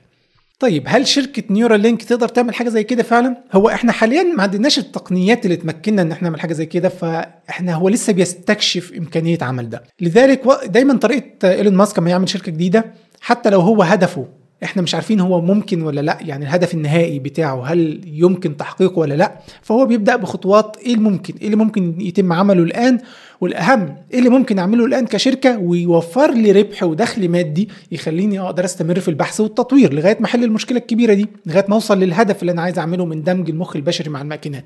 فهو حاليا شغالين على microchip تنفع لمرضى الشلل الرباعي. الشلل الرباعي اللي هو أطرافهم فيها شلل أطرافهم الأربعة فيها شلل ما بيحركوهاش بس مخهم واعي جدا وحاضر جدا وذهنهم حاضر. فهو بيوفر لهم طريقة إن هم لو زرعت ال microchip دي تقدر تخليهم يتحكموا في أي جهاز كمبيوتر أو موبايل. فبالتالي الشخص ده مثلا يقدر يبص على التابلت مثلا ويقدر يفتح أي تطبيق يقدر ينقل أي نص لو عاوز يبعت رسالة لشخص يقدر يبعت الرساله بذهنه يعني يقدر يكتب الرساله ويبعتها يقدر يفتح تطبيق يقدر يعمل حاجة معينة لأن هو مش قادر يستخدم إيده عشان يعمل الحاجات دي. فهو يعمل الحاجات بدماغه اللي كان ممكن هيستخدم فيها إيده. عن طريق أوامر يديها للماكينه دي سواء جهاز كمبيوتر عادي أو تابلت أو موبايل. دي حاجة ممكنة وفي بعض التجارب بالفعل اللي موجودة اللي بتخلي الإنسان ممكن يلعب لعبة ال ping pong بذهنه مجرد إن أنت تفكر في تحريك الحاجة يمين أو شمال تتحرك لكن هم لسه ما طلعوش منتج قابل للاستخدام فعلا. بس بيحرزوا تطور في ذلك. فهم هدفهم إن هم يعملوا حاجة زي كده يبيعوها للمرضى المصابين بالأمراض أمراض الشلل بمختلف أنواعها وبعد كده من العوائد والأرباح دي يقدر يطور أكتر الموضوع ده. لأن في النهاية هو هو ماشي في نفس الاتجاه إن هو ينقل بيانات من المخ للماكينة. فهو بس بيحاول مستوى التطور اللي وصل له يستخدمه في عمل منتج مفيد يكون سبب في دخول دخل مادي أكبر وربح أكبر يقدر يستخدم الدخل المادي والربح ده بعدين في مزيد من التطوير. فدي فكرته. هل هيوصلوا للحل ده أو لا؟ هل يقدروا فعلا يوصلوا لمرحلة يقدروا يبقى فيها تبادل أفكار معقدة بين البشر مش مجرد إن أنا بدي أوامر قصيره اللي هو يمين شمال افتح التطبيق ده اعمل التطبيق ده اكتب الكلمة دي. لا إن أنا أنقل فكرة معقدة من مخ بشري لمخ بشري آخر أو إن أنا أنقل قدر كبير من المعلومات من ماكينة لمخ بشري يعني مثلا كتاب. هل أنا بدل ما محتاج أقعد أقرأ الكتاب ده يعني في كام ساعة هل ممكن هو ينقل لي كل محتواه في مخي مباشرة لحظيا؟ وإيه تداعيات ده؟ ما حدش يعرف لأن في النهاية أنت بتتكلم على شيء لسه ما حصلش. فكل ده في علم الغيب يعني. لكن هي دي فكرته هو ده الحل اللي هو بيقترحه وشغال عليه. بس في النهاية الشركة دي مش واخدة قدر كبير من اهتمامه لأن تسلا وسبيس إكس واخدين معظم وقته يعني. هتوصل لإيه؟ الله أعلم. من وجهة نظري إن هم هيواجهوا صعوبة شديدة جدا بسبب طبيعة بيولوجيا المخ البشري. المخ البشري ممكن تجد فيه يعني آلاف آلاف الخلايا العصبية في جزء دقيق جدا حاجة زي يعني راس الدبوس. فعشان تقدر تميز إيه بالظبط من الخلايا العصبية دي اللي عمل له firing إيه اللي نور إيه اللي ما نورش وتقدر تاخد ال data دي وتترجمها. موضوع يبدو إنه غاية في الصعوبة بالتقنيات الموجودة الحالية. أنا ما أظنش إن هم ممكن يحققوا ده خلال 20 سنة حتى. لكن هنشوف الله أعلم الله أعلم. فكرة أخرى من الأفكار الغريبة جدا للأخ إيلون ماسك. برضه هي مش فكرته الأساسية لكنه ساعد جدا في ترويجها وانتشارها. فكرة إن إحنا كبشر الحياة اللي عايشينها دي هي ممكن تكون مجرد محاكاة غير حقيقية يعني محاكاة مجرد سيميوليشن على جهاز كمبيوتر آه لكائنات فضائية تانية مثلا أو لحضارة أكثر تقدما. بمعنى إن إحنا الحقيقة اللي إحنا عايشينها وحاسينها دي مش هي الحقيقة الفعلية. دي مجرد خيال برنامج كمبيوتر. إحنا عايشين جوه برنامج كمبيوتر ومتخيلين إن إحنا عايشين الحقيقة لكن بالفعل إحنا مجرد محاكاة للحياة البشرية يعني ليس إلا. وناس كتير آه، عجباها الفكرة دي خاصة من الناس اللي هم اللادينيين والملحدين لأن هي بتسد فجوة آه، نفسية عندهم. فخلينا نناقش الفكرة دي عموما. بداية إيه الدافع إيه الدافع وراء الفكرة دي؟ هو اللي بيقول لك بص أدينا إحنا بشر أهو بطورنا مثلا أجهزة الكمبيوتر وبنعمل ألعاب كمبيوتر مثلا. فلو بصيت مثلا للعبة زي السيمز اللعبة دي لعبة السيمز دي عبارة عن إن أنت إيه بتتحكم في شخص بيعيش حياة عادية جدا. بيشتغل وبيرجع من الشغل وبيتجوز وبيبني علاقات ممكن يخلف ويستثمر فلوس وما إلى ذلك. فأنت بتتحكم في شخص هو مجرد برنامج كمبيوتر. هو مش موجود في الحقيقة بس بتخليه يعيش حياة عادية. واللعبة دي بتوصل لمستوى من التعقيد يعني بتتطور مع الوقت وبتوصل لمستوى من التعقيد إنك بتعيش كثير من التفاصيل اللي إحنا بنعيشها في الحياة فعلا. فهو بيقول لك تخيل إن اللعبة دي تم عملها بعد خلال فترة قصيرة من بداية عمل ألعاب الكمبيوتر. يعني لو إحنا افترضنا ان عمر ألعاب الكمبيوتر مثلا 40 سنة من بدء عمل الألعاب البسيطة اللي هي ال ping pong اللي هو مجرد نقطة بيضاء بتتحرك يمين وشمال وخط أبيض بيصد الكورة إذا بحيث إن هي ما تخرجش بره الشاشة يعني. فدي كانت لعبة بدائية جدا وخلال 40 سنة فقط وصلنا لهذا المستوى من التعقيد من الألعاب الإلكترونية اللي تقدر تعمل محاكاة لحياة البشر بهذا المستوى. طبعا ما زال مستوى بسيط بالنسبة مقارنة بحياة البشر الحقيقية لكن الفرق بينها وبين لعبة ال ping pong اللي اتعملت من 40 سنة فرق شاسع جدا. فبقول لك طب تخيل بقى استمرار التطور التقني ده مش بس بعد 40 سنة كمان بعد 100 سنة بعد 1000 سنة. متخيل ممكن أجهزة الكمبيوتر يكون حجمها إيه بعد 1000 سنة؟ يعني لو أنت قارنت التطور التقني اللي حصل في أجهزة الكمبيوتر وبرامج الكمبيوتر خلال العشر سنين الماضية بس بتحسوا فرق كبير. ما بالك بعد 1000 سنة. إيه شكل الألعاب والمحاكاة اللي ممكن نعملها في الوقت ده؟ هو بيقول لك إن في الوقت ده أنت ممكن تبقى عارف تقدر تعمل محاكاة شبه متطابقة مع حياتنا العادية اللي إحنا عايشينها بالفعل دي. فليه أصلا طالما إن ده ممكن أو منطقي نظريا يبدو إن هو ممكن ليه ما نكونش إحنا أصلا الحياة اللي إحنا عايشينها دي هي بالفعل محاكاة آه، على جهاز كمبيوتر متقدم لحضارة أكثر تقدما منه. هو عشان تفهم النقطة دي برضو أكتر أنت محتاج ترجع لحاجة اسمها آه، مفارقة فيرمي أو فيرمي paradox. برضه هي طالعة من منطلق لا ديني الفهم المادي اللي هي بتقصر فهمها لهذا الكون على الفهم المادي فقط أو ما نعرفه عن هذا الكون المادي. اللي هي معلوماتنا عن الفضاء وما إلى ذلك. هو بيقول ان والله الكون اللي إحنا عايشين فيه ده نعرف إن فيه على الأقل 100 مليار مجرة زي مجرة درب التبان اللي إحنا عايشين فيها دي. وكل مجرة فيها من 100 ل 150 مليار نجم. 5% من النجوم دي تقريبا في شبيهة بالشمس. وده يخلي إن عدد الكواكب اللي ممكن تكون شبيهة بالأرض تقريبا 100 مليار كوكب. منهم كواكب ممكن تكون نشأت قبلنا بمليارات السنين. فبالتالي لو نشأت حياة على هذه الكواكب واتطورت هتكون تطورت قبلنا بمليارات السنين ووصلت لمستوى متقدم إحنا ما نقدرش نتخيله أصلا. فالمفروض أصلا تبعا لهذه الحسابات إن المفروض الكون يكون بيعج بالكائنات الفضائية. لو شفت الأرقام دي لما أقول لك إن في 100 مليار كوكب شبيه بالأرض ففي 100 مليار فرصة إن تنشأ حياة. طب هم فين؟ فين الناس دي؟ ولو قلنا إن في ناس منهم نشأت قبلنا بمليارات أو ملايين السنين فالمفروض المنطق يقول إن هم تطوروا وقدروا حتى يسافروا بين الكواكب والنجوم. فالمفروض نشوفهم بشكل ما يعني. فهي دي المفارقة. هو ليه حساباتنا بتقول إن المفروض يكون في كائنات فضائية كتير جدا ومتطورة جدا في حين إن الواقع بيقول إن إحنا مش مفيش حد غيرنا إحنا مش شايفين أي علامة بتقول إن في أي حياة في أي مكان تاني غيرنا إحنا. فعشان كده بيسموها مفارقة فيرمي أو فيرمي paradox. طبعا إحنا هنا دخلنا بقى مجال الافتراضات والسفسطه يعني. لانك لا يمكن أن تثبت أي شيء مما يقال هنا. مجرد كلها افتراضات وخيالات يعني. في ناس بتقول لك آه هو ده حصل فعلا وفي آه، إحدى الحضارات تطورت جدا لكنها بعد ما وصلت لمستوى متقدم من التطور وبتقدر تسافر بين النجوم والكواكب هي مش عايزة يبقى في غيرها اللي عنده هذا المستوى من التطور فما بتشوف بتراقب كل الكواكب التانية اللي عليها حياة من بعيد من غير ما تتدخل وأول ما تشوف إن كوكب منهم بدأ يوصل لمرحلة إن هو ممكن هينافسهم فيروحوا يدمروه يعني ده كلام واحد يعني بيتفرج على أفلام كتير. يعني وكلام عبثي في النهاية أنت ما تقدرش يعني هتثبت إيه؟ مفيش مدخلات تقدر تقيس عليها يعني. في ناس تانية بتقول إن والله احتمال يكون في فلاتر مستوى التقدم إن مفيش حضارة بتقدر تتطور فعلا لغاية ما توصل لهذا المستوى من القدرة اللي يخليها تسافر بين النجوم بحيث إن إحنا نقدر نشوفها يعني. فالمهم في افتراضات كثيرة جدا. منها اللي بيقول إن إحنا نفسنا لا الحضارة دي موجودة اللي تقدمت تقدم كبير وإحنا نفسنا مجرد محاكاة على جهاز كمبيوتر بتاع حد من من الحضارة دي. لدرجة إن بعضهم بيتمادى ويقول لك إحنا ممكن نكون مجرد مشروع تخرج آه لطالب آه في في جامعة يعني بيدرس كمبيوتر ساينس ولا حاجة. تخيل إحنا الحياة اللي عايشينها دي مجرد آه مشروع تخرج بتاع طالب يعني. هو المشروع بتاعه إنه يعمل محاكاة للحياة البشرية.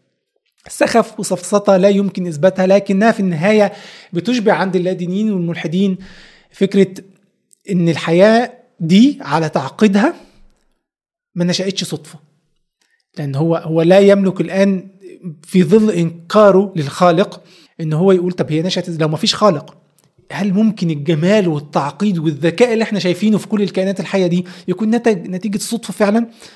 فهو هنا بيقول له لا لا مش صدفه بس برضه ما تخافش ما تخافش ما فيش إله هيقول لك حلال وحرام ولا حاجة زي كده لا لا هو إحنا مجرد محاكاة على جهاز كمبيوتر بتاع حد تاني.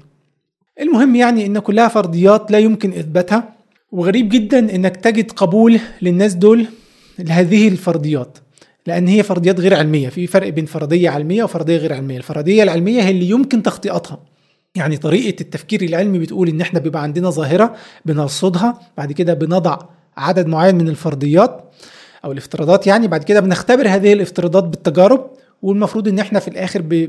بالتجارب دي بتثبت لنا أي فرضية فيهم الصحيحه أنت الفرضيات اللي أنت بتفترضها دي لا يمكن إجراء تجارب لإثبات صحتها أو إثبات خطأها فبالتالي هي غير علمية أصلا. فالغريب بقى إن يجي واحد من دول يقول لك ان أنا مش قادر أشوف الإله اللي أنت بتقوله إن هو خلق الكون ده ومش قادر أثبت وجوده بالتجارب رغم إن يمكن إثبات وجوده بالعقل بسهولة شديدة. فبالتالي فرضية وجود إله خالق دي فرضية غير علمية. يجي يقول لي أنا كده بعد كده يروح هو يؤمن إن في طالب أنشأ هذا الكون كله كمشروع تخرج. على جهاز كمبيوتر يعني وان إحنا مجرد محاكاة.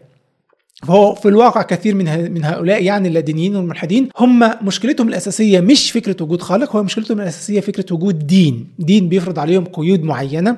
يعيشوا حياتهم بشكل معين يعملوا حاجات معينة وما يعملوش حاجات معينة. هي دي مشكلتهم الأساسية. بس هم عشان يقدروا يهربوا منها بيهربوا من الأساس بتاعها أصلا إن مفيش خالق إن إحنا ما نقدرش نقول إن في خالق لهذا الكون. وطبعا الفكرة دي إن الكون ده نتج بدون خالق بدون سبب أول مسبب. فكرة العقل غير قادر إن هو يتقبلها. لما بيشوف هذا الجمال هذا الإبداع هذا الذكاء ومدى التعقيد اللي موجود في الكائنات الحية عموما صعب جدا يتقبل إن هذا نتيجة عشوائية أو صدفة. فبالتالي بيبقى الأسهل عليه إنه يشوف حاجة تانية غير موضوع رفض فكرة الخالق يشوف بقى موضوع إن إحنا محاكاة أو بقى فكرة الأكوان الموازية اللي بيحاولوا برضو يروجوها وهي برضو على فكرة فرضية غير علمية لا يمكن إثباتها لا يمكن إجراء تجارب لإثباتها. ونظرية الاوتار اللي هم بيسموها نظرية هي مش نظرية أصلا. هي مجرد فرضية أخرى برضه هم بس بيدعموها بيقولوا عليها نظرية لأن هي بتدعم فكرة الأكوان الموازية اللي هي قلنا برضه فرضية غير علمية. والغريب إن أنت لما تيجي تتكلم على بعض النظريات العلمية الأخرى وتقول لهم دي مجرد نظرية ممكن تكون خطأ يقول لك لا لا أنت مش فاهم معنى كلمة نظرية. كلمة نظرية معناها حق يعني ده شيء ثابت شيء حقيقة علمية. فيقول لك مثلا نظرية التطور دي معناه إن التطور حقيقة علمية مش معناها وجهة نظر. ودي مثبتة علميا والكلام ده. لكن لما يجي يتكلم عن الأكوان الموازية وعن نظرية الأوتار دي حاجات لم تثبت أصلا ولا حتى تم إثباتها نظريا بالمعادلات أصلا. يعني حتى بالمعادلات بالرياضيات مش مثبتة فضلا عن إثباتها بالتجارب والشواهد. ومع ذلك هو بيسميها نظرية.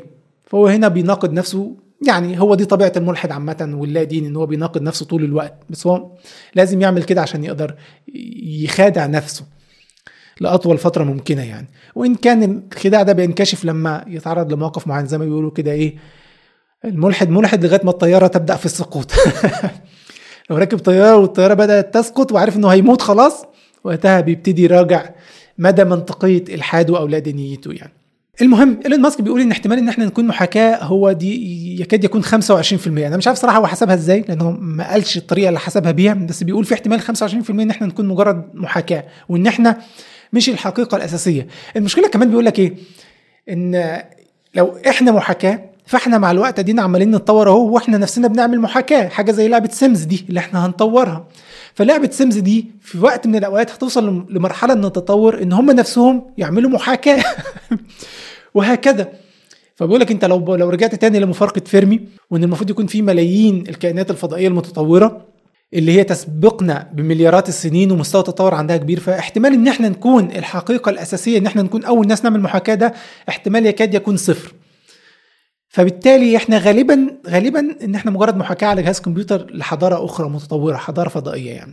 ده بيبين لك إيه بقى؟ قد إيه إن إنكار وجود خالق بيخلي العقل البشري يتيه حتى لو إن كان عقل متميز حتى لو كان شخص مفكر. يعني إحنا بنشهد له إن هو شاطر في مجالات معينة.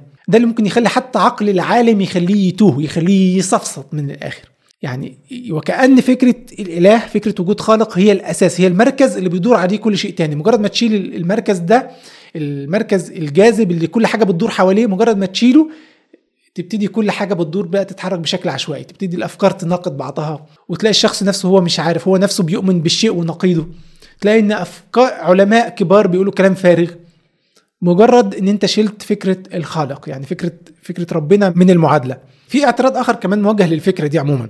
هو بيقول لك تخيل تخيل العروسه الخشب اللي إحنا بنحركها بخيوط. لو فاكر العروسه الخشب دي تبقى متربطة بمفاصل وفي خيوط مربوطة في أطرافها الأربعة وفي شخص ماسك الخيوط دي من فوق وبيحرك الخيوط دي بشكل معين فالعروسة تتحرك. بيقول لك تخيل لو إن العروسة دي بتفكر العروسة الخشب دي بتفكر. وفكرت كالتالي قالت لك أنا بتحرك عن طريق إن في حد بيشد الخيوط بتاعتي فيا ترى الشخص اللي بيحركني مين بيشد خيوطه؟ هنا المشكلة اللي وقعت فيها العروسة دي مشكلة التفكير ده إنها افترضت إن الشخص اللي بيحركها بتنطبق عليه نفس القوانين اللي بتنطبق عليها هي كعروسة خشب إنما الإنسان اللي بيحركها مش محتاج خيوط عشان تحرك أطرافه. فدي المشكلة إن أنت افترضت إن أنت بتتطور وبتعمل محاكاة على أجهزة الكمبيوتر فبالتالي الحضارة اللي صنعتك أو اللي شكلتك هي كمان عندها أجهزة كمبيوتر وبتعمل محاكاة على أجهزة الكمبيوتر. فأنت فكرت في الخالق كالمخلوق. أنت فكرت إن هو بينطبق عليه نفس اللي بينطبق عليك. ودي مشكلة عامة سؤال من خلق الخالق اللي بعض الناس بتسألها اللي هو سؤال ساذج السؤال لما نقول للناس يا جماعة السؤال نفسه غلط. ما ينفعش تقول من خلق الخالق لأن أنت كده بتفترض إن هو بيخلق إن هو مخلوق. إحنا بنقول إنه كلمة خالق نفسها تعني إن هو لا يمكن خلقه. فإن هو لا ينطبق عليه هذا يعني. المهم ما ينفعش تفكر في الخالق كمخلوق. أنت هنا كل شيء ليه سبب إحنا مخلوقين لأن في حد خلقنا كل حاجة في حياتنا بنشوف لها سبب لأن الخالق اللي خلق الكون ده هو اللي حدد القاعدة دي إن كل شيء يكون له سبب. بس مش معنى كده إن هو بينطبق عليه نفس الكلام.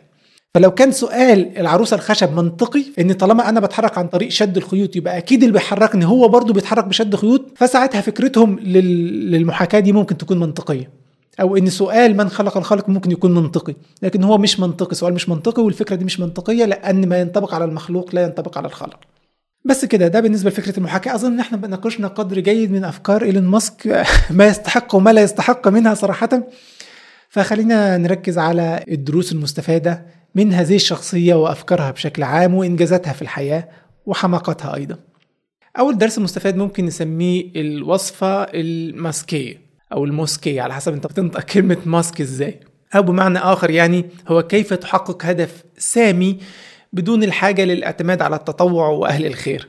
لو نظرنا للي عمله إيلون ماسك مثلا في تسلا أو في سبيس إكس في موضوع السيارات الكهربائية. السيارات الكهربائية قلنا إن هي حاجة المفروض إن هي صديقة للبيئة بشكل ما هتنفع المناخ حتى لو على يعني فترة زمنية أطول من اللي ماسك بيتخيلها أو بيعلنها. لكن في النهاية هي شيء مفيد فكرة إن إحنا بنعمل حاجة مفيدة للبيئة عامة أو لكوكب الأرض. فده يعتبر نقدر نقول إنه هدف سامي يعني هدف خير.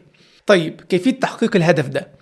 هل إيلون ماسك طلع قال للناس يا جماعة إحنا بنعمل سيارة كهربائية صديقة للبيئة فلو أنتوا بتحبوا البيئة وعاوزين تحافظوا عليها تعالوا اشتروا السيارة بتاعتنا ده ما حصلش. ولو عمل كده كان هيفشل لأن غيره عمل كده وفشل. لأن في النهاية عدد الناس اللي مستعد يضحي عشان خاطر هدف سامي هو بالطبع هو قليل. هي هي طبيعة البشر كده. يعني ينطبق عليها حديث الرسول اللي هو فيما معناه يعني الناس كالإبل الماء لا تكاد تجد فيها راحلة. يعني ما بين كل 100 ناقة أو جمل ممكن تلاقي جمل واحد ينفع تعتمد عليه في الرحلات الطويلة. فهي نفس الفكرة برضو. عدد الناس اللي ممكن يضحوا بالأهداف السامية مش كتار هو طبيعة البشر كده. فأنت ما تقدرش تعتمد على عوام الناس في تحقيق الهدف السامي ده. بمعنى أنت يعني ما تطلبش منهم إن هم يتطوعوا ويضحوا. يعني واحد قدامه بالفعل سيارة عادية ممكن تكون أرخص وامكانياتها أفضل من السياره الكهربائية. فأنت هتقول له لا خلاص اشتري السيارة الكهربائية وضحي بالفلوس وضحي بالمزايا اللي ممكن تحصل عليها في السيارة الثانية مش هيقبل. معظم الناس مش هتقبل وبالتالي انت هتفشل. لكن الحل إيه اللي عمله إيلون ماسك؟ اللي عمله إيلون ماسك إن هو عمل لك سيارة جذابة جدا. عمل لك سيارة فيها مميزات انت حابب تشتريها لنفسك بسبب حبك للسيارات أو حبك للراحة والرفاهية أو ايا كان. فهو وفر لك الأسباب المادية اللي يخليك انت تمشي في الاتجاه ده. حتى لو انت ما كنتش مؤمن إن في مشكلة في المناخ أو إن أنت محتاج تحافظ على البيئة. فأنت بتمشي في الاتجاه ده بسبب إن فيه منفعة شخصية ليك. كمان لو بصينا على سبيس إكس نفس الفكرة هو عنده هدف كبير مثلا موضوع إنشاء مستعمرة في المريخ بغض النظر عن رأينا اللي إحنا وضحناه في في الفكرة دي. لكن في النهاية هو هدف كبير هدف سامي ممكن نقول إنه هدف سامي يعني. فبرضه نفس الفكرة لو كان قال للناس يلا يا جماعة إحنا عندنا هدف كبير هدف عظيم يخدم البشرية ويحافظ على الجنس البشري من الانقراض في حالة حدوث حاجة يعني خطيرة تؤدي لهذا الانقراض للجنس البشري. فتعالوا بقى تبرعوا بالفلوس عشان نحاول نصرفها وفي إن إحنا نبني صاروخ مثلا نعتمد عليه في إن إحنا نعمل المستعمرة دي لاحقا. فتعالوا تطوعوا وتبرعوا عشان نخدم الهدف السامي ده. لو عمل كده ما كانش حد هيعبره. مفيش حد هيعبره. فاللي عمله إيه؟ اللي عمله إن هو بدأ في إن هو يعمل شركة بتعمل صاروخ عادي جدا ما عندوش أي إمكانية إن هو يروح المريخ بأي شكل من الأشكال لكن الصاروخ ده بيقدر يبعت حمولات معينة لمدار الأرض زي الأقمار الصناعية وبالتالي هو يقدر يبيع الخدمة دي للآخرين ويحقق دخل مادي يقدر يستخدمه في التطوير لحد ما يوصل لهدفه الكبير اللي هو عاوز يعمله وده اللي هو شغال فيه من وقت تأسيس الشركة من 2000 وستة باين ولا حاجة. المشكلة كمان في إيه؟ عشان تحقق الهدف السامي ده أنت مشكلتك مش بس مشكلة موارد المشكلة مش بس إن أنت معكش الفلوس أو المال الكافي لتحقيق الهدف السامي ده. المشكلة إن أنت كمان ما عندكش المعرفة. يعني هي المعرفة نفسها لكيفية تحقيق هدف مثل هذا مش موجودة. فأنت محتاج تمشي على درجات سلم تكتسب فيها المعرفة اللي تمكنك في النهاية من تحقيق الهدف الكبير ده. بالإضافة لتوفير الموارد. فدي بيسميها الوصفة الوصفة الماسكية كذلك لو هتلاقي نفس النمط في شركة نيورال لينك اللي هي بتحاول تدمج الذكاء البشري مع ذكاء الماكينات أو ما إلى ذلك. نفس الفكرة لو هو قال يا جماعة في خطر عظيم بيهدد البشرية خطر الذكاء الاصطناعي يلا اتبرعوا بالفلوس عشان نعمل حل يحمي البشر من, من الموضوع ده. برضه محدش هيعبره. فهو اللي بيعمله دلوقتي إن هو حاول يلاقي حل عملي متدرج خطوة إن هو يصنع chip تقدر تساعد مرضى الشلل الرباعي. في إن هم يعملوا بعض المهام ويتواصلوا تواصل بسيط مع الماكينات. وبعد كده يبيع الشيب دي ويوفر منها دخل يستمر في التطوير. هو من ناحية بيوفر فلوس عشان يقدر يستمر في التطوير ومن ناحية تانية هو بيتعلم كيفية عمل هذا أصلا لأن هو ما يعرفش. هو لا يملك الخبرة العملية ولا المعرفة التقنية اللي تخليه يعمل حاجة زي كده في الوقت الحالي. فهو بياخد الأمر بالتدريج وبيحاول يحل المشكلة يحاول يحقق الهدف السامي ده بشكل عملي بشكل فيه قدر من البراجماتية يعني. اللي هو النظر للواقع إن أنت تشتغل في نطاق الواقع بلاش التنظير والأحلام. آه عندنا هدف سامي عظيم كبير وكل حاجة بس مش هنحققه بالحلم والتنظير وإن إحنا نبص إن إحنا لازم نحققه كله مرة واحدة وإحنا أصلا لا نملك لا موارد ولا معرفة. طيب أنا ليه بقول الكلام ده؟ بقول الكلام ده لأن إحنا لو نظرنا لحالنا إحنا بقى كمسلمين أنا شايف إن كثير منا كثير من الجمهور شايف إن هم معولين زيادة على اللزوم على العمل التطوعي. أعتقد إن كثير منهم بيظن ان إن إحنا ممكن نعيد الحضارة بتاعتنا بالعمل التطوعي فقط. ولما بنشوف أي مصلح بيحاول يسلك طريق غير العمل التطوعي ممكن كمان بنوجه له انتقادات. من أنت بقى شخص مادي أنت شخص عاوز تتربح وكأن إن هو مفيش وسيلة للإصلاح غير العمل التطوعي فقط. يعني العمل التطوعي عظيم جدا وربنا يجازي كل خير أي حد بيعمل أي حاجة فيها تطوع. بس ما ينفعش نعتمد عليه لوحده في فكرة إن إحنا نعيد حضارتنا مرة تانية إن إحنا نرجع تاني قوة قادرة إن هي تكون مستقلة برأيها وبذاتها وتمتلك حريتها وتقدر تنشر أفكارها بين الأمم الأخرى. ده مش هيحصل بالصدقات والأعمال التطوعية والمشاريع العلمية اللي بيعملها بعض المصلحين. كتر خيرهم ربنا يبارك في عملهم وجهدهم. بس المطلوب مننا كجمهور إن إحنا على الأقل لما نلاقي حد بيحاول يقوي مشروع الإصلاحي بإن هو يعمل مشروع يعني أي حاجة فيها قدر من التكسب المادي اللي تساعده في مشروعه الإصلاحي ده مش المفروض على الأقل إن إحنا نهاجمه. لأن ده اللي بيحصل في الواقع. يعني كثير من المصلحين بيخجل بيخجل إن هو يعمل شيء ممكن يتربح منه مع إن هو التربح ده في النهاية هيفيده في عمله الإصلاحي. فأنا للأسف الشديد شايف إن في يعني فئة واسعة من جمهورنا إحنا اللي حتى يعني اللي بيفكروا في فكرة إن إحنا نرجع تاني ويبقى عندنا حضارتنا تاني و يعني ونرجع تاني في في مقدمة الأمم للأسف شايف إن كثير منهم مركز جدا على فكرة العمل الإصلاحي التطوعي إن هو ده الحل الوحيد المتاح. لا إحنا عاوزين شركات إحنا عاوزين مصانع. مش هنعمل ده لوحدنا. العمل التطوعي لوحده مش هيكون كافي في صناعة حضارة. ونقطة تانية يعني في نفس الفكرة في نفس السياق هي فكرة إن إحنا عندنا هدف مثالي عاوزين نحققه. ماشي؟ بس أنا بإمكانياتي الحالية أنا غير قادر على تحقيق هذا الهدف المثالي. فباخد خطوة في اتجاه الهدف المثالي ده. فتجد بعض الناس بتوجه لك انتقادات شديدة إن أنت اللي بتعمله ده لا يتسق مع الهدف المثالي إن أنت بعيد عن الهدف المثالي اللي أنت بتحققه. أيوه أنا بعيد لأن أنا غير قادر بمواردي الحالية إن أنا أوصل لهذه الدرجة من المثالية أو من من تحقيق الهدف اللي إحنا عاوزين نوصل له. قد يكون في قدر من القصور في العمل بتاعي بس لأن هي دي إمكانياتي المتاحة حاليا. لكن في ناس قاعدة كده في بيوتها قدام شاشة الكمبيوتر مهمتها إن هي تنظر على المصلحين. لا لا أنت في هنا عندك آه، مشكلة معينة. أنت هنا ما خدتش بالرأي الصحيح اللي أنا مؤمن إن هو صحيح رغم يعني تخيل إن إحنا عندنا بعض المشاريع أهلها بياخدوا يعني بفتاوى أو بآراء فقهية لكبار العلماء. أنا بتكلم على الأئمة الأربعة. مذاهب الكبيرة. ورغم ذلك في حد بيتبع مذهب معين بيختلف في الرأي مع أصحاب المشروع ده فيحاول يسقطهم. يعني شيء مؤسف جدا شيء مؤسف جدا يبقى هو ده الوضع. فإحنا لو عاوزين يعني آه، نصنع حضارة اولا نتجنب فكرة إن العمل التطوعي وحده هو اللي هيحل المشكلة دي ده مش هيحصل.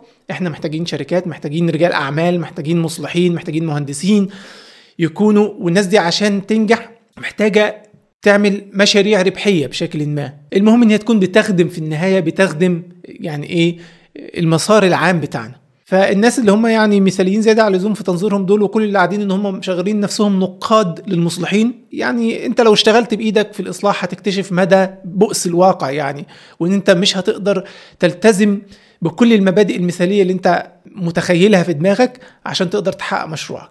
فعلى الأقل في البداية محتاج بعض التنازل. أهم حاجة ما يكونش فيه ما بتعملش حاجة حرام. من الآخر طالما ما بعملش حاجة حرام وفي آراء فقهية معتمدة بتقول لي إن أنا ما بعملش حاجة حرام فمش وقته. يا أخي ركز مجهود النقد بتاعك ده على يعني على المفسدين بدل ما بتركزوا على المصلحين اللي هم إصلاحهم مش مثالي يعني أو إن مشاريعهم مش مثالية.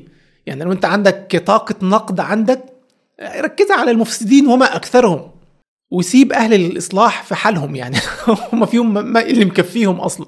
بس وأهم حاجة لما حد هتلاقي حد بيعمل مشروع مفيد وفي قدر من الالتزام والاحترام وهدف معين بس في قدر من الربحية الضرورية عشان استمرار المشروع على الأقل على الأقل كف لسانك عنه مفيش حاجة بس أنتوا بقى أنتوا ظهرتوا على حقيقتكم أنتوا هدفكم الأساسي هو الربح والفلوس مش الإصلاح والحسنات والثواب بتاع ربنا. وندخل بقى في نيات الناس اللي هي أس... يعني الواحد زي ما بيقولوا كده الواحد بيعجز عن معرفة نيته هو نفسه في العمل فما بالك في الدخول في نيات الآخرين. انت مين حقك انك تنتقد العمل الظاهر اللي هو معروف انه خطأ قطعا خطأ وفي إجماع انه خطأ مثلا بين العلماء. لكن أظن الفساد اللي موجود يكفي أي حد عنده طاقة نقد أو طاقة إصلاح أو طاقة اعتراض إن هو يوجهها ناحية الفساد بدل ما يوجهها على المصلحين اللي هم إيه يعني بالنسبة له بيقعوا في بعض الأخطاء من وجهة نظره هو يعني. بس فأنت تحقيقك لهدف سامي محتاج قدر من الواقعية. براجماتية مش إحنا مش بنقول ما تبقى ميكافيلي وعندك الغاية تبرر الوسيلة وتتنازل عن مبادئك عشان تحقق الهدف السامي ده. لا ما بنقولش كده. لا تتنازل عن مبادئك ما تعملش حاجة حرام. أكيد لا. لكن خليك واقعي شوف إيه اللي ممكن تحقيقه في الوضع الحالي. واستخدم الأدوات المتاحة وربنا يجازيك على قدر نيتك عموما يعني كمصلح يعني. بس فدي دي نقطة مهمة في موضوع الوصفة المسكيه لإنجاز الأهداف السامية. ممكن ينفع عنوان كتاب الوصفه المسكيه لإنجاز الأهداف السامية. بس ده يبقى كتاب إيه؟ خمس صفحات؟ مش مشكلة. المهم ننتقل لدرس آخر.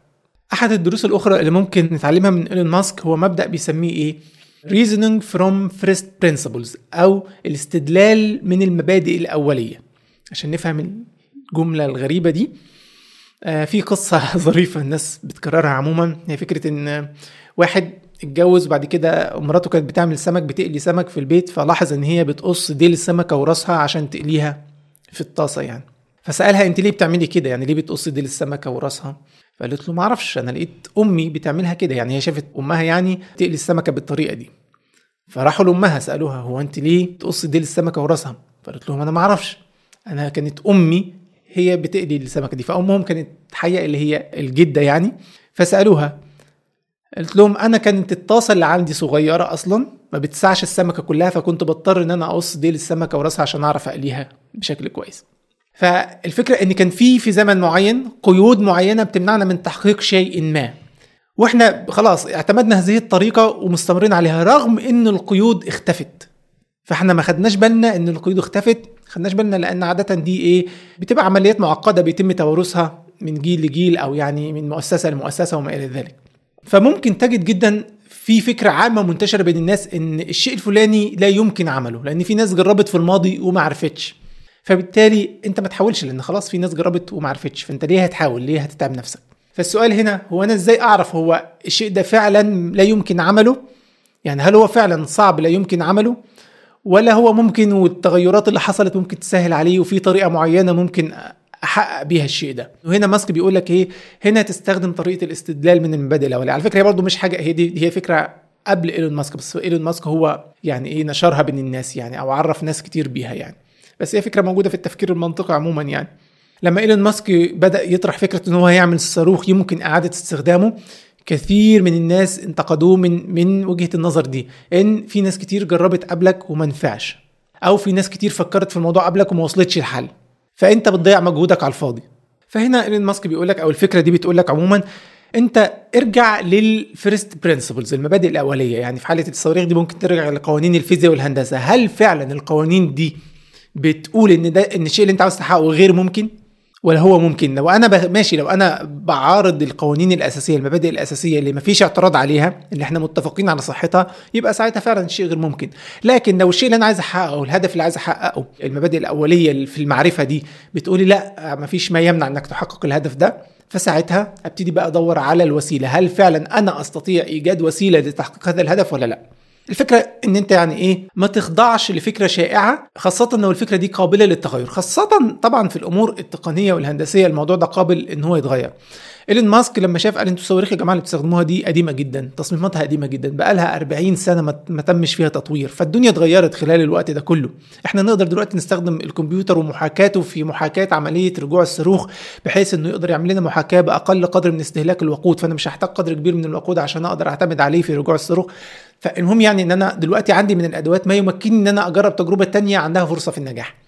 فهو شاف إن طالما إن قوانين الفيزياء والهندسة بتقول له إن ده عاد ده شيء ممكن ما هوش مستحيل فده يكفي بالنسبة له إن هو إيه آه، يجرب. طبعا في النهاية الموضوع يرجع لثقة الشخص نفسه أو قدرته على المخاطرة ودي هنتكلم عنها بعد شوية في بعض الدروس الأخرى. الفكرة في إنك لما تقرر إنك تخالف ما هو شائع ما تفترضش إن أنت هتنجح لمجرد إن أنت حاسس إن أنت هتنجح. لا لازم يكون الأمر اعتمادا على تفكير عميق وعلى اعتماد على قوانين ومبادئ أساسية بتقول إن أنت آه تنجح. ولازم برضو تكون فاهم هو ليه الناس اللي فشلت قبلك فشلت؟ يعني لازم تكون فاهم أسباب فشلهم.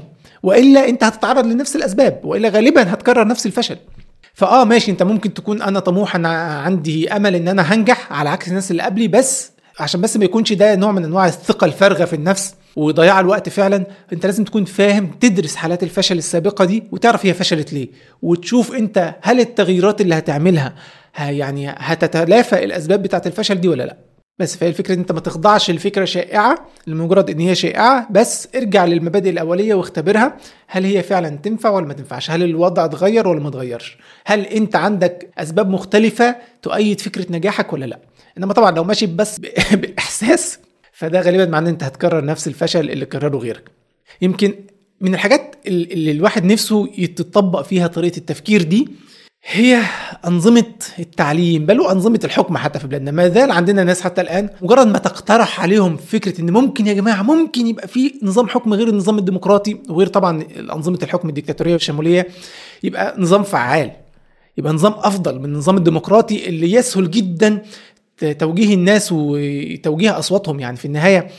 النظام الديمقراطي ده أي حد بيملك الإعلام خلاص بيضمن. ما, ما أسهل إن أنت طالما ملكت الإعلام إن أنت تملك عقول الناس وتجبرهم على التصويت في اتجاه معين. فبالتالي هي ديكتاتورية مستترة تحت فكرة صناديق الانتخابات. فمفيش ديمقراطية حقيقية بدون إعلام حر حقيقي وإحنا عارفين إن مفيش إعلام حر حقيقي في هذا العالم حاليا.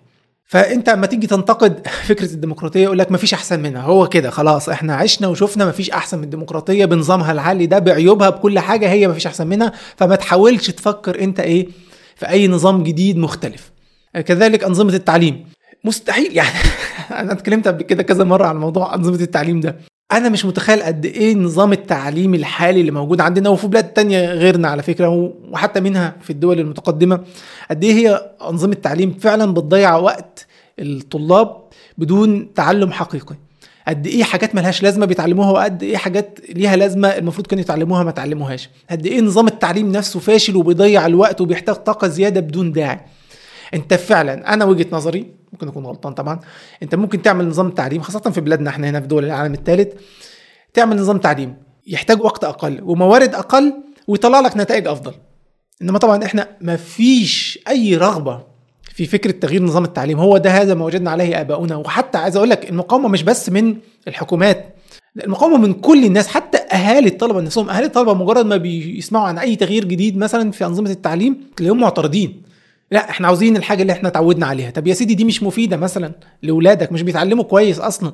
لا أنا مش عاوزك تغير لي حاجة أنا عاوز نفس النظام اللي اتعودنا عليه زي ما هو. اديني درجات عالية. لابني حتى لو ما كانش فاهم. وخلاص أنا كده مبسوط. والمدرسين طبعا عاوزين يعملوا نفس الشيء اللي كانوا بيعملوه على عشرات السنين. مش عاوز أي نظام جديد يتطلب منهم جهد جديد وتعلم مهارات جديدة عشان يقدروا يوصلوا المعلومات الجديدة للطلاب. برضه ده شيء بالنسبة لهم جهد إضافي فمرفوض. وبالنسبة للدولة هي مش عايزة تفكر. أساسا الناس بتيجي في مناصبها عشان تتكافئ. يعني تلاقي واحد يوصل ياخد منصب وزير يقولوا له مبروك. ألف مبروك ألف مبروك على إيه؟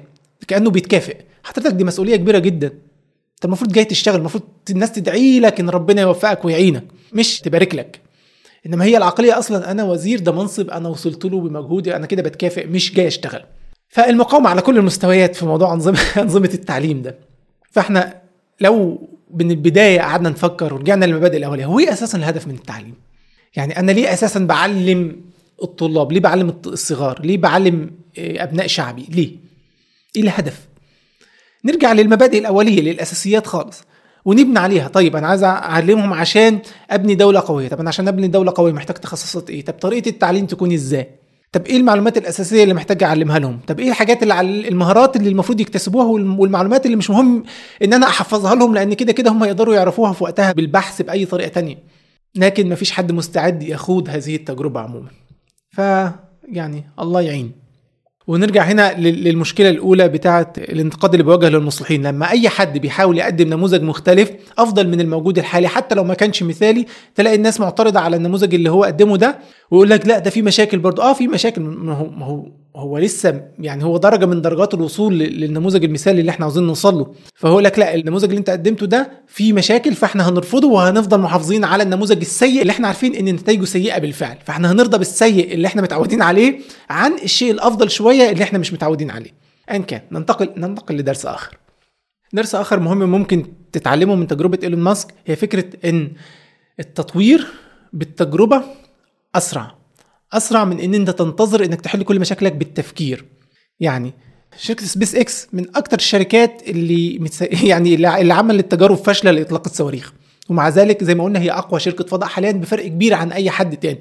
هي أكتر شركة بتعمل تجارب. يعني مثلا موضوع إعادة الصاروخ ده هم كانوا مسجلين تقريبا أكتر من 27 محاولة. 27 محاولة لإعادة الصاروخ وهو بيرجع وبينفجر يعني فكان في محاولات فاشلة كتير جدا. الفكرة في إيه؟ في إنك كل تجربه بتزود لك قدر المعلومات اللي عندك فبالتالي يساعدك في إنك تحل المشكلة. في ناس تانية بتاخد اتجاه تاني وتقول لك لا التجارب دي ممكن تكون مكلفة. ماشي منطقي. فأنا مش هعمل حاجة إلا لما أتأكد يعني بنسبة كبيرة جدا يعني إن هي مش هتفشل. طيب في الواقع إحنا عندنا مثال هنا حقيقي اللي هو شركة بلو اوريجن بتاع جيف بيزوس اللي هو مؤسس امازون شركة بلو اوريجن متأسسة قبل سبيس إكس بسنتين. يعني هم سابقين سبيس إكس أساسا في التأسيس. ومع ذلك شركة بلو اوريجن حتى الآن لم تصنع أي صاروخ قادر على إن هو يوصل لمدار الأرض حتى ما بنقولش إنه يوصل المريخ. مجرد مدار الأرض حتى الآن لم تنجح. عندهم صاروخ بيحضروه اسمه نيو جلين. نيو جلين ده المفروض إن هو هيبقى برضه قابل لإعادة الاستخدام بنفس طريقة سبيس إكس. بس هم قاعدين بيطوروه بقالهم عشرات السنين. ليه؟ لأن هم عاوزين إن لما يجوا يجربوه تبقى نسبة النجاح كبيرة جدا. فالواقع بيقول إن سبيس إكس نجحت قبلهم بفترة طويلة وتقريبا يعني سيطرت على سوق إطلاق الصواريخ الخاص يعني. وحققت أرباح ضخمة ودول لسه أساسا ما حاولوش يجربوا حتى الصاروخ بتاعهم لأول مرة. ففكرة إنك تنتظر عشان تقلل احتمالية الفشل يعني المفروض يكون ليها حدود لأنك ممكن تنتظر إلى ما لا نهاية. طبعا مفهوم إن الذكاء في إنك تخلي التجربة غير مكلفة. مفهوم إنك ما تعملش تجربة اللي هي لو فشلت تفقدك القدرة على إن أنت تجرب تاني. أكيد ما بنقولش كده. لأن وقتها اللي هتتعلمه من التجربة مش هيكون عندك إمكانية إنك تحسنه في تجربة جديدة. فاللي عملته مثلا شركة سبيس إكس إن هي كده كده الصواريخ زي ما قلنا كانت بتطلع توصل لمدار الأرض تضع الحمولة بتاعتها في المدار بعد كده الصاروخ بيسقط في المحيط على أي حال وينفجر على أي حال. فهي قالت طب والله أنا ممكن في وهو راجع عشان يسقط في المحيط أنا أحاول أجرب أخليه كأنه بيهبط على الأرض. واشوف كل مرة احاول اخليه يعمل حاجة جديدة مختلفة. والبيانات كده كده بتتبعت أول بأول من الصاروخ للسيرفرات بتاعتهم لأن طبعا في وسيلة للتواصل بين الصاروخ وبين أجهزة الكمبيوتر بتاعتهم على الأرض فبيبعت المعلومات أول بأول فهم بيسجلوا المعلومات دي والبيانات دي بعد كده يدرسوها ويشوفوا إيه اللي نفع وإيه اللي ما نفعش ويحسنوا في المرة الجاية. هو كده كده الصاروخ ده كان هيترمي في المحيط على اي حال يعني فهو استغل ده في إن هو يعمل تجربة غير مكلفة. لكن ده مش معناه إن كل تجاربه هتبقى غير مكلفة لأن هم يعني كان لهم تجارب مكلفة مكلفة جدا بس في محتملة. وفي النهاية النتيجة النهائية إن سبيس إكس فرق شاسع بينها وبين أي شركة منافسة في إمكانياتها وقدرات صواريخها المتاحة عندها حاليا. ففكرة إنك تنتظر عشان تبدأ مشروعك عشان تبدأ أي حاجة أنت بتعملها لغاية ما يبقى عندك يعني حل مثالي أو يبقى مشروعك خلاص كده أنت مطمن بنسبة 100% أو 99% إنه هينجح ده معناه إنك هتنتظر كتير جدا. ممكن يبقى في الواقع توصل في فترة أقصر لو سمحت لنفسك بقدر من الفشل بالتجربة والتعلم من التجربة. إيلون ماسك برضو بيعمل كده في شركة تسلا في النظام اللي هو ال autopilot اللي هو بتاع ذاتية القيادة في في سيارات تسلا. هو متيح للناس إن هي تجرب البرنامج ده وبيتعلم من أخطائه وبيسجل أي حد بيجرب البرنامج ده بيسجل البيانات دي أول بأول وبيساعدهم في هو برنامج ذكاء اصطناعي في النهاية فهو بيتطور وبيتحسن بالبيانات. فكل ما الناس جربته أكتر كل ما كان في إمكانية لتطويره وتحسينه. النتيجة في النهاية إن نظام ال auto أو نظام ذاتية القيادة بتاع تسلا هو الأفضل حتى الآن. ما زال غير كافي إن الناس تعتمد عليه بنسبة 100% بس هو الأفضل مقارنة بأي حد تاني موجود في السوق زي جوجل مثلا أو في بعض الشركات التانية برضو بتعمل بعض الأنظمة. في النهاية اللي بتعمله تسلا متطور بشكل كبير عن باقي الأنظمة دي. طبعا في نقد بيوجه لإيلون ماسك في موضوع تسلا ده بالذات لأن هم بيقولوا إن ده بيعرض حياة الناس للخطر لأن البرنامج لسه ما وصلش للدرجة ذاتية القيادة الآمنة يعني. تسلا طبعا هنا بتقول إن إحنا بننبه بنقول للناس ده وإن هم لازم يبقوا منتبهين دايما إن هم سايبين يعني هو لو أنت مشغل البرنامج والبرنامج هو اللي بيسوق السيارة فأنت المفروض تبقى مركز في الطريق برضه ومستعد في أي لحظة إنك تمسك عجلة القيادة وتتحكم في العربية بتاعتك. طبعا هنا يعني آه، الانتقاد هنا صراحة بما إنه في مخاطرة بحياة الناس لأن لأن طبيعة السلوك البشري مش كده. معظم الناس مجرد ما يجرب مرة واثنين ويلاقي العربية بتسوق نفسها هيبتدي يتساهل وينشغل وما ياخدش باله من الطريق لغاية ما تحصل ممكن الغلطة اللي تودي بحياته يعني. فده فعلا يعني من الانتقادات اللي أنا متفق معاها. ما ينفعش يبقى حاجة فيها مخاطرة بحياة الناس وتتركها للتجربة بهذا الشكل. وإن كان نتيجة التجربة إن تسلا متطورة عن غيرها في موضوع ذاتية القيادة ده. فيعني انت يعني خد الفكرة بس ما تعملش تجارب تبقى يعني بتؤذي أي شخص يعني. ويمكن ده يرجعنا للمثل الشعبي المعروف عندنا اللي هو بتاع الحركة بركة. اللي هو انت ما تنتظرش يعني ما تنتظرش انك تحل كل مشكلة في دماغك قبل ما تبتدي تتحرك نحو الحل. اعمل اللي تقدر عليه. وكل حركة بتقوم بيها بتبين لك حاجات جديدة ممكن تبقى هي الحل. فما تنتظرش يعني ده في النهاية خلاصة الفكرة دي أو خلاصة الدرس المستفاد ده جرب على قد ما تقدر جرب بما هو متاح جرب تجارب محتملة التكلفة وتحرك وما تنتظرش حلول مثالية أو أفكار مثالية لمشاريعك ومشاكلك عموما في الحياة. درس آخر ممكن نتعلمه من إيلون ماسك ممكن نحطه تحت عنوان الماكينة التي تصنع الماكينات. إيلون ماسك بيقول إنك تصمم سيارة كهربائية جيدة ده شيء سهل مش مش حاجة مش حاجة صعبة. ممكن أي حد يعمله. وإنك تعمل نموذج أولي وتعرضه قدام الناس ده برضه شيء سهل. مش يعني مش حاجة صعبة وكثير من الناس يقدروا يعملوه. قال لك التحدي الحقيقي والمشكلة مش في السيارة نفسها المشكلة في المصنع اللي بيعمل السيارة دي. لأن مشكلة صناعة السيارات هي إنك تقدر تنتجها بالقدر الكافي وبالكفاءة يعني العالية أو بمقدار الجودة المقبول. فالمشكلة وانت بتصمم كل جزء في السيارة دي انت مش بس بتفكر ان هو ان هو جزء مناسب أو هيخلي السيارة كويسة انت بتفكر أكتر في ان أنا أساسا هقدر اصنعه إزاي الجزء ده؟ وهل هو صناعته مكلفة ولا مش مكلفة؟ وهل هيكون اعتمادي يعني يعيش مع السيارة فترة طويلة ولا لا؟ المصنع هيركب الجزء ده إزاي؟ ف مستوى التعقيد بقى لما تيجي تفكر في المصنع اللي هيصنع السيارة ده مستوى أكبر بكتير وأصعب من فكرة إن أنا أركز على المنتج نفسه اللي بصنعه. وأصلا في الوقت اللي كانت شركة تسلا مهددة فيه بالإفلاس أو يعني أحد الأوقات اللي كانت شركة تسلا مهددة فيه بالإفلاس لأنه كان فيه أكتر من مرة كانت مشكلتهم الأساسية في إن هم مش قادرين يصنعوا العربية اللي هي كانت موديل 3 بالعدد الكافي. لأن أنت لو ما قدرتش تصنعه بالعدد الكافي ده معناه إن أنت مش هتقدر تحقق أي أرباح مناسبة. فكان وقتها التحدي بتاعهم مش في السيارة نفسها كان التحدي بتاعهم في خط الإنتاج. ووقتها كان إيلون ماسك كان بيحاول يعمل فكرة جديدة آه، فشلت. إن هو كان عاوز يخلي معظم خط الإنتاج اللي يكن كله يتم بالماكينات فقط ما يبقاش فيه تدخل بشري. ليه؟ لأن الماكينات تقدر تشتغل 24 ساعة في ال 24 ساعة ملهاش حقوق عمال محدش هيطالب بقفل الماكينات عشان وباء الكورونا عشان ما فيش مكنه هتعدي مكنة تانية. خاصة الموضوع ده كان عامل له مشكلة كبيرة زي ما قلنا. فهو كان واخد فكرة إن أنا عايز أعمل خط إنتاج بيعتمد بشكل كامل على الماكينات والذكاء الاصطناعي. بس بعد تجارب كتير اكتشف إن صعب يحققه بالشكل اللي هو عاوزه في الوقت الحالي وإن هو ممكن يطور خط الإنتاج هي بالتدريج يعني خليه كله ماكينات بالتدريج بس هو محتاج يعتمد على بشر في الوقت الحالي وممكن مع الوقت يبتدي يقلل البشر دول بالتدريج. لكن هو خد وقت في إن هو كان عاوز يعمل ده من البداية وكان متخيل إن هو هيقدر يعمله بس الضغوطات بتاعة المستثمرين والضغوطات بتاعة الإعلام اللي عمال يروج لفكرة إن الشركة مش قادرة تنتج وده ممكن يخلي الناس المستثمرين يعني في البورصة يبيعوا أسهمهم وبالتالي الشركة تنهار. فهو وقتها كانت مشكلته الضغط الخارجي اللي مش هيسمح له ياخد وقت الكافي في إن هو يجرب التجربة بتاعته لآخرها يعني. فده بالنسبة لتسلا. بالنسبة لسبيس إكس اللي مميز سبيس إكس عن باقي شركات الفضاء اللي هي عندها صواريخ يعني هي إن سبيس إكس على عكس كل الشركات التانية تقريبا هي بتعمل كل حاجة في الصاروخ بنفسها. كل حاجة بنفسها المحركات جسم الصاروخ ال sensors ال chips يعني الرقائق الإلكترونية اللي بتتحكم في حركة الصاروخ كلها كلها بنفسها. ده بيمكنها اولا بسرعة التطوير. عارف الموضوع عامل زي إيه؟ زي شركة أبل. أبل بتعمل الكمبيوتر بتاعها كله بنفسها. هي اللي بتصمم ال hardware وهي اللي بتعمل ال software وحتى الرقاقات دلوقتي يعني حتى ال processor نفسه هي اللي بتعمله حتى مش عارف المودم هي اللي بتصممه فهي اللي بتصمم كل حاجة حتى وإن كان في شركات صينية هي اللي بتصنع بس في النهاية هي اللي هي اللي بتحدد كل حاجة.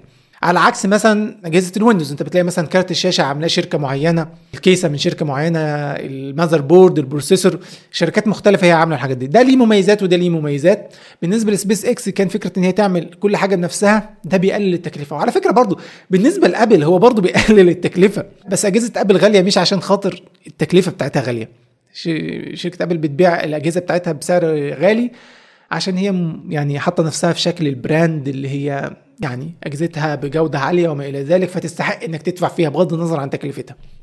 المهم فنفس الفكرة هنا. الفكرة مش بس في إن الصاروخ بتاع سبيس إكس صاروخ مميز وفيه بعض الإمكانيات مش موجوده في الصواريخ الثانية الفكرة في إن سبيس إكس هي اللي بتصنع الصاروخ ده بالكامل بنفسها وعندها خط إنتاج سريع جدا جدا مقارنة بأي خط إنتاج تاني للصواريخ يعني بالنسبة لفالكون 9 الشركة ممكن تعمل صاروخ جديد كل أسبوعين. الشركات التانية بتحتاج أحيانا ست شهور وسنة كمان ويمكن أكتر عشان تعمل الصاروخ بتاعها. فالوقت نفسه فرق. الوقت نفسه ده عبارة عن أجور عمال. ومهندسين وموظفين. بالنسبة للستار شيب الحالي يعني اللي هو أكبر صاروخ زي ما قلنا المعدل اللي بتنتج بيه صواريخ جديدة عشان تعمل تجاربها المتكررة مذهل صراحة مذهل. وهو أساسا زي ما قلنا هو إيلون ماسك بيقول أنا عشان أقدر أعمل مستعمرة في المريخ أنا لازم يكون عندي إمكانية إن أنا أعمل 500 و1000 صاروخ خلال عدة سنوات. يعني الطريقة التقليدية لصناعة الصواريخ دي مش هتنفعني مش هينفع نعمل مستعمرة. إحنا عشان نعمل مستعمرة إحنا محتاجين نرسل كميات كبيرة جدا من الصواريخ عشان نرسل كل الخامات المطلوبة والبشر المطلوبين عشان يعملوا مستعمرة هناك. فاحنا محتاجين يعني خط سريع خط نقل سريع بين الأرض والمريخ. فده مش هيحصل بالطرق التقليدية لصناعة الصواريخ. أنا لازم أخلي صناعة الصواريخ كأنها صناعة سيارات. أقدر أنتج منها كميات ضخمة في وقت قليل. فده في الواقع التحدي الكبير بتاع برضه بتاع سبيس إكس إنك مش فكرة مش بس تعمل صاروخ بامكانيات كبيرة أنت عاوز تعمله بسرعة وبتكلفة أقل. وده جزء كبير من صراحة من ع... يعني من عبقرية إيلون ماسك لو إحنا حبينا نوصفه بالعبقرية يعني اللي هو غير ظاهر للناس. الناس دايما بتركز على النتائج على المنتج النهائي. في, حين في الواقع هو اللي ممكن النجاح ده هو النظام اللي بيبنيه جوه الشركات بتاعته. خطوط الإنتاج وكيفية التصنيع دي نقطة مهمة جدا جدا. فالمهم يعني أنا وأنت نستفيد إزاي من الموضوع ده؟ هو الفكرة اللي إحنا اتكلمنا عنها كتير في فيديوهات سابقة على القناه فكرة التركيز على النظام اللي بتعيش بيه حياتك أكتر ما تركز على الأهداف اللي أنت عاوز توصل لها. أنت اعمل النظام اللي يسهل عليك إنك توصل لأهدافك دي وهتلاقي الموضوع بقى أسهل. أي حد قادر إنه يضع لنفسه هدف كبير ضخم مبهر يحمسه لفترة من الزمن. بس مش أي حد قادر إنه يضع النظام اللي يمكنه إنه يوصل فعلا للهدف ده. فركز على فكرة الحاجات اللي بتعملها بشكل يومي ده على المستوى الشخصي يعني. ركز على فكرة إن أنت إيه الأنشطة والحاجات اليومية اللي بعملها مهما كانت بسيطة اللي في النهاية هتخدمني إن أنا أحقق الهدف الكبير ده. ممكن لو كنت شخص جديد يعني في متابعة القناة ممكن ترجع للحلقات اللي اتكلمنا فيها عن العادات. ولخصنا كذا كتاب وكان في برضه فيديوهات أخرى مش كتب لكن بتتكلم عن موضوع العادات وفكرة إنك تعمل نظام لحياتك يمكنك من تحقيق الأهداف. بدل ما تركز على الهدف نفسه الكبير اللي انت عاوز تحققه في حياتك لا ركز على الأفعال والسلوكيات اليومية اللي بتعملها اللي ممكن توصلك للهدف ده. درس آخر ممكن نتعلمه من تجربة إيلون ماسك هي فكرة إن الوقوع في مغالطة التخطيط ممكن يكون مفيد في الواقع. مغالطة التخطيط أو ما يسمى بال planning fallacy هي فكرة إنك بتحدد وقت أقل من المطلوب لإنجاز عمل معين. أحيانا بتبقى معرفتنا بتفاصيل العمل أو تخيلنا إن إحنا عارفين كل المراحل المطلوبة من العمل بتوهمنا إن العمل أسهل من الواقع أو أسهل مما هو عليه فعلا. فبالتالي بنضع قدر أقل من الوقت ونظن إن إحنا قادرين على إنجاز هذا العمل في وقت أقل. وقلنا إن دي حاجة من أكتر الحاجات اللي بتكون سبب في الانتقادات الموجهة لإيلون ماسك. يعني صاروخ فالكون هيفي اتاخر خمس سنين عن الوقت اللي هو أعلنه. تقريبا كل موديلات السيارات اللي أعلن عنها اتأخرت سنوات عن الميعاد اللي هي تم فعلا إطلاقها وبدء بيعها فيه. فهو دايما متفائل عنده قدر بنسميه إيه؟ من التفاؤل الساذج. الفكرة في إن إزاي الوقوع في حاجة زي كده ممكن تكون مفيدة. هي ممكن تكون مفيدة لأن أحيانا الجهل بمدى صعوبة طريق معين بيخليك تمشي فيه. انت لو كنت عارف بمدى الصعوبة الكاملة اللي هتواجهها في الطريق ده يمكن كنت هترفض ان انت تسير فيه أصلا. لكن لأنك بتمشي فيه لأنك متخيل إنه انت تقدر فعلا تقطع الطريق ده في وقت قصير مثلا فده بيخليك تبدأ وتنطلق. بعد كده بتواجه الصعوبات واحدة واحدة. انت ما بتواجهش كل الصعوبات مرة واحدة. فكل مرة تقول مش مشكلة المرة دي يعني الصعوبة دي حاول أتخطاها أتخطاها. في النهاية أنت فعلا بتنجح وبتقطع الطريق في النهاية بس في وقت أطول من المتوقع. بس في النهاية ده أفضل من إن أنت ما كنتش يعني تسلك هذا الطريق أصلا. يعني ممكن مشروع معين أنت كنت متخيل إنه ياخد منك ست شهور خد منك سنة ونص سنتين. أنت لو كنت عارف من البداية إنه هياخد سنتين يمكن ما كنتش هتقبل على عمل هذا المشروع. وكنت هتضيع وقتك في أي حاجة تانية ملهاش لازمة.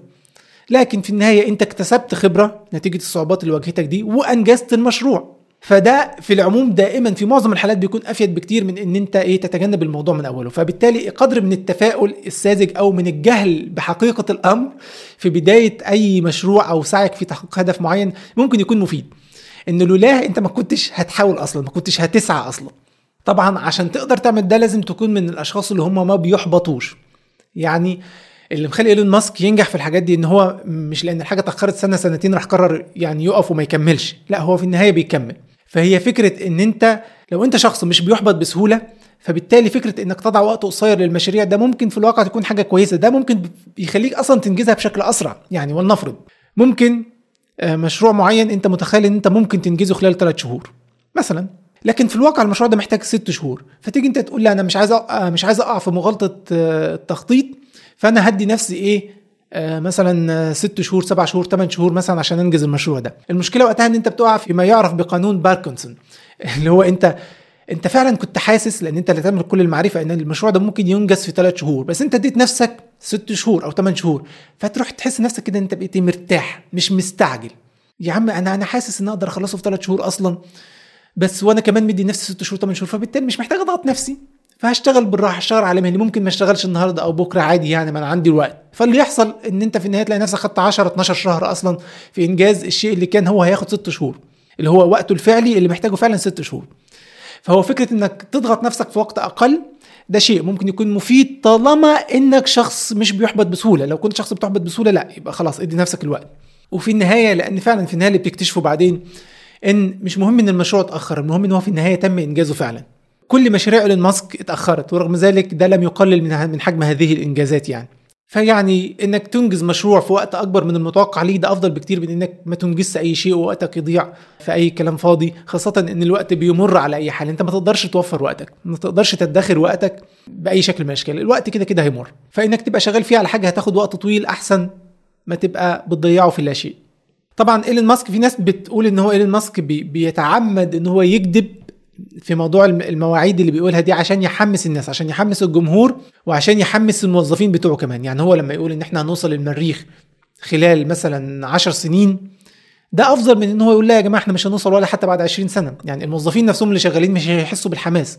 الجمهور اللي بيتابعه وهو محتاج دعمه مش هيحس بالحماس. فلما يقول برضو إن إحنا السنة الجاية البرنامج بتاع ذاتيه القيادة ده هيكون خلاص اكتمل وهيكون قادر على إن هو يقود السيارة ذاتيا بنسبة 100% ده هيحمس الناس أكتر وهيحمس الموظفين أكتر من إن هو يقول لا يا جماعة والله أنا مش عارف الموضوع ممكن ياخد خمس ست سنين عشر سنين الله أعلم. في ناس بتقول إن هو بيتعمد ذلك. أنا لا أظن إن هو بيتعمد ذلك. أنا فعلا بظن إن هو متخيل في دماغه إن هو هيقدر يحقق ده في الوقت القصير اللي هو بيضعه لنفسه. حتى في بعض الناس صاغوا مصطلح كده بيسموه إيلون time. يعني لما إيلون ماسك يقول لك الحاجة دي هتتم بعد سنتين اضربها في ثلاثة مثلا ولا حاجة خليها ست سنين. بيسموهم سنتين مش بالوقت بتاعنا إحنا لا ده الوقت بتاع إيلون ماسك. فيعني في النهاية زي ما قلنا الإنجاز إنجاز ايا كان. بعد ما الإنجاز يتحقق على الأرض مش هيكون مهم قوي هو استغرق وقت قد إيه. طيب آخر درس معانا في حلقة اليوم الطويلة جدا دي هي إنك مش محتاج تكون كاريزما أو شخص مثالي عشان تحقق إنجازات عظيمة. زي ما قلت إن من أكتر الحاجات اللي جذبتني لشخصية إيلون ماسك في البداية خالص أول ما بدأت أتابعه هي إن هو لا يبدو إن شخص عنده كاريزما خالص بالعكس أنت فعلا في ناس كتير ما بتتحملش إن هي تسمعه يتكلم. خاصة إن هو يعني إيه أحيانا يعني بيبقى عنده قدر من التهتهة أو التلعثم في الكلام. على فكرة صحيح إيلون ماسك مصاب بمرض بيصنف على إن هو أحد أشكال التوحد. حاجة اسمها أظن إيه؟ Asperger's syndrome متلازمة اسبرجر المهم يعني هي يعني هو مش يعني مش حاجة حادة جدا مش من أشكال التوحد الصعبة يعني. هي متلازمة بتخلي الشخص عنده صعوبة في التواصل مع الناس في التواصل وجها لوجه أو التواصل مع جمهور. وبصراحة يحسب لإيلون ماسك إنه رغم إصابته بهذه المتلازمة لأنه قادر إن هو على الأقل يقعد ويتكلم. أي نعم بيواجه صعوبة وبعض الناس اللي بتشوفه لأول مرة فعلا ممكن تحس بصعوبة تحس إن هي مش قادرة تستحمل تسمعه. فالمهم بالنسبة لي ده معناه ده زي ما قلت عكس شخصيه ستيف جوبز مثلا اللي هو متمكن جدا من إمكانية العرض والإلقاء قدام الناس. كثير من الشباب الصغير حاليا عندنا شاغل باله جدا بموضوع الكاريزما ده فيديوهات الكاريزما على يوتيوب بتلاقي بتحقق مشاهدات كتيرة جدا. المشكلة إن هو يعني الكاريزما دي ممكن تفيدك فعلا. يعني هي ممكن تفيدك. إما إنك تنصب على الناس وتبيع لهم شيء غير ذا قيمة أو لو أنت فعلا عندك شيء ذا قيمة بتساعدك إن أنت إيه بتزود فرص نجاحه وتوصله للناس بشكل أفضل. بس ده معناه إن أنت المفروض يكون عندك الشيء ذا قيمة الأول. بداية فأنت كشاب أنت محتاج تطور مهاراتك في مجال نافع معين. بعد كده ممكن يا سيدي تدور على مهارات الإلقاء وال public speaking قدام الناس والحاجات دي كلها عشان تقدر توصل القيمة اللي عندك دي لباقي الناس. بس قبل ما تصنع القيمة دي أنت مستعجل ليه على الكاريزما؟ إلا إذا كنت عاوز تظهر بما بما ليس فيك. أنت عاوز ترسم صورة منفوخة بالونة من الآخر بس فارغة من جوه. مش عارف يعني مش فاهم إيه سر اهتمام كثير من الشباب الصغير حتى برضه بفكرة القيادة. أنت لازم تبقى جندي قبل ما تبقى قائد. هت... مرة واحدة كده هتبقى قائد. فمهارات القيادة والكاريزما وما إلى ذلك يعني إيه خليها بعدين يعني اهتم بيها بعدين. خاصة إن كثير منها بصراحة اللي مطروح ده يعني هو مصطنع ومكشوف. يعني بصراحة أنا أحيانا بشوف شخص بيتكلم مثلا على مسرح أو حاجة معينة في فيديو أو في الحقيقة حتى بيبقى واضح قدامي إن هو بيطبق نصايح اتقالت له حافظها. الوقفة اللي بيقفها واللي بيتكلم هو ما بيتكلمش بطبيعية دي دي مش طريقة طبيعية في الكلام بس هو بيطبق النصايح اللي قالوها له بتاعت ال public speaking والكاريزما. فآه ممكن اللي ما يعرفش حاجة خالص يحس ان الشخص ده واثق من نفسه وحاجه بس بالنسبة لي أنا أنا شايفك أنت أنت مش واثق من نفسك ولا حاجة. أنت بتقلد حاجات شفتها وممكن تكون حتى مش متمشيه مع الحاجة اللي أنت بتقدمها. لأن هم بيقدموا اسطمبة عامة لكل الناس. سواء كنت بتقدم حاجة تقنية سواء كنت بتقدم حاجة نفسية أو دينية أو مش مفرقين. الوقفة اللي تقفها ومش عارف طريقة الكلام ونبرة الصوت ومش عارف إيه. المفروض الموضوع ده يختلف على حسب الحاجة اللي بتقدمها للناس أو اللي الناس بتشوفك عليها وبتسمعك وأنت بتتكلم عنها. فالمهم يعني آه القيمة أولا. إيلون ماسك عنده قيمة كبيرة من حيث الإنجازات والشركات والمنتجات اللي بيعملها. فده وصله للنجاح الكبير اللي وصله النجاح المادي يعني الكبير اللي وصل له بدون حتى ما يكون عنده أي كاريزما. مش بس ما عندوش كاريزما ده عنده مشاكل. إحنا قلنا عنده مشاكل اندفاعية أساسا وبيرتكب بعض الحماقات وبيقول كلام عبيط في بعض الأحيان وبيكتب تويتات هبلة جدا في كثير من الأحيان. فهو أبعد ما يكون عن فكرة الشخصية اللي عنده كاريزما كاسحة ده واللي الناس تبص له على إن هو يعني له هيبة بأي شكل من الأشكال أو أو كده يعني أو محبوب حتى يعني هو حتى يعني بيطلق الكثير من النكات السامجه جدا. يعني يعني ربنا يشفيه وربنا يشفي كل مريض. هو ده شيء مرتبط بالمتلازمة اللي بنقول عليها دي بتاعت التوحد اللي هي اسبارجرز اللي هو يعني الناس اللي عندهم المتلازمة دي بيبقى عندهم شوية يعني هو مرتبطة بصعوبات التواصل مش عايز أدخل في, في تفاصيل الموضوع يعني. فمش قصدي إن أنا أسخر من مرضه أكيد يعني. نقطة تانية مرتبطة بالموضوع ده إنك لما تشوف شخص برضو نرجع تاني لفكرة المصلحين. لو انت شفت شخص بيعمل انجازات كويسة ما تقعدش تحاسبه على انه هو شخص لازم يكون شخص مثالي فلما يغلط غلطة يعني حط الغلطة دي في سياقها في يعني في نطاقها. ما تحاولش تهدم الشخصية كلها بكل إنجازاتها بسبب الغلطة دي. ما لم تكن الغلطة دي بتنم عن مبدأ فاسد عنده لأن المبادئ مهم. يعني هي لو بتدل إن هو شخص مثلا سيء النية يرغب في الفساد يرغب في نشر أفكار ضالة مثلا ماشي وقتها ممكن ننتقده ونحاول نسقط هذه الشخصية لأن ده لأنها شخصية فاسدة مفسدة. لكن أنا بتكلم على المصلحين اللي هم أنت معترف إن هم شغالين في حاجات مفيدة لل للمجتمع يعني وللناس أو للأمة يعني. ممكن يكون عندهم أخطاء بس هل هي أخطاء جوهرية؟ هل هي أخطاء بتبين فساد منهج؟ يعني هل هي أخطاء منهجية بتبين إن المنهج بتاعه فاسد؟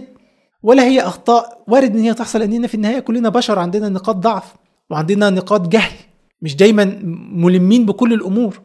ممكن أكون شخص شاطر ومجتهد في مجال معين لكن بغلط غلطة مرتبطة بمجال تاني لأني أجهل هذا المجال. ففي قدر من التسامح المفروض يكون موجود مع هذه الأخطاء بالنسبة للأشخاص المصلحين يعني. بس كده آه، أظن هذا يكفي من مناقشة أفكار ودروس لهذه الشخصية يعني. آه، الحلقة طولت جدا جدا جدا عما هو متوقع. مغالطة التخطيط أنا أتوقع إني لو كنت عارف إن هي تاخد الوقت ده كله يمكن فعلا ما كنتش بدأت فيها دلوقتي أو عملتها في الوقت الحالي أو يمكن كنت غيرت توجهي فيها وده كان يمكن حتى كنت ألغيها أصلا. فعموما هي تمت الحمد لله خلصنا التسجيل فاضل المونتاج وربنا يسهل وإن شاء الله تتم على خير يعني ويكون فيها قدر من الإفادة. وصلنا لنهاية الحلقة. السلام عليكم نراكم في حلقة جديدة قريبا بإذن الله. السلام عليكم.